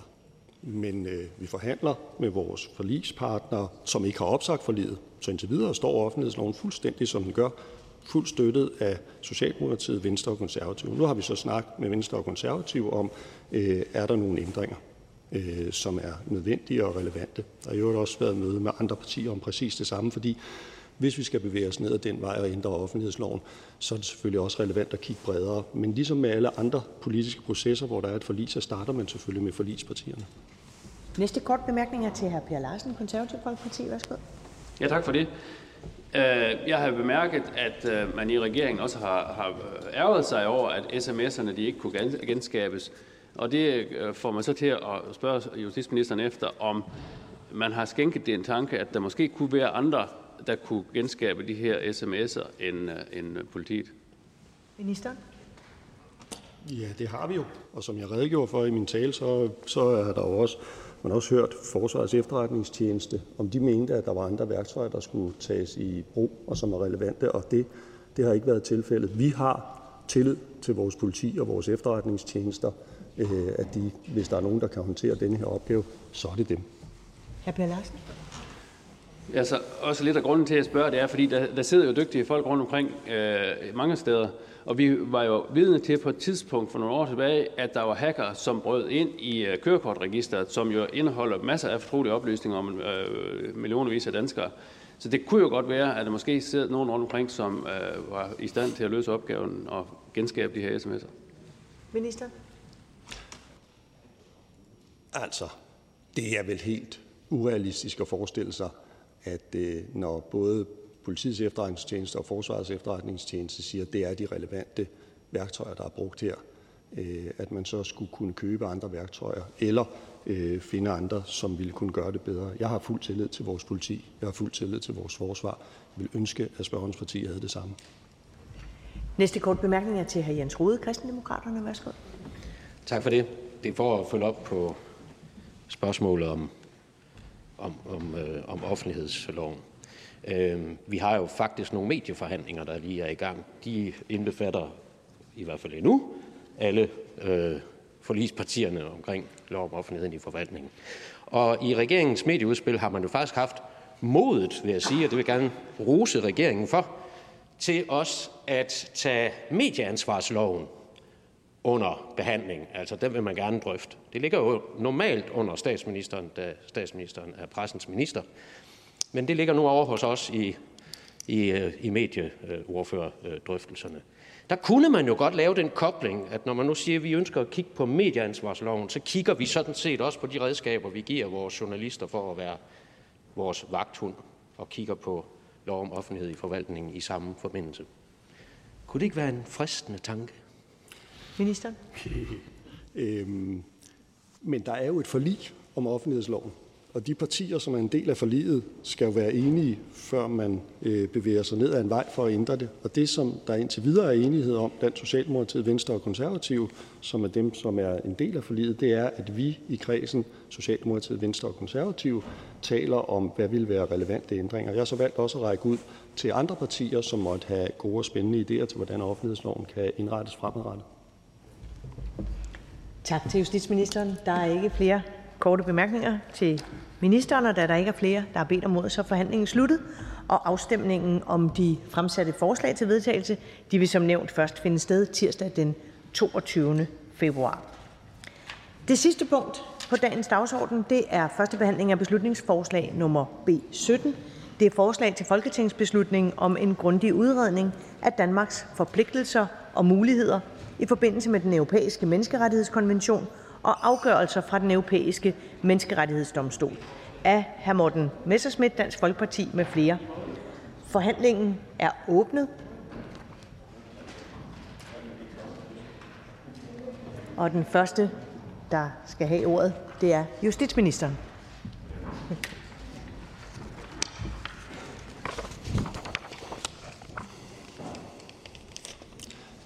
Tak for ordet, og tak til forslagstillerne for at have fremsat øh, beslutningsforslaget. Forslagsstillerne lægger med beslutningsforslaget op til, at regeringen skal iværksætte en grundig udredning af Danmarks tilknytning til og forpligtelser i forbindelse med Den Europæiske Menneskerettighedskonvention og afgørelser fra Den Europæiske Menneskerettighedsdomstol. Det lyder jo sådan set meget uskyldigt, men i virkeligheden handler øh, beslutningsforslaget vel groft sagt om to spørgsmål. For det første at få undersøgt Danmarks mulighed for at udtræde af konventionen, og for det andet at se på mulighederne for ikke at efterleve reglerne, sådan som de fortolkes af domstolen. Ingen af delene kan regeringen støtte, men det skal jeg nok komme tilbage til. Det er min grundlæggende holdning, at vi som politikere er valgt til at tale politik og ikke til at tale jura. Omvendt er domstolene til for at beskæftige sig med jura og ikke med politik. Som politikere agerer vi selvfølgelig inden for en juridisk ramme, Rammen udgøres først og fremmest af grundloven, men Danmark har som bekendt også påtaget sig en række internationale forpligtelser, herunder den europæiske menneskerettighedskonvention, som det er regeringens opfattelse, at vi naturligvis skal respektere. For regeringen er der nemlig ingen tvivl om, at det er helt afgørende med et stærkt internationalt samarbejde. Ikke mindst for et lille land som Danmark er det vigtigt, at der gælder de samme grundlæggende principper og spilleregler for alle. Det er også baggrunden for, at regeringen ikke kan støtte beslutningsforslaget i dag. For sagen er den, at hvis regeringen bakkede op om beslutningsforslaget, ville det kunne opfattes, som om vi overvejede at træde ud af vores internationale forpligtelser, og det gør vi selv sagt ikke. For mig at se, at det det rigtige sted at stå som en ansvarlig regering, og i øvrigt, hvad tidligere regeringer også har ment, nemlig at det ikke er i Danmarks interesse at så tvivl om den internationale retsorden. Regeringen har så sent som i sidste uge fremlagt en udenrigs- og sikkerhedspolitisk strategi, hvor vi frem for alt har sat vores værdier som pejlemærke. Hvis Danmark skal kaste sig ud stærkere ind i kampen for demokratiske værdier og menneskerettigheder, så forudsætter det, at vi står vagt om de fælles spilleregler. Det er, Dan- det er til Danmarks fordel, at vi har en verden med ligeværdigt samarbejde mellem lande i forpligtende fællesskaber. Man behøver ikke åbne øjnene meget for at se, at den verdensorden løbende, og også i øjeblikket, er under pres. En ansvarlig regering skal ikke skabe tvivl om Danmarks opbakning til den internationale retsorden. Så kunne jeg sådan set slutte min tale her, men jeg vil gerne opholde mig lidt ved det grundlæggende tema, som beslutningsforslaget så an, nemlig forholdet mellem politik og jure, navnlig Danmarks internationale forpligtelser. For som jeg også før har sagt, så er det min opfattelse et grundlæggende problem, at menneskerettighedsdomstolen i en længere periode har skubbet grænsen for, hvad der er jure, og i stedet bevæget sig ind på områder, som bør reguleres af folkevalgte. Vi må efter min mening ikke være berøringsangst over for at tage debatten om vores internationale konventioner. Vi skal turde sige det højt og tydeligt, når vi mener, at fortolkning af menneskerettighedskonventionen eller andre konventioner fører til resultater, som ikke kan forklares eller forsvares. Det er et grundlæggende problem, at Menneskerettighedsdomstolen har afsagt domme, som jeg vil betegne som aktivistiske. Det har vi set i flere sager, også sager mod Danmark. Menneskerettighedsdomstolen har igennem årene udvidet indholdet af menneskerettighedskonventionens ellers meget knappe ordlyd. Det har haft den konsekvens, at konventionen i dag har fundet vej til mange afkroge af den nationale lovgivning. Der er derfor også grund til løbende at være opmærksom på menneskerettighedsdomstolens fortolkning. Der kan være behov for at udfordre denne fortolkning. Det gælder juridisk, men det gælder også i høj grad politisk.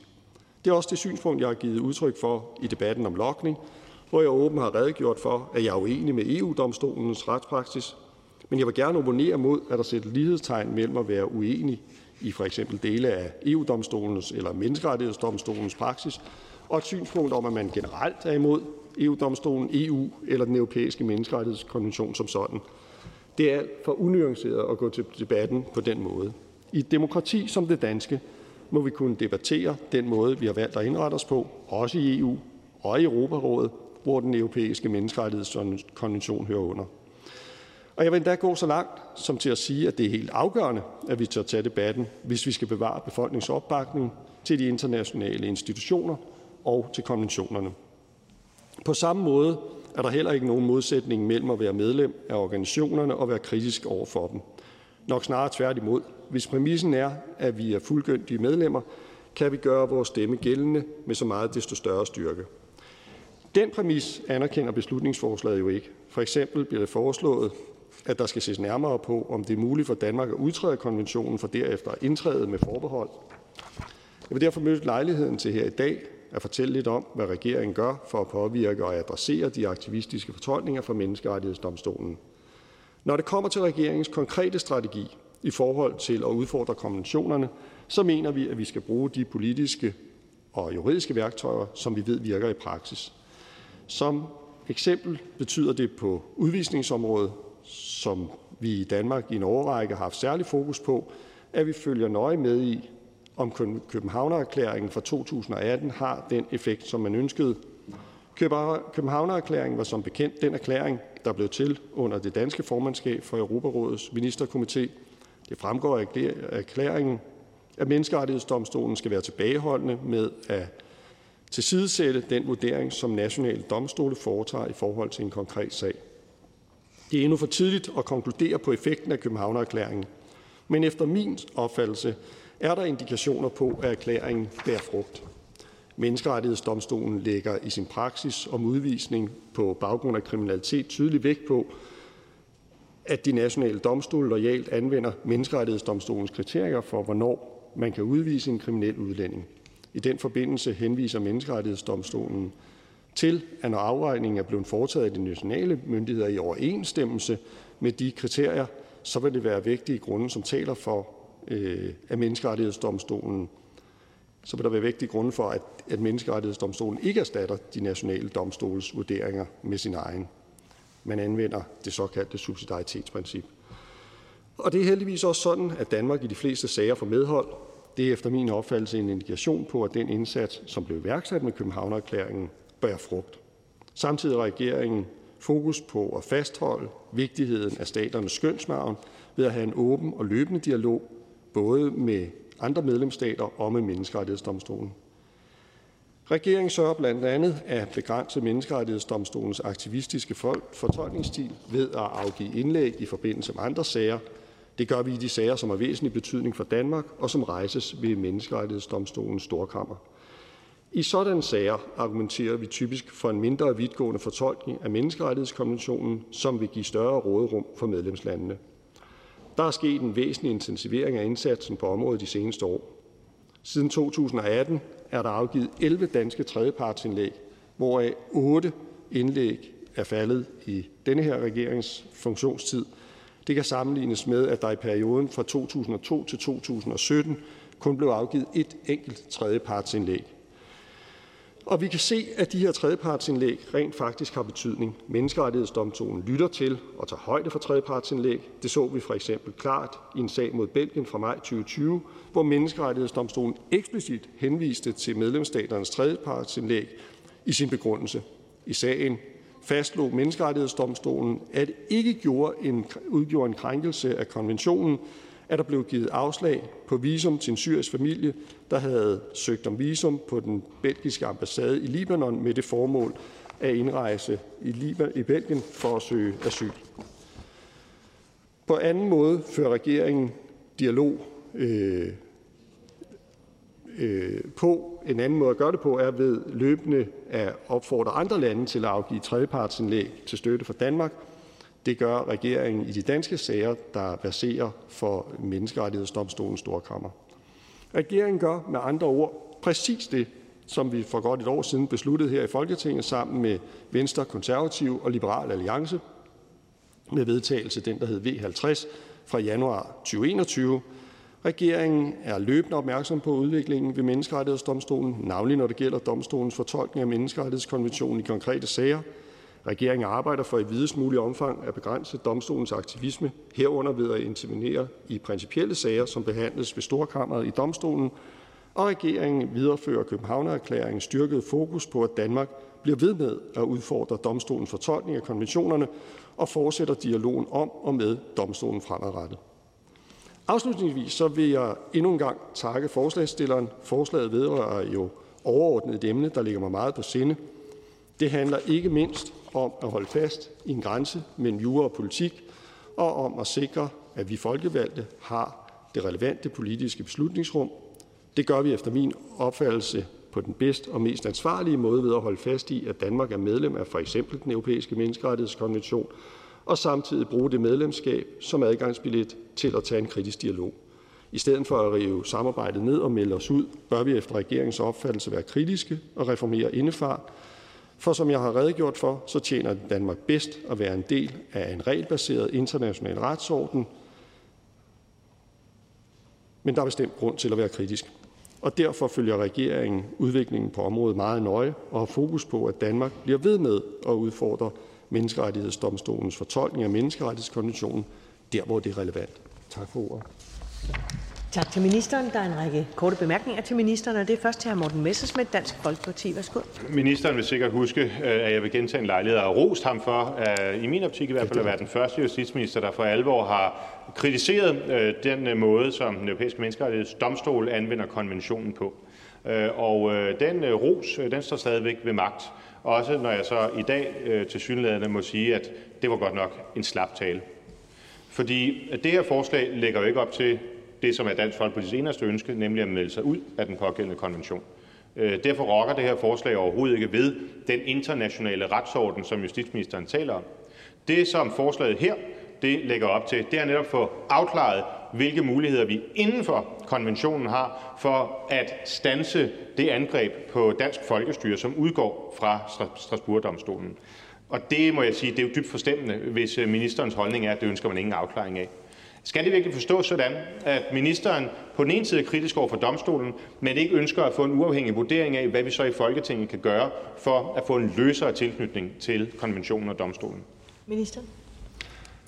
Ej, sådan skal det ikke forstås, men det skal forstås sådan, at de greb, som regeringen synes er relevant at tage, af dem, som vi besluttede sidste år sammen med et flertal i Folketinget, nemlig først og fremmest at øh, bruge vores mulighed for at øh, udfordre domstolens fortolkning ved domstolen via tredjepartsindlæg, øh, og via den kritiske dialog, som der er. Altså holde fast i Københavnererklæringen og Københavnererklæringens ambition om at, øh, at sikre, at øh, domstolen skruede ned for aktivisme.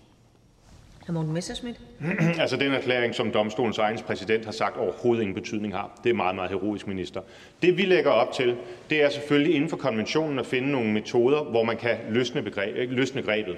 Det kunne for eksempel være at sige, at vi følger kun de domme, hvor Danmark er part, eller hvor der er åbenlyst sammenlignelige lande. Det kunne være at sige, at man kun følger storkammerafgørelserne. Det kunne være at ophæve øh, inkorporeringsloven fra 92, sådan at det blev et almindeligt øh, uden, udenrigsdokument, en almindelig konvention, ligesom vi kender det fra, fra andre. Vi opererer jo med retsdualisme i Danmark, det ved ministeren alt om. Hvorfor er det, man overhovedet vil afsøge nogle af de muligheder, når ministeren ellers ved alle mulige givende lejligheder står og kritiserer domstolen? Minister? Jamen, I virkeligheden synes jeg, at eksemplet med de sager, hvor Danmark er part, at det kun er dem, vi skal følge, er meget sigende, fordi retsordenen står her, ligesom andre steder, jo på ikke bare det skrevne ord, men også på, hvad der er for en retspraksis, som der ligger. Og hvis man øh, ikke er lojal over for den retspraksis, som der ligger, så forvidder øh, retssystemet. Næste kort bemærkning er til fru Anne-Sophie Kallesen, Radikal Venstre. Værsgo. Øh, jeg skal bare være sikker på, om jeg egentlig hørte rigtigt. Øh, sagde ministeren, at der er indikationer på, at øh, medlemskabet af, og eksistensen af den europæiske menneskerettighedskonvention bærer frugt. Og, og hvis det var det, ministeren sagde, kunne man så svinge sig op til at sige noget lidt mere kraftfuldt om det? Minister?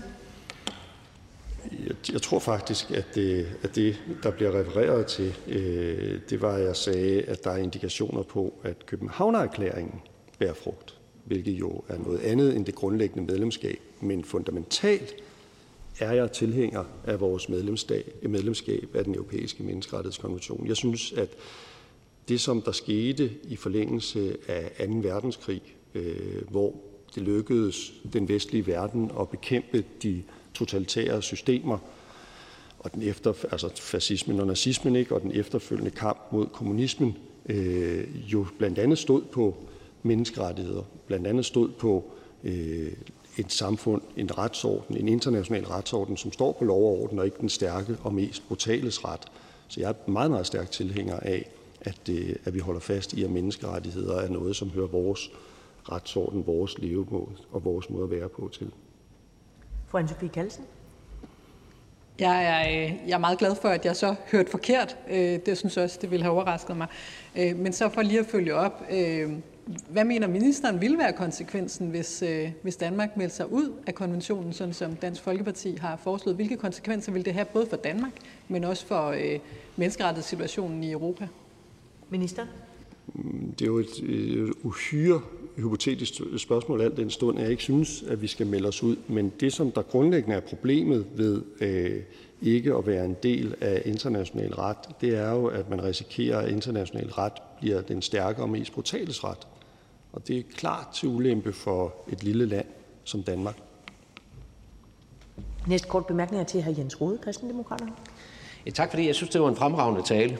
Øh, og det var i hvert fald øh, meget, meget interessant. Og desværre har man ikke fem minutter til at folde sit spørgsmål ud. Men, men det her det er så kompliceret, at, man jo, at det er sådan lidt øh, vanskeligt at bare lige sådan, øh, øh, fyre sit spørgsmål af fra, fra hoften. Men det er jo den der skælen mellem aktivisme, jura og politik. Altså konventionerne er jo også noget, der udvikler sig. Og derfor kunne jeg godt tænke mig lige at prøve at trykteste øh, justitsministeren, når jeg nu ikke har mere tid. Altså det er jo sådan, at Menneskerettighedskontoret er kommet med en ny bemærkning. Jeg tror, den hedder bemærkning 36 til artikel 6. Men det er jo den, der handler om retten til fri abort, som nu er blevet fastslået som en grundlæggende rettighed, og så er der tilføjet, hvis øh, kvindens liv og helbred er i fare.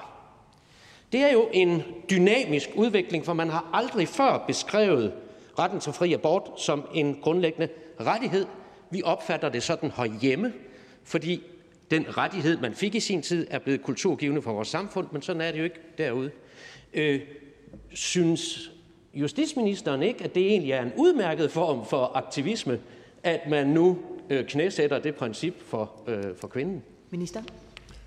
Jeg synes, at det er utrolig godt, at vi lever i en verden, hvor kvinder kan bestemme over deres egen krop, herunder ret til øh, abort. Jeg synes, det er rigtig dejligt, at de regler, som vi har i Danmark, er lavet af Folketinget og ikke af højesteret. Jeg ville ønske, at sådanne regler også på den internationale scene blev skabt af politikere og ikke af domstole. Og det er der, jeg har et problem med aktivismen. Det er, at domstolen jo ikke har den legitimitet, som man har som øh, folkevalgt. Hr. Jens Rode? Jo, men hele meningen med det er jo, at vi har præjudicielle afgørelser. Altså, fordi det er man jo nødt til. Altså, øh, justitsministeren er også bekendt med, det er jo sådan, at øh, det fungerer i Rusland, det er jo også meget sådan, det fungerer i USA, fordi man ikke har en tradition for de samme detaljerede, nedfældede love, som vi for eksempel har herhjemme. Og derfor bliver der jo taget disse prøvninger af sager ved domstolene, og de træffer jo så en præjudiciel afgørelse. Og det fører jo så nogle gange til, skal vi sige, øh, noget, der styrker en rettighed. Øh, og når jeg tager det med aborten op, så er det jo fordi, det er sådan, at, at, at traditionelt dansk værdi, og, og det, det står vi så sammen om, og så er det da godt, hvis det også bliver formuleret på internationalt hold. Er det ikke? Minister? Det er ikke indholdet, der er problemet. Ja, det er det muligvis også, det skal jeg ikke kunne sige, øh, men jeg er stærk tilhænger af, af øh, den frie abort. Det, der er problemet, det er, at hvis vi lever i et system, hvor øh, det, der skal være lov og ret, bliver skabt øh, af domstole, så risikerer vi at tabe den øh, demokratiske legitimitet, som står i, at, øh, at det er øh, de folkevalgte, der bestemmer, hvad der skal være lov og ret. Jeg anerkender fuldt ud, at der er retssystemer, som øh, læner sig meget mere op af, øh, af ret skabt ved domstolene, end vi gør i Danmark. Jeg synes bare ikke, at det er en god måde at lave ret på. Tak til justitsministeren. Der er ikke flere korte bemærkninger til ministeren. Således kan ordførerrækken begynde, og den første ordfører kommer fra Socialdemokratiet, og det er hr. Bjørn Brandenborg. Velkommen. Tak for det. Det er øh, jo bestemt ikke første gang, at forslagsstillerne har sat diskussionen om konventioner på dagsordenen her i salen. Og den her gang så lægger beslutningsforslaget så op til, at regeringen skal iværksætte en grundig udredning af Danmarks tilknytning til og forpligtelser i forbindelse med den europæiske menneskerettighedskonvention og afgørelser fra den europæiske menneskerettighedsdomstol. Essensen af beslutningsforslaget er, at det skal undersøges, hvordan Danmark kan udtræde helt eller på anden måde fravige vores internationale forpligtelser. Det er det egentlige formål ved beslutningsforslaget, og det er også velkendt, at det er holdningen hos forslagstillerne. Jeg vil starte med at slå helt fast, at vi er tilhængere af det internationale samarbejde og af konventionerne. Vi mener, at Danmark, som det forholdsvis lille land vi er, har en stor interesse i at have en stærk international retsorden, hvor der er klare spilleregler, som er fælles for os alle. Derfor kan vi ikke støtte et forslag, som grundlæggende har til formål at undersøge, hvordan vi kommer ud eller mindsker det samarbejde. Når det så er sagt, så synes jeg, at det er relevant at have en debat om domstolene, og jeg synes bestemt heller ikke, at vi skal være berøringsangste over for at diskutere de internationale konventioner og hvad de fører med sig. For som justitsministeren var inde på, så er der en slagside, når Menneskerettighedsdomstolen bruger sin dynamiske fortolkning aktivistisk og breder sig ind i alle afkrog af medlemsstaternes nationale lovgivning. Det synes jeg, er en, det synes jeg er en risikabel udvikling, for det bringer domstolen ud af trit med de oprindelige konventioner og i sidste ende med medlemslandene. Og vi igen med, at der er en reel risiko for, at de enkelte medlemslande til sidst ikke kan se sig selv inden for rammerne. Det ønsker vi ikke. Men det er altså bestemt ikke det samme som at ønske Danmark ud af konventionerne, som vi grundlæggende mener er til for det gode. Tværtimod er det netop fordi, at vi ønsker at bevare det tætte internationale samarbejde, at vi skal fortsætte med at have debatten. Så jeg er måske ikke så overraskende helt enig i regeringens tilgang til det her spørgsmål. Vi skal være en del af den internationale retsorden. Samtidig skal vi følge udviklingen nøje, give vores mening til kende og udfordre, når vi synes, at domstolen går for langt. Men en stemme for en sådan udredning, som forslagstillerne lægger op til, er meget mere end det. Det er et signal om, at vi kunne overveje at træde ud af vores forpligtelser. Så selvom det her forslag om en udredning kan virke harmløst, så markerer det en skillevej i dansk politik. Står man ved sine internationale forpligtelser, eller ønsker man i bund og grund at finde en vej ud? Som ansvarligt regeringsbærende og regeringsdueligt parti, så står vi selvfølgelig fast på ikke at ønske at udtræde, og derfor kan vi ikke stemme for beslutningsforslaget. Tak for ordet.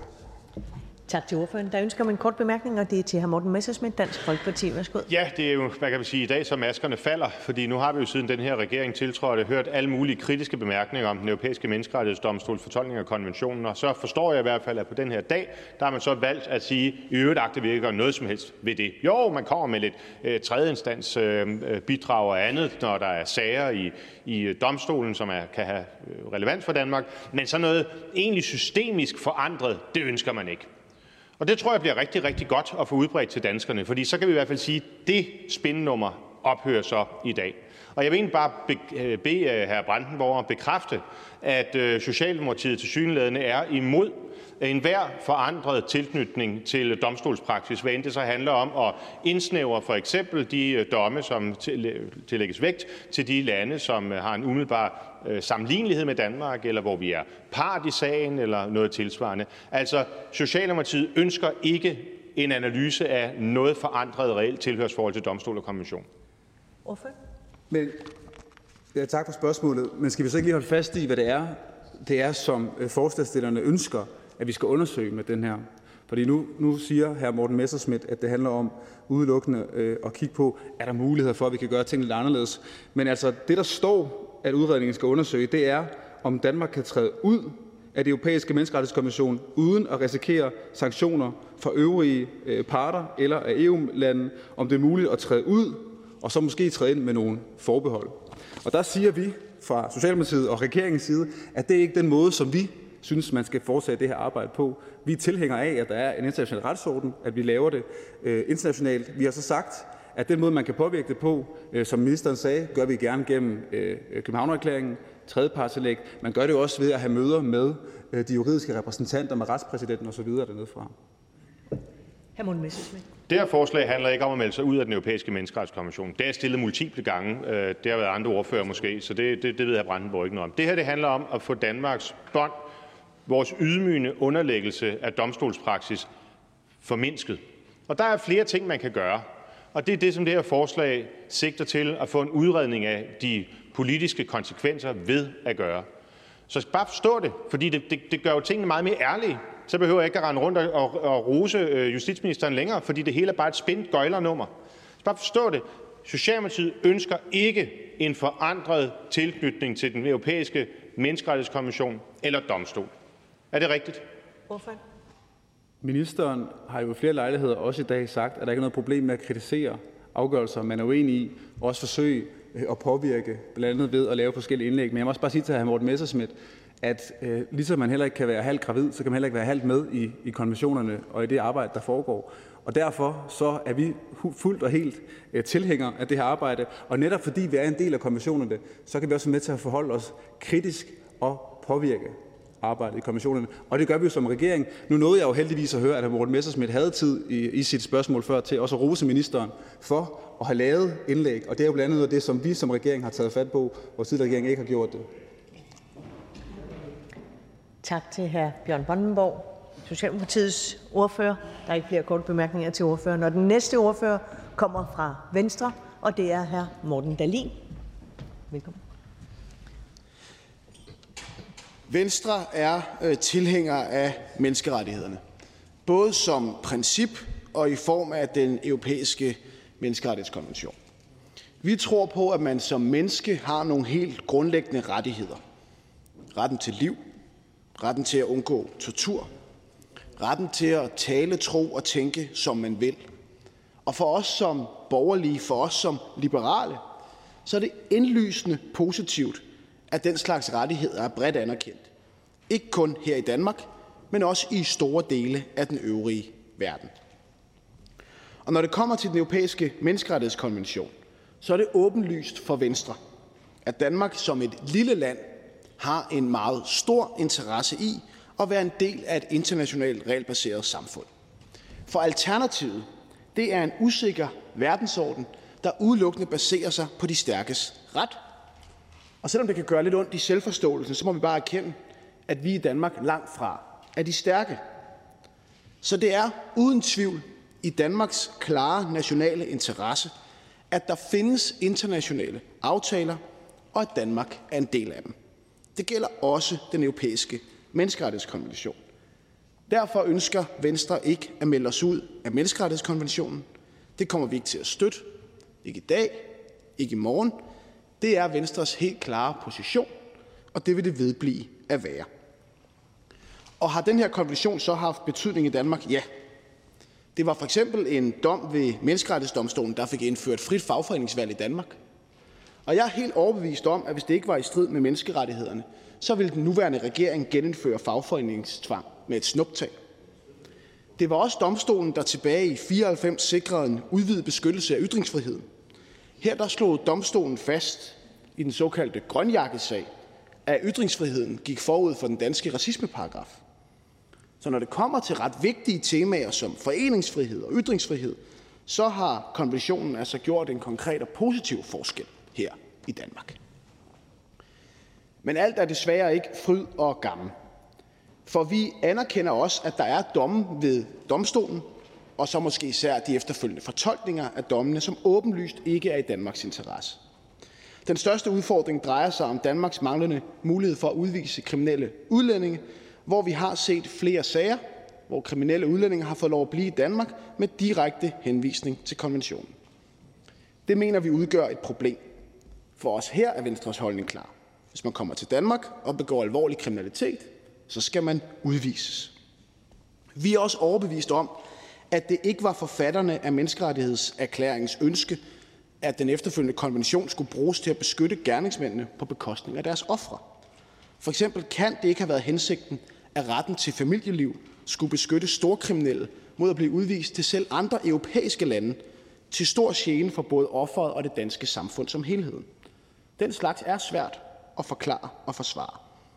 Derfor satte vi, da vi selv sad i regeringen, gang i et arbejde med den såkaldte Københavnererklæring, der skulle tage et opgør med nogle af de her dynamiske fortolkninger. Det arbejde det har vi et ønske om at bygge videre på. Og derfor er det Venstres politik, at vi her i Danmark skal udfordre konventionerne, og særligt den dynamiske fortolkning af dem for domstolene, når det er nødvendigt. I det konkrete beslutningsforslag, vi behandler her i dag, der foreslår DF, at der skal foretages en udredning af Danmarks forpligtelser og muligheder i forbindelse med konventionen, den europæiske menneskerettighedskonvention. I Venstre der er vi overbevist om, at en sådan udredning vil vise, at det er i Danmarks interesse at have tiltrådt EMRK. Vi tager altså positivt imod sådan en udredning. Dansk Folkeparti oplister også en række konkrete spørgsmål, de ønsker besvaret i udredningen.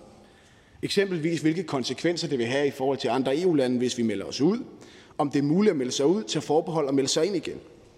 Og Venstre, vi ser positivt på at udrede de spørgsmål, selvom vi er imod en udmeldelse af konventionen. For det vil give en mere faktabaseret debat om de her spørgsmål. Faktisk ønsker vi også en række andre ting udredt, og derfor vil vi stille nogle ændringsforslag. Vi ønsker at få belyst de positive aspekter ved EMRK's indvirkning på Danmark, og vi ønsker at få belyst udviklingen i domspraksis og hvilke muligheder Danmark har for at udfordre den dynamiske fortolkning fra domstolene. Vi ser derfor ikke det her beslutningsforslag fra DF som et første skridt mod at melde os ud af hverken menneskerettighedskonventionen eller det internationale samfund. Det vil være et forkert spor at gå ned af. Men vi kan godt støtte at få udredt en række spørgsmål, både dem DF rejser og dem vi selv agter at stille ændringsforslag om. Tak for Tak til ordføreren. Der ønsker et par korte bemærkninger. Først til hr. Morten Messersmith, Dansk Folkeparti. Øh, jeg vil bare gerne øh, kvittere for, øh, synes jeg, den meget afbalancerede og ordentlige ordførertale, som hr. Dalin holdt. Øhm, jeg anerkender jo fuldstændig, at vores partier ser forskelligt på Danmarks internationale forpligtelser, både i relation til Europarådet og i forhold til, til EU, øhm, og at man det til trods er stand til at så forholde sig nuanceret til de forslag, som vi kommer med, at sige, det lægger vi til side, fordi vi har så en fællesmængde, der hedder, at der er noget i den måde, tingene fungerer på i dag, der ikke er godt og det vil vi gerne have en udredning af. Det øh, synes jeg er meget, meget konstruktivt og positivt. Langt mere, jeg vil næsten sige modent, end det, som vi oplever fra, øh, fra regeringen i øjeblikket. Så øhm, herfra blot en, en tak for, at vi i Blå Blok kan være oprigtige om, at der er noget, vi er uenige om, og sådan er det. Og der lader vi vælgerne afgøre, hvem der skal være størst og mindst osv., men at der også er en fællesmængde, hvor vi kan være konstruktive. Det synes jeg er meget positivt. Tak, formand. Jamen, øh, tak for øh, rosen. Øh, den tager vi gerne imod øh, i Venstre. Øh, fordi det er rigtigt, at øh, der er forskelle, og der er øh, ligheder. Øh, og vi har sagt klart og tydeligt, at vi mener, at det er 100% i Danmarks nationale interesse at have tiltrådt den europæiske menneskerettighedskonvention. Vi kommer ikke til at melde os ud. Det, øh, det står klart. Samtidig har vi øh, adresseret nogle af de udfordringer, der er, og øh, det har vi gjort både da vi sad i regering, det har vi gjort nu, når vi sidder i øh, opposition, og det kommer vi også til at gøre, når vi sidder i regering efter næste valg. Næste kort bemærkning er til hr. Bjørn Brandenborg, Socialdemokratiet. Tak for det, og tak for, øh, for talen. Først og fremmest så er jeg glad for, at øh, Venstre på talerstolen siger, at de bakker øh, 100% op om, om øh, konventionerne. Jeg bliver nødt til at spørge, fordi nu kan jeg forstå, at Venstre bakker op om den her undersøgelse, så har nogle, nogle, nogle, nogle tilføjelser til det. Er det ikke lidt mærkeligt at undersøge noget, som man ikke bakker op om? Altså hvis man vil undersøge noget, så er det vel fordi, man vil ændre noget. Ellers så er der ingen grund til at undersøge det. Så er det noget med, at det spilder tid, det, det spilder penge. Sådan tror jeg i hvert fald, jeg hørte det fra, fra, øh, fra ordførens øh, mund øh, tidligere. Så hvorfor vil man undersøge noget, når man ikke har lyst til at ændre det? Og så er man nødt til at spørge igen. Altså det, som den her undersøgelse skal undersøge, er jo netop, som det allerførste punkt har han Morten Messerschmidt skrevet, kan Danmark træde ud det europæiske menneskerettighedskonvention uden samtidig at risikere sanktioner fra de øvrige øh, parter eller EU-medlemslande. Hvorfor er det, at Venstre ønsker at være med til at undersøge det, når det ikke er det, som der er Venstres politik? Hvorfor? Tak til øh, hr. Brandenborg. Det er fuldstændig rigtigt, at Venstres politik er krydsalt klar. Vi mener ikke, at Danmark skal træde ud af den europæiske menneskerettighedskonvention. Det er krystalklart. Vi mener, det er Danmarks helt klare interesse at være med. Og derudover så sagde jeg også i min tale, at vi bakker ikke både op om konventionen, vi bakker sådan set også op om princippet bag menneskerettighederne. Det synes vi sådan set er ganske fornuftigt. Det synes vi er godt som liberale, at de her retter, rettigheder til at tro, tænke, tale, som man vil, det er noget, vi arbejder for at få bredt ud til, til hele verden. Så også bare, ikke bare konventionen, men også principperne bakker vi op om. Så er det spørgsmål, om man skal bakke op om undersøgelser. Altså, så vidt jeg ved, så var Socialdemokratiet der for at udrede Danmarks øh, hvad hedder det, forhold til forsvarsforbeholdet. Men alligevel ser vi en regering, der ikke ønsker at træde ud af forsvarsforbeholdet i dag. Vi er overbevist i Venstre om, at hvis man udreder Danmarks forhold til EMRK, så vil det vise, at det er til Danmarks ubestridte fordel at være medlem. Og det vil så give en mere faktabaseret debat, og så kan vi tage en oplyst debat på baggrund af det. Vi er overbevist om, at udredningen sådan set vil falde ud til at støtte det, der er Venstres politik. Spørgsmål? Er lidt specielt, synes jeg, at ordføreren står og skriver konklusionen på en undersøgelse, som der ikke er blevet lavet endnu. Altså, jeg forstår ikke, hvorfor man så har lyst til at være med i en undersøgelse fra Venstres øh, side. Og, og det, der så igen jo bare står tilbage, det er, at det, der skal undersøge, det er, om man kan træde ud af den europæiske menneskerettighedskonvention. Og jeg er fuldstændig enig med det, som som ordføreren siger, at det, den vil vise, er jo nok, at det ikke er konventionen, der er problemet. Det er aktivisten, aktivismen i domstolen, som både justitsministeren og jeg selv også var inde på lige før. Og derfor må jeg bare sige, at det undrer mig meget, at Venstre de har lyst til at skabe tvivl om, hvorvidt de bakker op om konventionerne om domstolen ved at bakke op om en undersøgelse, hvor et af de punkter, som man skal undersøge, det er, om man øh, agter at træde ud. Det synes jeg er meget mærkeligt. Men der er ikke skabt tvivl om, hvad Venstre mener om den europæiske menneskerettighedskonvention. Venstre mener, det er i Danmarks ubestridte interesse at have tiltrådt den europæiske menneskerettighedskonvention. Det er ikke vores politik at melde Danmark ud af konventionen. Det er det ikke i dag, det er det ikke i morgen, og det bliver det heller ikke i overmorgen. Det står fast. At få lavet en udredning med nogle af de spørgsmål, DF rejser, nogle af de ting, vi selv har tænkt os at stille som ændringsforslag, det synes vi er fornuftigt, fordi det vil give en mere faktabaseret debat, ligesom man har gjort i en lang række andre tilfælde igennem den politiske Danmarks historie. Næste kort bemærkning er til hr. Jens Rude, Kristendemokraterne.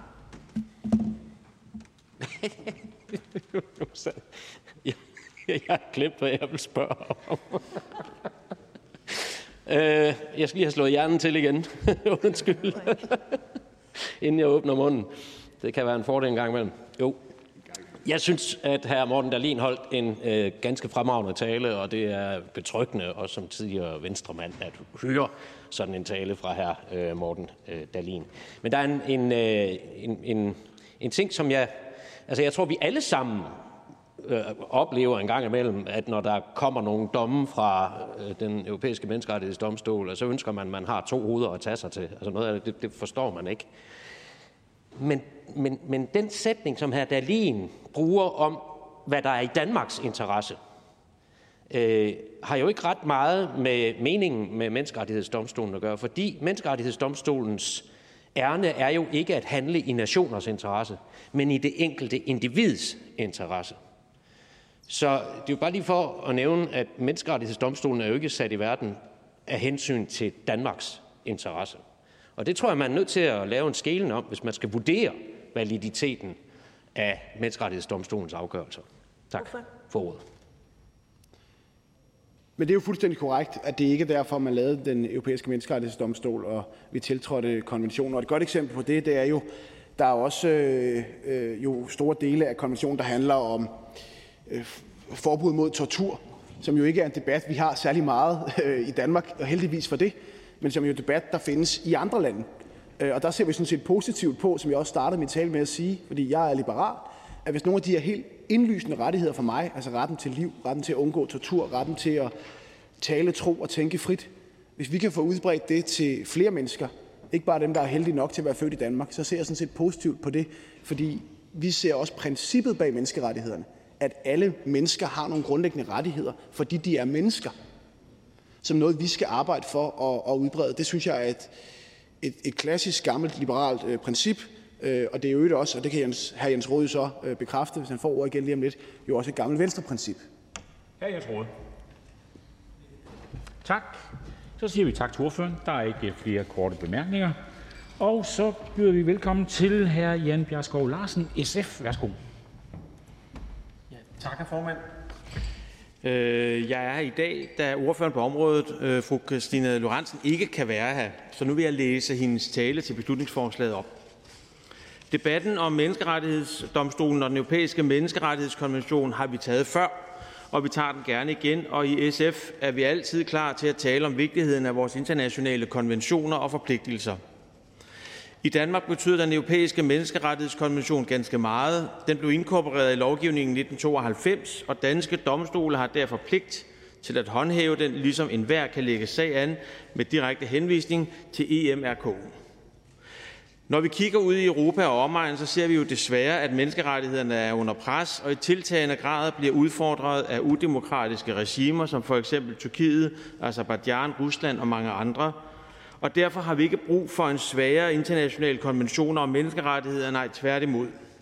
Vi har brug for stærkere internationale institutioner, konventioner og domstole, så vi sikrer, at alle borgere, der er dækket af den europæiske menneskerettighedskonvention, fortsat kan nyde øh, faktisk og reel beskyttelse af deres grundlæggende menneskerettigheder.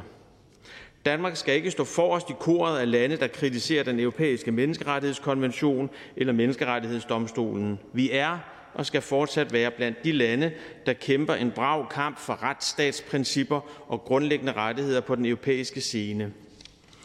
Dansk Folkeparti vil med forslaget her undersøge, hvad udtræden af menneskerettighedskonventionen og bevidst manglende efterlevelse af menneskerettighedsdomstolens afgørelser vil have af konsekvenser. Begge dele ser SF som et indirekte angreb på vores internationale forpligtelser og ikke noget, vi i SF bryder os om. Så derfor kan vi ikke støtte forslaget. Og tak for ordet. Og vi siger tak til ordføreren. Der er ikke nogen kort bemærkninger. Og det betyder, at vi kan gå videre i ordførerrækken, og den næste ordfører er fru Anne-Sophie Kallesen.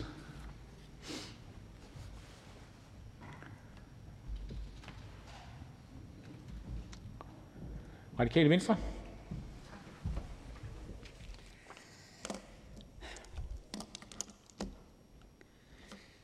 Menneskerettighederne, konventionerne, hvorfor overhovedet have dem? Øh, hvorfor skal vi binde os til dem, i stedet for at bestemme selv? Det er den ånd, der ligger i det beslutningsforslag, som vi behandler i dag. Og jeg kunne ikke være mere uenig i tilgangen. For det første, fordi at det for mig er åbenlyst, hvorfor vi fik menneskerettighederne, og hvorfor vi fik den europæiske menneskerettighedskonvention. Selvfølgelig for at sikre individet imod overgreb fra staten og for at have en domstol til at sikre, at de grundlæggende rettigheder, man har som borger, ikke kan tages fra en i tilfælde af, at en regering måtte finde det rimeligt at gøre det. Og så vil Dansk Folkeparti og andre måske sige, at her er det bare nok at have en retsstat. Men så lad mig gå et spadestik dybere og tale om det fundament, menneskerettighederne er grundlagt på. Nemlig det grundlæggende syn, at mennesket er værdifuldt i sig selv, uanset baggrund og religion, og at retten til frihed er for alle borgere. Den europæiske menneskerettighedskonvention sikrer, at frihed ikke er noget, vi kun giver til dem, vi synes om. Frihed er for alle. Hr. Morten Messerschmidt bruger her som argument, at øh, den europæiske menneskerettighedskonvention betyder, at vi har afgivet suverænitet til domstolen. Men det er jo pointen med menneskerettighedskonventionen, at stater ikke pludselig skal kunne beslutte sig for at fratage borgere deres grundlæggende rettigheder.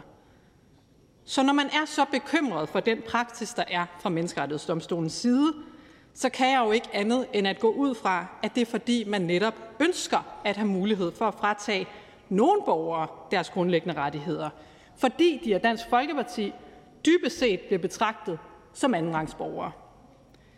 Fordi de ikke er født i det højt besøgende fædreland, som vi andre er. Og det er for mig udgangspunktet og omdrejningspunktet for hele debatten. Er retten til frihed en rettighed, alle har, eller er det kun for dem, vi kan lide eller føler et fællesskab med? Jeg føler overhovedet ikke noget værdimæssigt fællesskab med hr. Morten Messersmith og Dansk Folkeparti. Men jeg vil forsvare hans ret til beskyttelse under menneskerettighedskonventionen. Og jeg vil da også gå ud fra, at hr. Morten Messersmith selv synes, at det er meget godt, at menneskerettighedskonventionen også sikrer ham retten til en retfærdig rettergang. For mig bliver det decideret absurd, når hr. Morten Messersmith synes, at Danmarks medlemskab af konventionen er så problematisk, at det skal være en decideret showstopper i et potentielt samarbejde med en borgerlig regering, hvis vi forbliver medlem. Men her kunne jeg jo på den ene side sige ham om det. Men med den melding og med det beslutningsforslag, vi behandler i dag, så må vi i hvert fald konstatere, at Dansk Folkepartis ideologiske korstog mod menneskerettighederne er tilbage. Den her gang er det så ikke Søren og Marie Krav, der fører an i korstoget, men hr. Morten Messersmith. Argumenterne er dog de samme, som vi har kendt længe. Menneskerettighederne har fået status af religion, fordi de ikke kan diskuteres, og fordi de fratager os retten til selv at vælge, hvad der skal være gældende ret. Jeg er ikke enig i den tilgang, for hvis vi tror på et sekulært samfund, så har vi kun menneskerettighederne som fælles grundlag. De er netop ikke mejslet i sten. De forudsætter vores fælles opbakning. Vi har valgt at beslutte, at alle mennesker fortjener de samme rettigheder. Ikke fordi de er danskere, eller fordi det er gudskivet, men fordi de er mennesker, som har værdi i sig selv. Som et lille land er vi dybt afhængige af, at også de store lande anerkender menneskerettighederne. Hvis først de ikke vil, hvis først vi ikke vil, hvorfor skal de store lande så? Derfor er det helt afgørende for radikale venstre, at vi er vores internationale forpligtelse bevidst. Og den forudsætter tilslutning til menneskerettighederne som fælles grundlag. Retten til frihed og lighed for loven er en af grundene til, at de europæiske lande adskiller sig fra mange andre lande i verden. Det er værdier, som vi skal værne om og passe på, og som vi også bør søge og udbrede til resten af verden. Og det er også værdier, som os, der er her i dag, nyder godt af hver eneste dag. Retten til at forsamle sig, retten til at ytre sig og kæmpe for vores politiske overbevisning. Med det her beslutningsforslag og med sin udtalelse om at ønske at forlade øh, menneskerettighedskonventionen, så vil hr. Morten Messersmith og resten af stillerne fra Dansk Folkeparti de facto arbejde for, at Danmark kommer i selskab med Vatikanstaten og Belarus, selvom man prøver at fremstille det anderledes. Dermed vil vi blive komplet isoleret i Europa, og med god grund. Radikale Venstre stemmer imod beslutningsforslaget, fordi vi anser udredningsarbejdet for at være overflødigt. Det mener vi til gengæld ikke, at menneskerettighederne er. Tak for, tak for ordet. Hr. Morten Messerschmidt, værsgo. Ja, altså jeg betragter jo det radikale Venstres demokrati- og menneskesyn som det diametralt modsatte af det, som øh, Dansk Folkeparti står for. Så derfor er det ikke underligt i, at vi ser forskelligt på en udredning af det her, hvordan man kan få mere national selvstændighed. Det, der er interessant øh, at høre, om fru Kallesen har gjort sig nogle overvejelser om, det er, hvordan, hvis menneskerettighedskonventionen i en dansk og en europæisk sammenhæng er det determinerende for det samfund og de frihedsrettigheder, som fru Kallesen med rette hun hylder, Øh, hvis det er det afgørende for, at vi får dem, hvordan kan det så være, at der er en stribe øh, af verdens lande, som har tilsvarende frihedsrettigheder, demokratier og ligestilling, uden at være en del af europæiske menneskerettighedskonvention? Man kunne nævne Australien, New Zealand, øh, Israel, Kanada, USA osv. Samtidig med, at der er multiple af de lande, som jo er med, altså er part af den europæiske menneskerettighedskonvention, hvor det jo bare går den helt, helt forkerte vej. Og der kan fru Kallesen jo bare tage en odyssé ud i de østeuropæiske stater. Øh, jamen for det første, så tror jeg, det er korrekt, at vi ser fuldstændig forskelligt øh, på, på øh, grundsubstansen i det her. Øh, men for så at besvare spørgsmålet, så er det netop rigtigt, at der er tilbagegang i Europa på en lang række punkter. Det er jo derfor, det vil være så problematisk, hvis Danmark sender det signal, at menneskerettighedskonventionen er ligegyldig. For nej, den er ikke ligegyldig. Og man kan jo ikke bruge en sammenligning med lande, som ikke har mulighed for at tilslutte sig den europæiske menneskerettighedskonvention, til derved at konkludere, at den europæiske menneskerettighedskonvention ikke har haft betydning for de europæiske lande, som har tilsluttet sig den. Selvfølgelig har den det. Messerschmidt. Det er meget, meget øh, afslørende for fru Kallesens evner til at perspektivere, må man sige. Altså, hvis hun kan konstatere, at der ikke er nogen umiddelbar sammenhæng imellem verdens landes frihed, demokrati, ligestilling, udvikling, alle de ting, som vi normalt tillægger vægt, og den europæiske menneskerettighedskonvention, så må man jo sige, at det grundargument, hun har om, at Danmark ved at træde ud af den europæiske menneskerettighedskonvention ville anfægte, ville, ville bevæge verden væk fra de idealer, ja, det argument, det eksisterer jo ganske enkelt ikke længere. Hvorfor? Øh, jeg tror, at det argument, der ikke eksisterer, det er jo, at man jo ikke kan bruge det, at der er lande, som ikke har mulighed for at tilslutte sig konventionen. Det, at de alligevel er velfungerende demokratier, så beviser, at menneskerettighedskonventionen ikke har haft betydning for menneskers grundlæggende rettigheder i Europa. Det er der adskillige eksempler på. Blandt andet at man jo, netop fordi man har en aktivistisk tilgang, og den kan vi diskutere fordele og ulemper ved, men en af fordelene var jo eksempelvis, at da man i 1950 underskrev konventionen, havde man jo ikke taget stilling til homoseksuelles rettigheder. Det er jo noget, som Menneskerettighedsdomstolen også har været med til at understrege og stadfæste, at man har som homoseksuel ret til at udleve sin seksualitet. Så er det. Jens Rode, KD. Værsgo. Det kan ikke komme som nogen overraskelse, at jeg deler fru Anna Sofie Gallesens øh, værdigrundlag, og jeg synes, det var en fin tale øh, hun holdt. Men jeg har også en, øh, jeg har en svaghed for begrebet Nixon in China. Det ved fru Kallesen alt om. Øh, nogle gange er det interessant lige at vende den om og gøre det overraskende. Og man kunne jo sådan set godt gøre sig den overvejelse, om ikke at man burde sige, øh, eller man kunne sige ja til at få sådan en udredning, øh, hvor man jo selvfølgelig så er med til at definere sådan lige, hvordan den udredning skal laves, fordi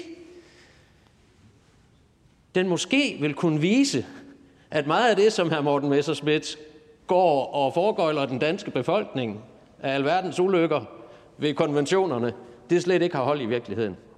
Kunne det ikke være en måde at gribe det an på?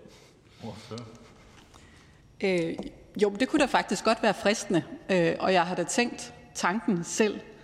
Øh, når vi så alligevel ikke vil stemme for beslutningsforslaget, så er det selvfølgelig, fordi det er ret tydeligt, hvad ånden i det her er. Hvor skal det føre hen? Hvilket eksempel, hvilket signal vil det sætte, hvis vi vedtager det her forslag? Men også fordi jeg mener, at det er ret belyst, hvilke fordele der er ved at være medlem af konventionen. Men jeg kan sådan set godt følge her Jens Rodes argument.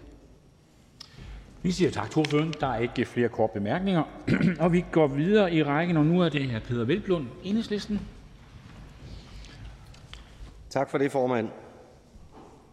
Traditionen tro, så indleder vi endnu en gang året med at diskutere menneskerettighederne, og traditionen tro, så handler det om, hvordan vi kan begrænse dem og sørge for, at Danmark ikke behøver at følge dem. Den udvikling, hvor vi diskuterer, hvordan menneskerettighederne kan droppes, frem for at diskutere, hvordan vi sikrer hver enkelt borger den beskyttelse, som menneskerettighederne giver, er skræmmende. Og det er absolut ikke en glidebane, vi i Danmark vil, øh, vi, en glidebane, vi i enhedslisten vil være med på. Under det danske formandskab for Europarådet i 2018 lykkedes det den daværende danske regering at få vedtaget den såkaldte Københavnererklæring. Det skete efter mange måneders dansk lobbyarbejde, der havde til formål at få den europæiske menneskerettighedsdomstol til at blande sig mindre i den stramme danske udlændingepolitik. Nu blev Københavnererklæringen ikke helt så vidtgående som det første danske udkast, men i dag, tre år senere, er der vist almindelig enighed blandt dem, der følger den europæiske menneskerettighedsdomstols praksis, om at erklæringen fik domstolen til at trække følehornene til sig og udvise større tilbageholdenhed med hensyn til at blande sig. Da det stod klart, at Københavnererklæringen kunne vedtages, konstaterede den daværende danske justitsminister, hr. Søren Pape Poulsen, over for Ritzau, ansvaret for at overholde menneskerettighederne er hos de enkelte lande. Vi behøver ikke en second opinion fra Strasbourg. Enhedslisten er helt, helt uenig i den tidligere justitsministers synspunkt. Når vi har en menneskerettighedskonvention og en menneskerettighedsdomstol, er det netop udtryk for, at det ikke er godt nok at overlade ansvaret for at overholde menneskerettighederne til de enkelte lande. Rusland, Ungarn, Tyrkiet er alle lande, som har tilsluttet sig Europarådet og den europæiske menneskerettighedskonvention. Men det er nok svært at argumentere for, at vi bare skal overlade ansvaret for at overholde menneskerettighederne i de tre lande til Putin, Orbán og Erdogan. I Danmark er menneskehedskrænkelser heldigvis ikke så omfattende som i Rusland, Ungarn eller Tyrkiet, men også vi har brug for en second opinion fra Strasbourg, for ellers er vi ildestet. Hvis ikke det havde været for Menneskerettighedsdomstolens dom i Havschild-sagen i 1989, kunne vi i dag have en retspraksis for den samme dommer, der mere end 30 gange har varetægtsfængslet en anklaget, oveni få lov til at være dommer ved domsforhandlingen. Menneskerettighedsdomstolen slog fast, at en sådan dommer var inhabil. Hvis det ikke havde været for Menneskerettighedsdomstolens dom i Jersil-sagen fra 1994, kunne vi i dag have haft et medielandskab, hvor aviser, webmedier, radio og tv holdt sig tilbage fra at gengive ekstremistiske synspunkter og dermed fortige dem. Menneskerettighedsdomstolen slog fast, at man ikke kan straffe budbringeren, altså journalisten, for at rapportere yderliggående synspunkter. Men det er jo alt sammen gamle sager fra forrige årtusind, vil nogen indvende og sige, at i dag har vi ikke brug for en second opinion fra Strasbourg, som den tidligere justitsminister har sagt. I dag har vi jo orden i menneskerettighederne i Danmark.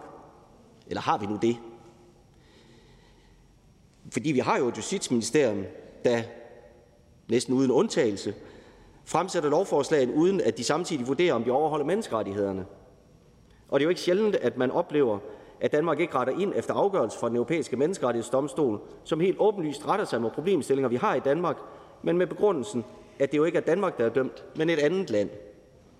Og det sker jo altså også, at Danmark bliver dømt, senest for at krænke menneskers ret til familiesammenføring. Og så længe vi har regeringer, der enten selv laver lovgivning på kanten af konventionerne, eller som viderefører tidligere regeringers tvivlsomme lovgivning uden at ændre den, vil der være brug for den europæiske menneskerettighedsdomstol, og der vil være brug for en second opinion fra Strasbourg. Domstolen skal efter enhedslistens overbevisning ikke begrænses. Vi skal ikke melde os ud af konventioner, der sikrer vores borgerrettigheder mod at blive krænket fra tilfældige skiftende flertal. Tværtimod skal det sikres, at det bliver skrevet ind, hver gang menneskerettighederne krænkes, og det er uanset om krænkeren hedder Putin, Orbán, Erdogan, Støjberg eller Tesfaye til efternavn. Enhedslisten kan ikke støtte forslaget. Tak til ordføreren. Ingen kort bemærkninger. Og den næste ordfører, jeg ser i salen, er netop fru Pernille Vermund.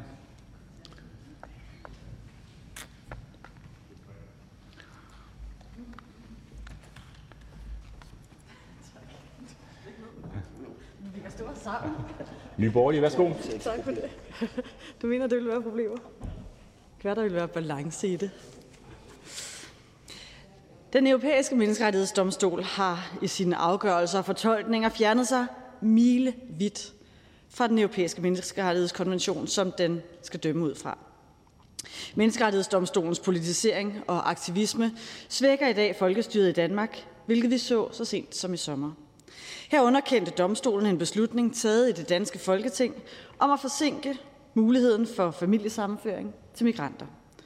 Et andet godt, men trist eksempel er, når domstolen leder til, at kriminelle udlændinge ikke kan udvises, fordi de kan påberåbe sig retten til et familie- og privatliv efter konventionens artikel 8.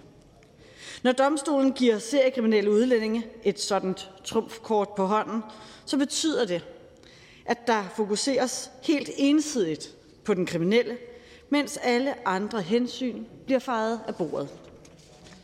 Danskerne bliver dermed ikke beskyttet mod kriminelle udlændinge, og nationalstaten har dermed ingen ret til at bestemme, hvem der tager ophold på territoriet. Det bør stå lysende klart for enhver her i Folketinget, at vi ikke kan fortsætte med betingelsesløst at underkaste os domme fra Menneskerettighedsdomstolen. For i så fald er det ikke længere Folketinget, men en ekstremt politiserende samling af jurister og menneskerettighedsaktivister i Strasbourg, der bestemmer Danmarks udlændingepolitik. Dansk udlændingepolitik skal føres i Folketinget, så danskerne kan bestemme, hvem og hvor mange vi lukker ind i vores land. Vi skal kunne stille krav til alle udlændinge om at overholde vores love, og vi skal ikke tvinges til at forsørge dem. Selvom en øh, grundig udredning af Danmarks forpligtelser og muligheder i forbindelse med konventionen og domstolen næppe vil afdække meget ny viden, så hilser jeg og Nye Borgerlige forslaget velkommen. Det står lysende klart, at det i den grad er tid til et opgør med den aktivistiske og politiserende menneskerettighedsdomstol i Strasbourg. Vi må og skal sætte foden ned nu, og det betyder ikke, at vi i Nye Borgerlige er imod menneskerettigheder.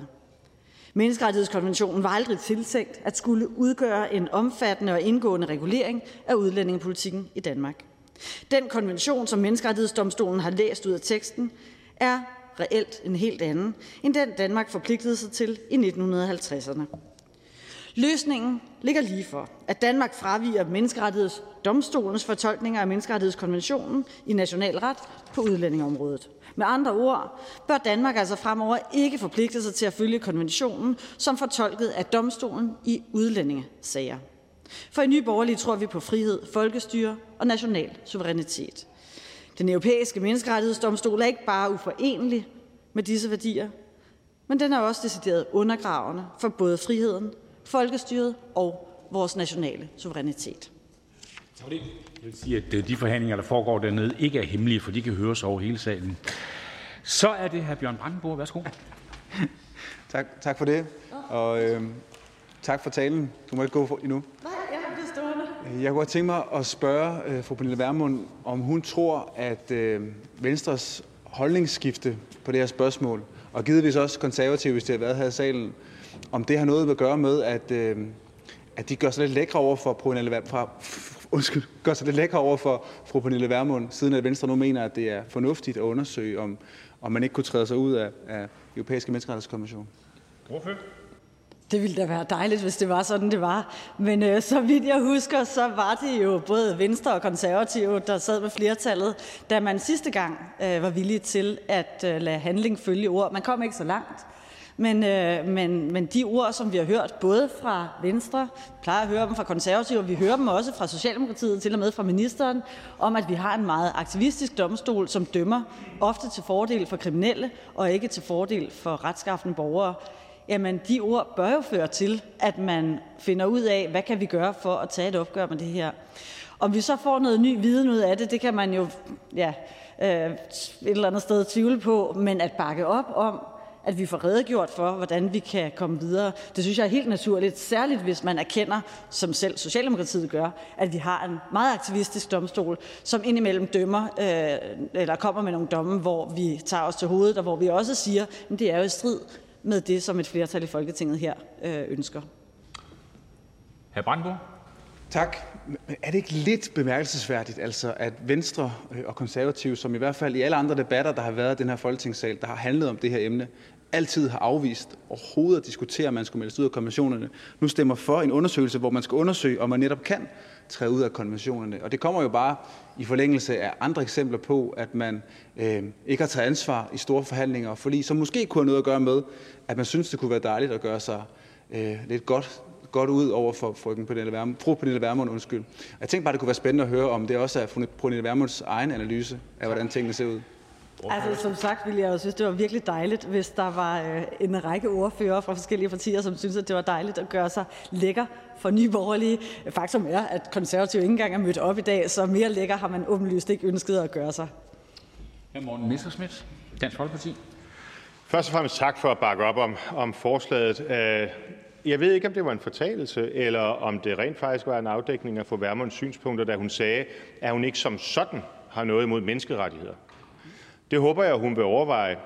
Altså, menneskerettighederne udspringer jo af den sygdom, som hedder den franske revolution, hvor man øh, i 1792 vedtog den ene af to tvillinger, Øh, og, altså le droit de l'homme, øh, men aldrig nogensinde fik implementeret rigtig le devoir de l'homme, altså den pligterklæring, som jo skulle følge med, og som jo igennem historien har gjort, at menneskerettigheder har henslæbt en tilværelse som den syge tvilling, der aldrig er blevet korrigeret. Altså det alene i et retssamfund at anlægge et rettighedssynspunkt på individet, men ikke tillægge nogen betydning, hvilke pligter man har. Altså pligten til at være lojal over for sin familie, sin nation, sin historie, traditionerne osv., det gør jo, at menneskerettighederne som institution, hvad end det er fra den franske revolution, den amerikanske lidt 20 år før, 15 år før, øh, eller om den moderne efter 2. verdenskrig, må betragtes som en sygdom i et demokrati. Er fru Vermund ikke enig i det? Det var et meget langt spørgsmål. Faktum er, at vi er ikke imod menneskerettigheder, præcis som jeg sagde i min tale. Hr. Messerschmidt. Er fru Vermund så ikke enig i, at menneskerettighederne som ideologi nødvendigvis må stå i opposition til den frihed og til det demokrati, som hun ellers slår sig op på normalt at kæmpe for? Jeg mener ikke, det er menneskerettighederne, der står i kontrast til vores frihed, vores folkestyre og vores demokrati. Det er domstolens fortolkninger af, hvordan menneskerettighederne skal virke i et samfund som det danske. Og det bør jo være sådan, at man også ser på menneskerettigheder for retskaffende borgere. Det gør man ikke i dag. I dag er det jo rettighederne for den kriminelle i høj grad, som øh, står højest, og ikke rettighederne for de borgere, som skal være fri for kriminelle, blandt andet udlændinge. Tak til ordføreren. Der er ikke flere korte bemærkninger. Så den dialog må foregå ned fra gulvet af. Og så er det her Jens Rode, KD. Værsgo. Tak. Jamen, jeg vil ønske, at jeg var i stand til at gøre mig lækker over for fru Pernille Vermund. Det, det, men jeg tror ikke rigtigt, at øh, jeg tror, at den politiske afstand er, lidt, er en lille smule øh, for stor. Øh, jeg kan så i øvrigt sige til hr. Brandenborg, at det er min oplevelse øh, jo, at både Venstre og Konservative er begyndt at lide af Stockholm-syndromet. Altså, de elsker jo deres gisseltager. Og det er jo en gisseltagning, når vi har en borgerlig, øh, nogle borgerlige partier, der for eksempel gerne vil nedsætte beløbsgrænsen for udenlandsk arbejdskraft, men så på grund af, at der går muslim-diskussion i det, ikke er i stand til at levere det, som man selv øh, har bedt om. Det er jo ganske interessant, øh, og det synes jeg vidner om et Stockholm-syndrom, som jeg håber, vi kan komme af med i det borgerlige øh, Danmark. Nå, det var ikke det, den her diskussion handler om. Så fühlt man Absicht und man ist verstimmt. Og jo, det er den rigtige gengivelse af Goethes citat dengang, ikke som øh, det bliver gengivet i dag, vil jeg bare sige, inden her Morten Messersmith retter mig. Øh, og det øh, citat synes jeg hører til her, fordi øh, jeg ved øh, jo ganske tydeligt, det ligger Morten Messers, her Morten Messersmith jo heller ikke skjult på, jeg ved jo godt, hvad hans øh, absigt er med det her. Hvad er hensigten? Det er jo selvfølgelig, at Danmark skal træde ud af øh, konventionerne. Og det øh, kan vi under ingen omstændigheder øh, støtte, og det øh, ved hr. Morten Messerschmidt også godt, øh, hvor både mit parti, men også jeg personligt står i øh, de her øh, spørgsmål. Jeg har nu alligevel tænkt mig at overveje at lave en Nixon in China.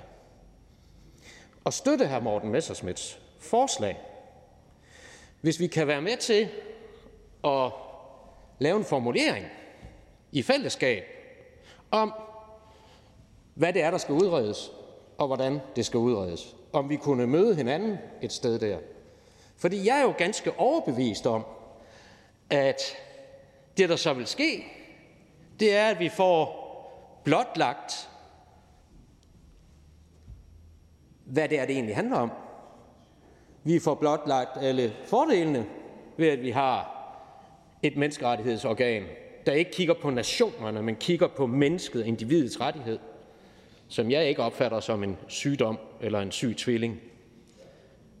Og måske kunne vi også komme ud over, eller i hvert fald få defineret, hvad det er, man mener, når man hele tiden fortæller den danske befolkning, at der er tale om en aktivistisk domstol. Fordi sandheden er jo, at konventionerne jo udvikler sig. Altså, det bliver jo hele tiden fremstillet som om, at det er jo tekster, der er skrevet i en anden tid, og det er fuldstændig vanvittigt, at man skal sidde og rette ind efter dem. Men teksterne er jo ikke skrevet i en anden tid. Jo, grundteksten er, men konventionerne udvikler sig. Nøjagtigt som det nu øh, her for nyligt er blevet indføjet som en menneskeret at få foretaget en abort for en kvinde, hvis liv og helbred er i fare. Det er jo så ny, men det er jo, det, er jo, det, er jo, det er jo ikke noget, domstolen har besluttet. Og menneskerettigheder er jo en dynamisk størrelse. Det må det jo nødvendigvis være i et samfund, der løbende udvikler sig. Altså hvis vi skal til at diskutere digitale rettigheder, ja, det kan man jo ikke ligesom læse af den danske grundlov, at det, en dansker har digitale rettigheder.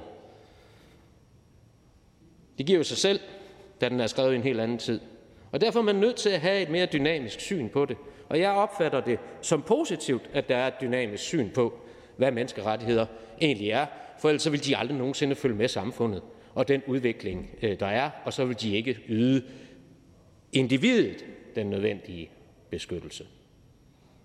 Så med det udgangspunkt, så vil jeg gerne komme hr. Morten Messersmith i møde, så vi kan diskutere det ordentligt, men vi også kan få en, en udredning, der både belyser den ene side, men også belyser den anden side. Og så, hvis jeg kan få et tilsavn fra hr. Morten Messersmith om, at vi kan drøfte, hvordan formuleringen af sådan en udredning er, så synes jeg faktisk, at det kan give ganske god mening. Og med det forbehold vil jeg jo godt sige, at øh, så er vi faktisk parat til at støtte her Morten Messersmiths forslag. Det er netop hr. Morten Messersmith nu. Værsgo. Øh, tak til hr. Jens Rode, og ikke mindst for Goethe-citatet, øh, som, øh, som fik mig til at tænke på et andet øh, Goethe-citat, nemlig ikke fra, eller ikke fra Faust, men fra, øh, fra den, øh, den ulykkelige værters lidelse, øh, som siger med formandens tilladelse noget i retning af, Talent wird, wird durch Einsamkeit genært. Talent bliver gennem ensomhed næret eller næret gennem ensomhed. Fordi øh, herr Rode øh, synes jo at sidde i sin is- isolerede ensomhed som ene mandat for sit parti og udvikle sit talent. Fordi det er da dejligt, at han nu kommer os i møde på det her spørgsmål. Og jeg vil gerne give det, øh, det, øh, hånd, den håndsrækning til, til herr Rode, at vi kommer til at forholde os nøgternt til det, som den her udredning så også måtte, måtte ende med at konkludere. Jeg føler mig ganske overbevist om, at der inden for konventionen er rum for at tage flere beføjelser tilbage til de nationale myndigheder, både parlament og domstole. Det er jo der, øh, sagen især er, er problematisk. Så, og, og, og skulle det vise sig ikke at være tilfældet, jamen så går der jo ikke noget af, mig for at anerkende, at jeg har taget fejl, og det reviderer jo heller ikke mit grundsynspunkt om, at vi skal ud af skidtet. Tak. Hr. Rode, værsgo. Men tak for den imødekommelse. Så vil jeg bare sige, at det gik jo den unge herr Werther ganske ilde. Men øh, jeg vil da gerne tage øh, så Henrik Ibsen øh, op fra en folkefænde, hvor Dr. Stockholm jo siger, at den, der står ene, står stærkest her i verden. Så jeg har ikke noget problem med at stå ene her for KD. Er Messerschmidt?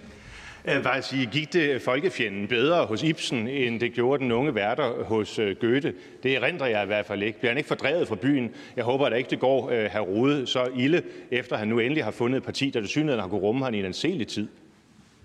Det gik ham ilde, men, øh, men grund til, at det gik ham ilde, det var jo, at han stod fast på sandheden og sine principper. Og det synes jeg, man skal have respekt for, hr. Morten Messerschmidt.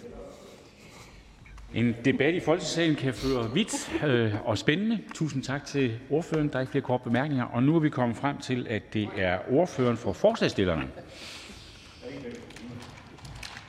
Det er ikke en tvang, man kan, kan frasige sig det.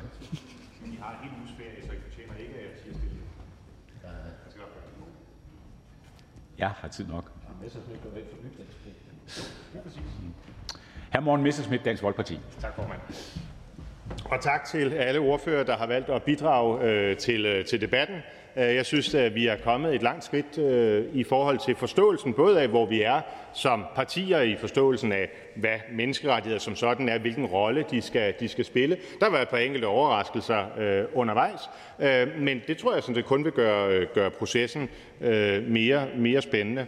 Jeg skal hilse at sige fra Liberal Alliance, at man agter at stemme for Øh, det her forslag og har forstået på tilkendegivelser det samme fra Det Konservative Folkeparti. Men det kan være, at vi øh, får det bekræftet på et senere tidspunkt.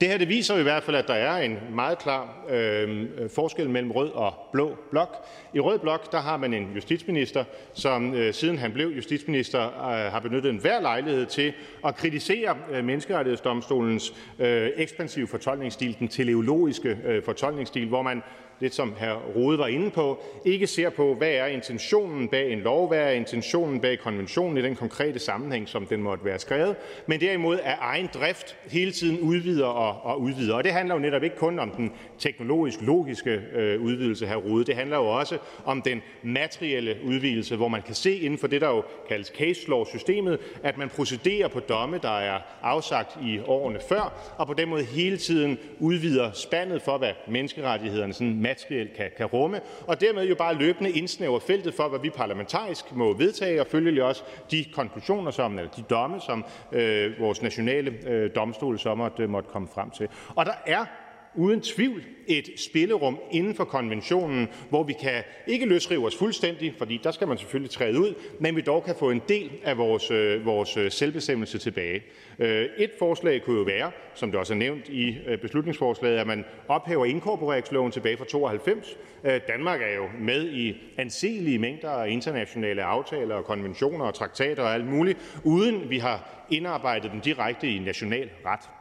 Det kunne være interessant at få afklaret, om ikke også det ville være en, en, en vej at gå, og i hvert fald at få dementeret det spøgelse, som den tidligere justitsminister, hr. Søren Pape Poulsen, har fremmanet om, at det vil betyde, at vi ikke kunne være medlemmer af EU. Der er jeg sikker på, at hr. Rode også vil bekræfte, at EU og menneskerettigheder har ikke noget med hinanden at gøre, al den stund, at EU stadigvæk forhandler om at blive en del af konventionen, men altså følgelig ikke er det. Derfor er de to ting adskilte størrelser. En anden ting, man kunne afsøge, ja, det var jo at sige, at de domme, vi så vælger at efterleve, jamen det er alene domme, hvor Danmark er part. Altså, øh, vi har jo masser af sager, blandt andet på udlændingeområdet, hvor, øh, hvor øh, Danmark, øh, så det hedder, retter ind, selvom vi overhovedet ikke er blevet spurgt. Altså, Papisvili-sagen er jo velkendt hvor en, jeg tror det er en georgisk øh, borger, befinder sig i Belgien, begår et eller andet kriminelt forhold, skal udvises af Belgien, men kan ikke udvises, fordi det viser sig, at vedkommende har en eller anden sjælden øh, cancersygdom, som så ikke kan behandles adekvat i Georgien, og så vil det være en krænkelse af hans eller hendes menneskerettigheder at blive smidt ud af Belgien. Det har ført til ændringer af dansk udlændingelov, selvom vi overhovedet ikke er en del af den, øh, af den sag. Der kunne man jo overveje at sige, at vi vil godt have prøvet tingene ud fra en dansk sammenhæng. Skulle der så være en eller anden, der påberåber sig øh, Øh, at, øh, at få krænket sine grundlæggende rettigheder, så kan han eller hun jo selv anlægge en, øh, en sag. En anden version kunne jo være, at man siger, at det juridiske mismask, som typisk foregår i de skriftlige processer ved Menneskerettighedsdomstolen, det anerkender vi simpelthen ikke. Altså, vi ved jo med sikkerhed, at kvaliteten af de der dommere – det er jo et et helt øh, utilsigtet kompliment at kalde dem dommere, hovedparten af dem har maksimalt været dommer ved en byret eller slet ikke prøvet at være dommer, før de kom ned i det her ophøjede, selvophøjet system. Men man kunne jo vælge at sige, at vi så kun vælger at følge storkammerafgørelserne, altså der, hvor man rent faktisk har haft en større proces, hvor man har hørt parterne og alt muligt, og ikke tingene er afgjort alene på et skriftligt grundlag. Så der er masser af muligheder for at genvinde nogle beføjelser, sådan at det altså er os her i Folketinget, der bestemmer, hvad retsstillingen skal være i Danmark.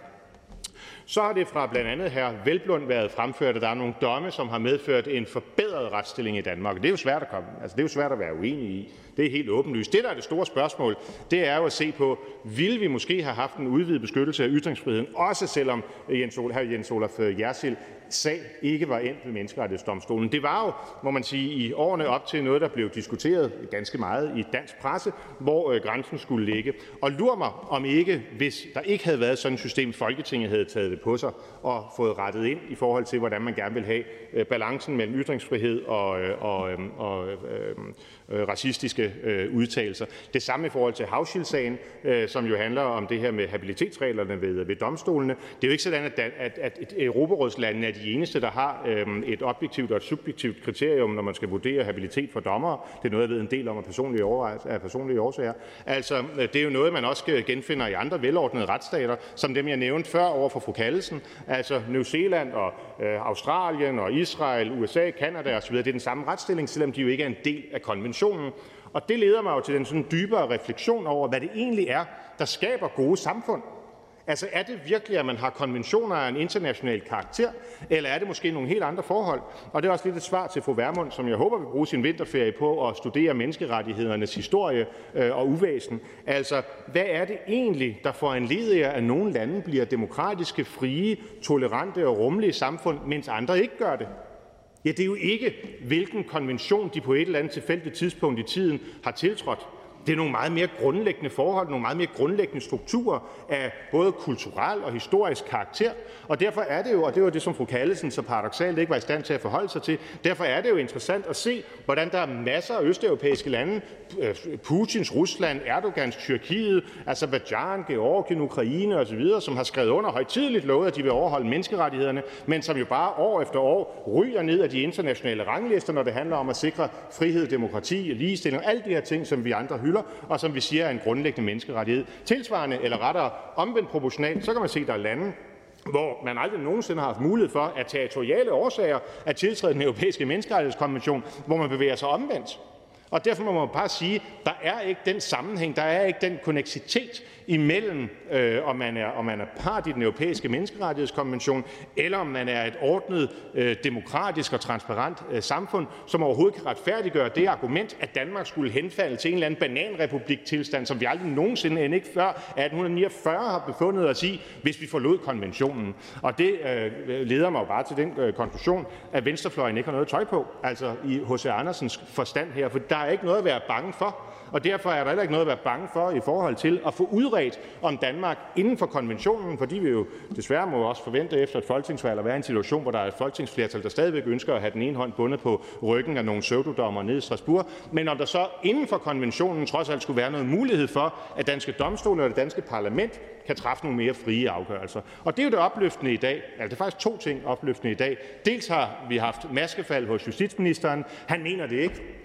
Det er kun noget, han siger ved, ved givende lejligheder, øh, at, øh, at han ønsker et opgør med den øh, udvidende fortolkningsstil ved, ved menneskerettighedsdomstolen. Det er sådan den, den, den mindst gode nyhed, mindste gode nyhed i dag. Men den rigtig gode nyhed, det er, at hvis der kommer et nyt flertal efter et folketingsvalg, sådan at de blå partier kan danne flertal, ja, så vil vi rent faktisk få en udredning af det her. Og det vil jeg da sådan set være, lad, lad være det udgangspunkt, jeg går ind i den her vinterferie med.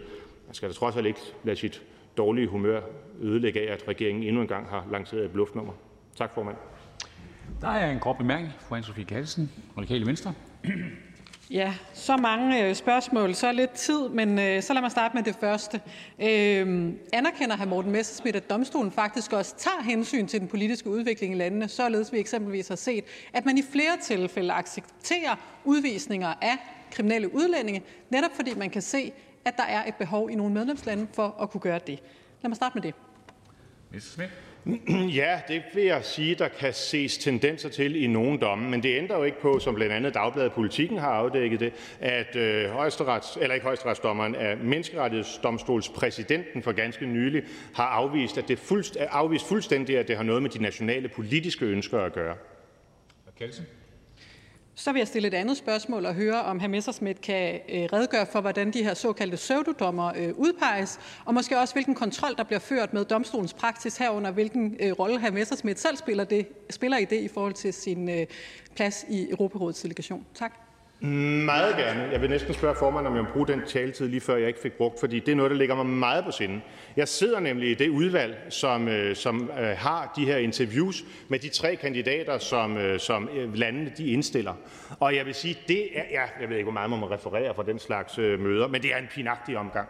Altså, det eneste, det handler om, det er, hvem tror højtidligt på den europæiske menneskerettighedskonvention overmyndighed i forhold til de nationale øh, øh, øh, demokratier. Altså, det må næsten som at være at sidde i en arbejdsgruppe under det radikale venstre. Det er rejsesfuldt, kan jeg godt sige, og derfor er jeg egentlig også glad for at komme ud af det. Herr Brandenborg, Socialdemokratiet. Tak for det, og øh, tak for talen. Jeg er trods alt glad for, at hr. Messerschmidt har fundet noget opløftende, som han kan tage med her fra, fra i dag.